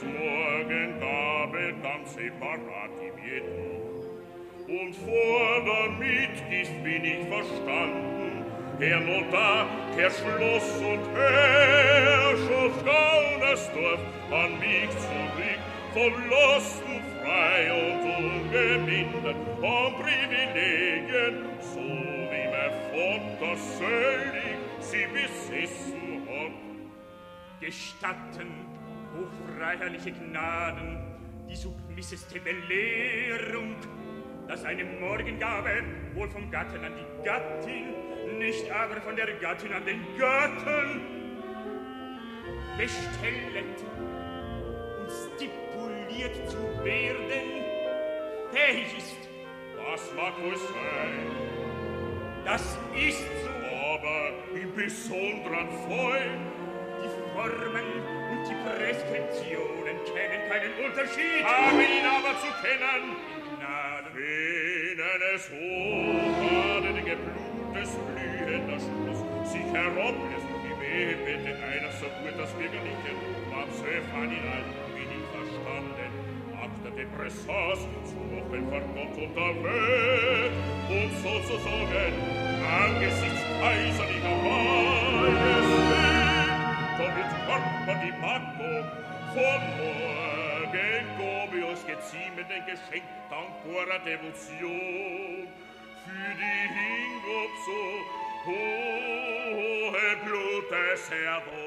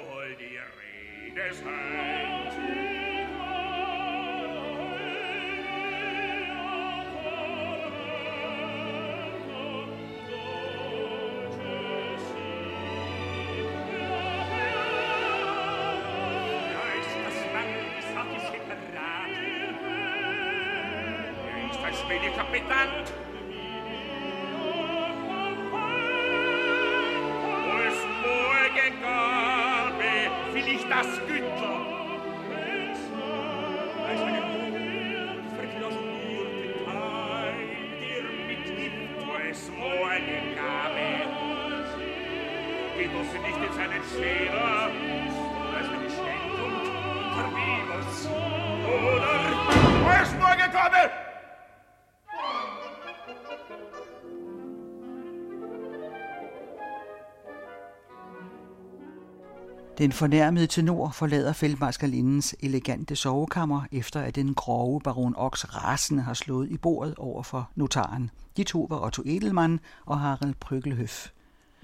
Men en af Nikolaj Jettas mange store hovedroller skal vi høre til sidst, Greven i Rigoletto.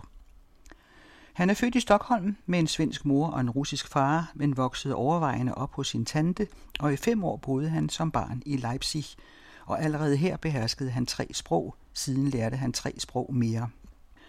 Nikolajetta fik job i en bank i Stockholm og spurgte en dag en kunde, der var ansat på operan i Stockholm, om han kunne anbefale ham en sanglærer, og fik anbefalet Karl Martin Ørmann, der med stor glæde tog ham som elev, også selvom han ikke kunne betale ham i begyndelsen. Han var nødt til også at forsørge sine forældre, men så kom der snart et legat til, og det hjalp på det hele. Debuten kom så i 1952 med en øjeblikkelig verdenskarriere derefter. I 1994 blev Haydn skabelsen opført ved to koncerter i Danmarks Radio med den engelske dirigent Neville Marriner, og ved den lejlighed sprang Henriette Bunde Hansen ind til det store sopranparti med kort varsel efter sygemelding fra den oprindelige solist. Det blev en meget stor triumf for hende, og Neville Marriner var meget begejstret for den unge sanger, og det lukkede også døre op til det internationale musikliv. Hun har siden da optrådt med de største orkestre i Europa, Stockholm Philharmonikerne, Santa Cecilia Orkestret i Rom, Orkester National de Montpellier, Gewandhaus Orkestret i Leipzig og Koncertgebag i Amsterdam, og blandt de mange prominente dirigenter, hun har optrådt med, ud over Neville Marriner, er Ricardo Chailly, Myung Wong Chung, Claus Peter Flor, Christopher Hogwood, Fabio Luisi, Mark Minkowski, Michael Schönwandt, Adam Fischer og Antonio Papano. En lang række CD-indspilninger er hun med på, blandt andet flere Mozart-operaer med Danmarks Underholdningsorkester og Adam Fischer, Lucio Silla, Mitridate, Il Re Pastore og Idomeneo, som vi skal høre om lidt. Carl Nielsens Maskerade med Radiosymfoniorkestret og Ulf Schirmer, Wolf Ferraris opera La Vedo Vascaltra med Orkester National de Montpellier og Bizets sjældent hørte opera Ivan den 4. med Orkester National de France og Michael Schönwandt, det skal vi høre senere. Holger Danske af FLE Kunsten, IPE Hartmanns Liden Kirsten, August Ennas Den lille pige med svolstikkerne samt Lieder. Lieder af Frederik Dilias med Aarhus Symfoniorkester og sange af Paul Schierbeck. Mahlers 8. symfoni var hun med på i den første danske indspilning af samtlige Gustav Mahlers symfonier med Radiosymfoniorkestret og Leipzigerstam. Også Rossini, Donizetti og Bellini har hun sunget med sin fleksible stemme, bel canto-musikken med de vilde koloraturer, som hun behersker til perfektion. Her skal vi høre hende som Ilia hos Mozart i Domeneo fra begyndelsen af første akt, hvor hun som trojansk prinsesse er taget til fange hos kongen af Kreta, altså Idomeneo, og hans søn Idamante har forelsket sig i hende.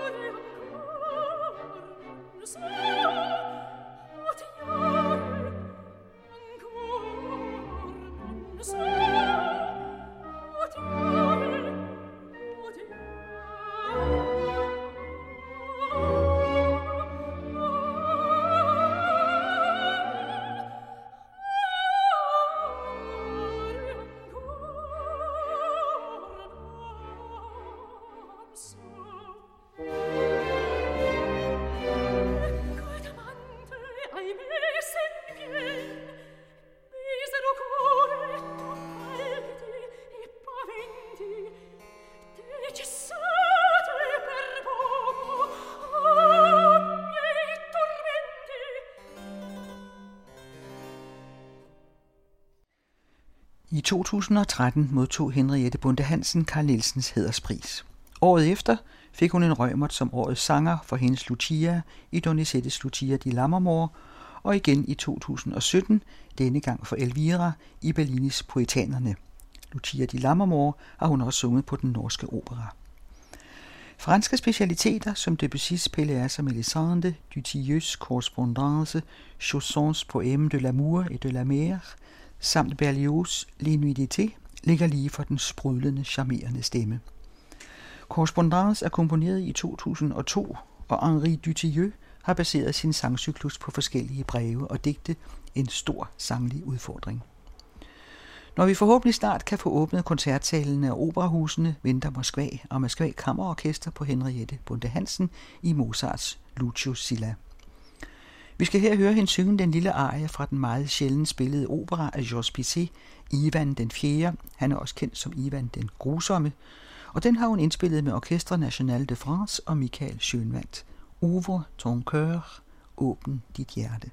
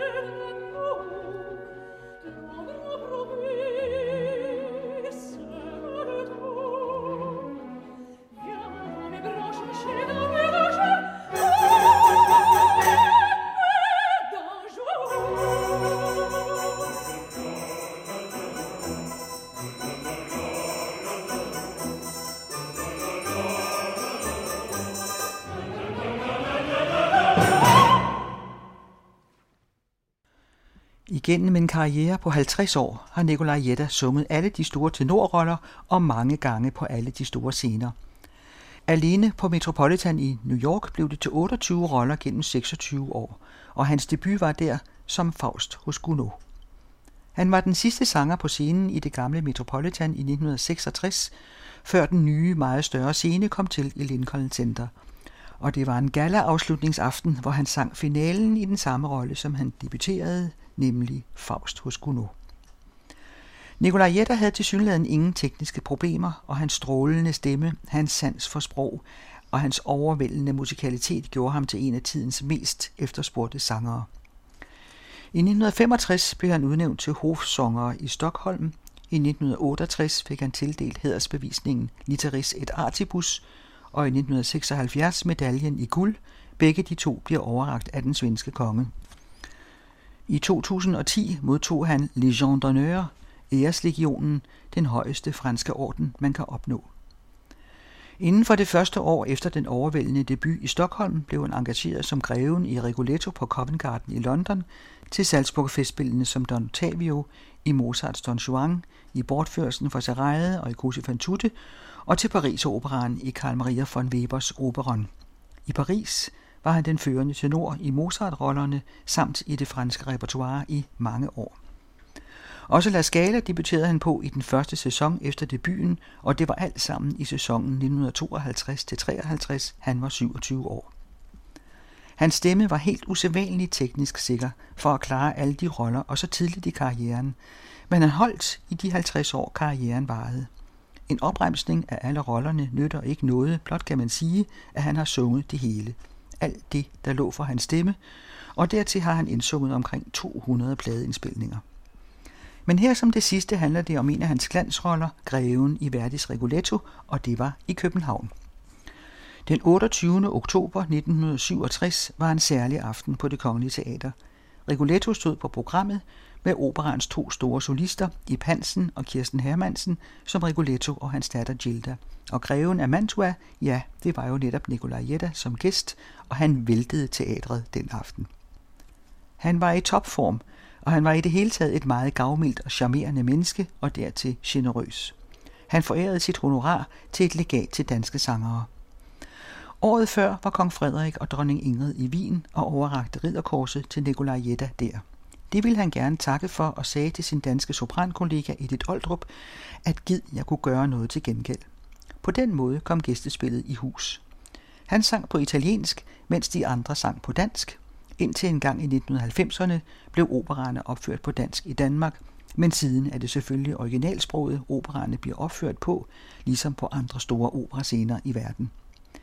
Heldigvis blev den aften på det Kongelige Teater med John Fransen foran kapellet optaget på bånd og er siden overført til CD, og derfra skal vi høre både arien fra anden akt, Ella mi fu rapita og La Donna Immobile fra tredje akt.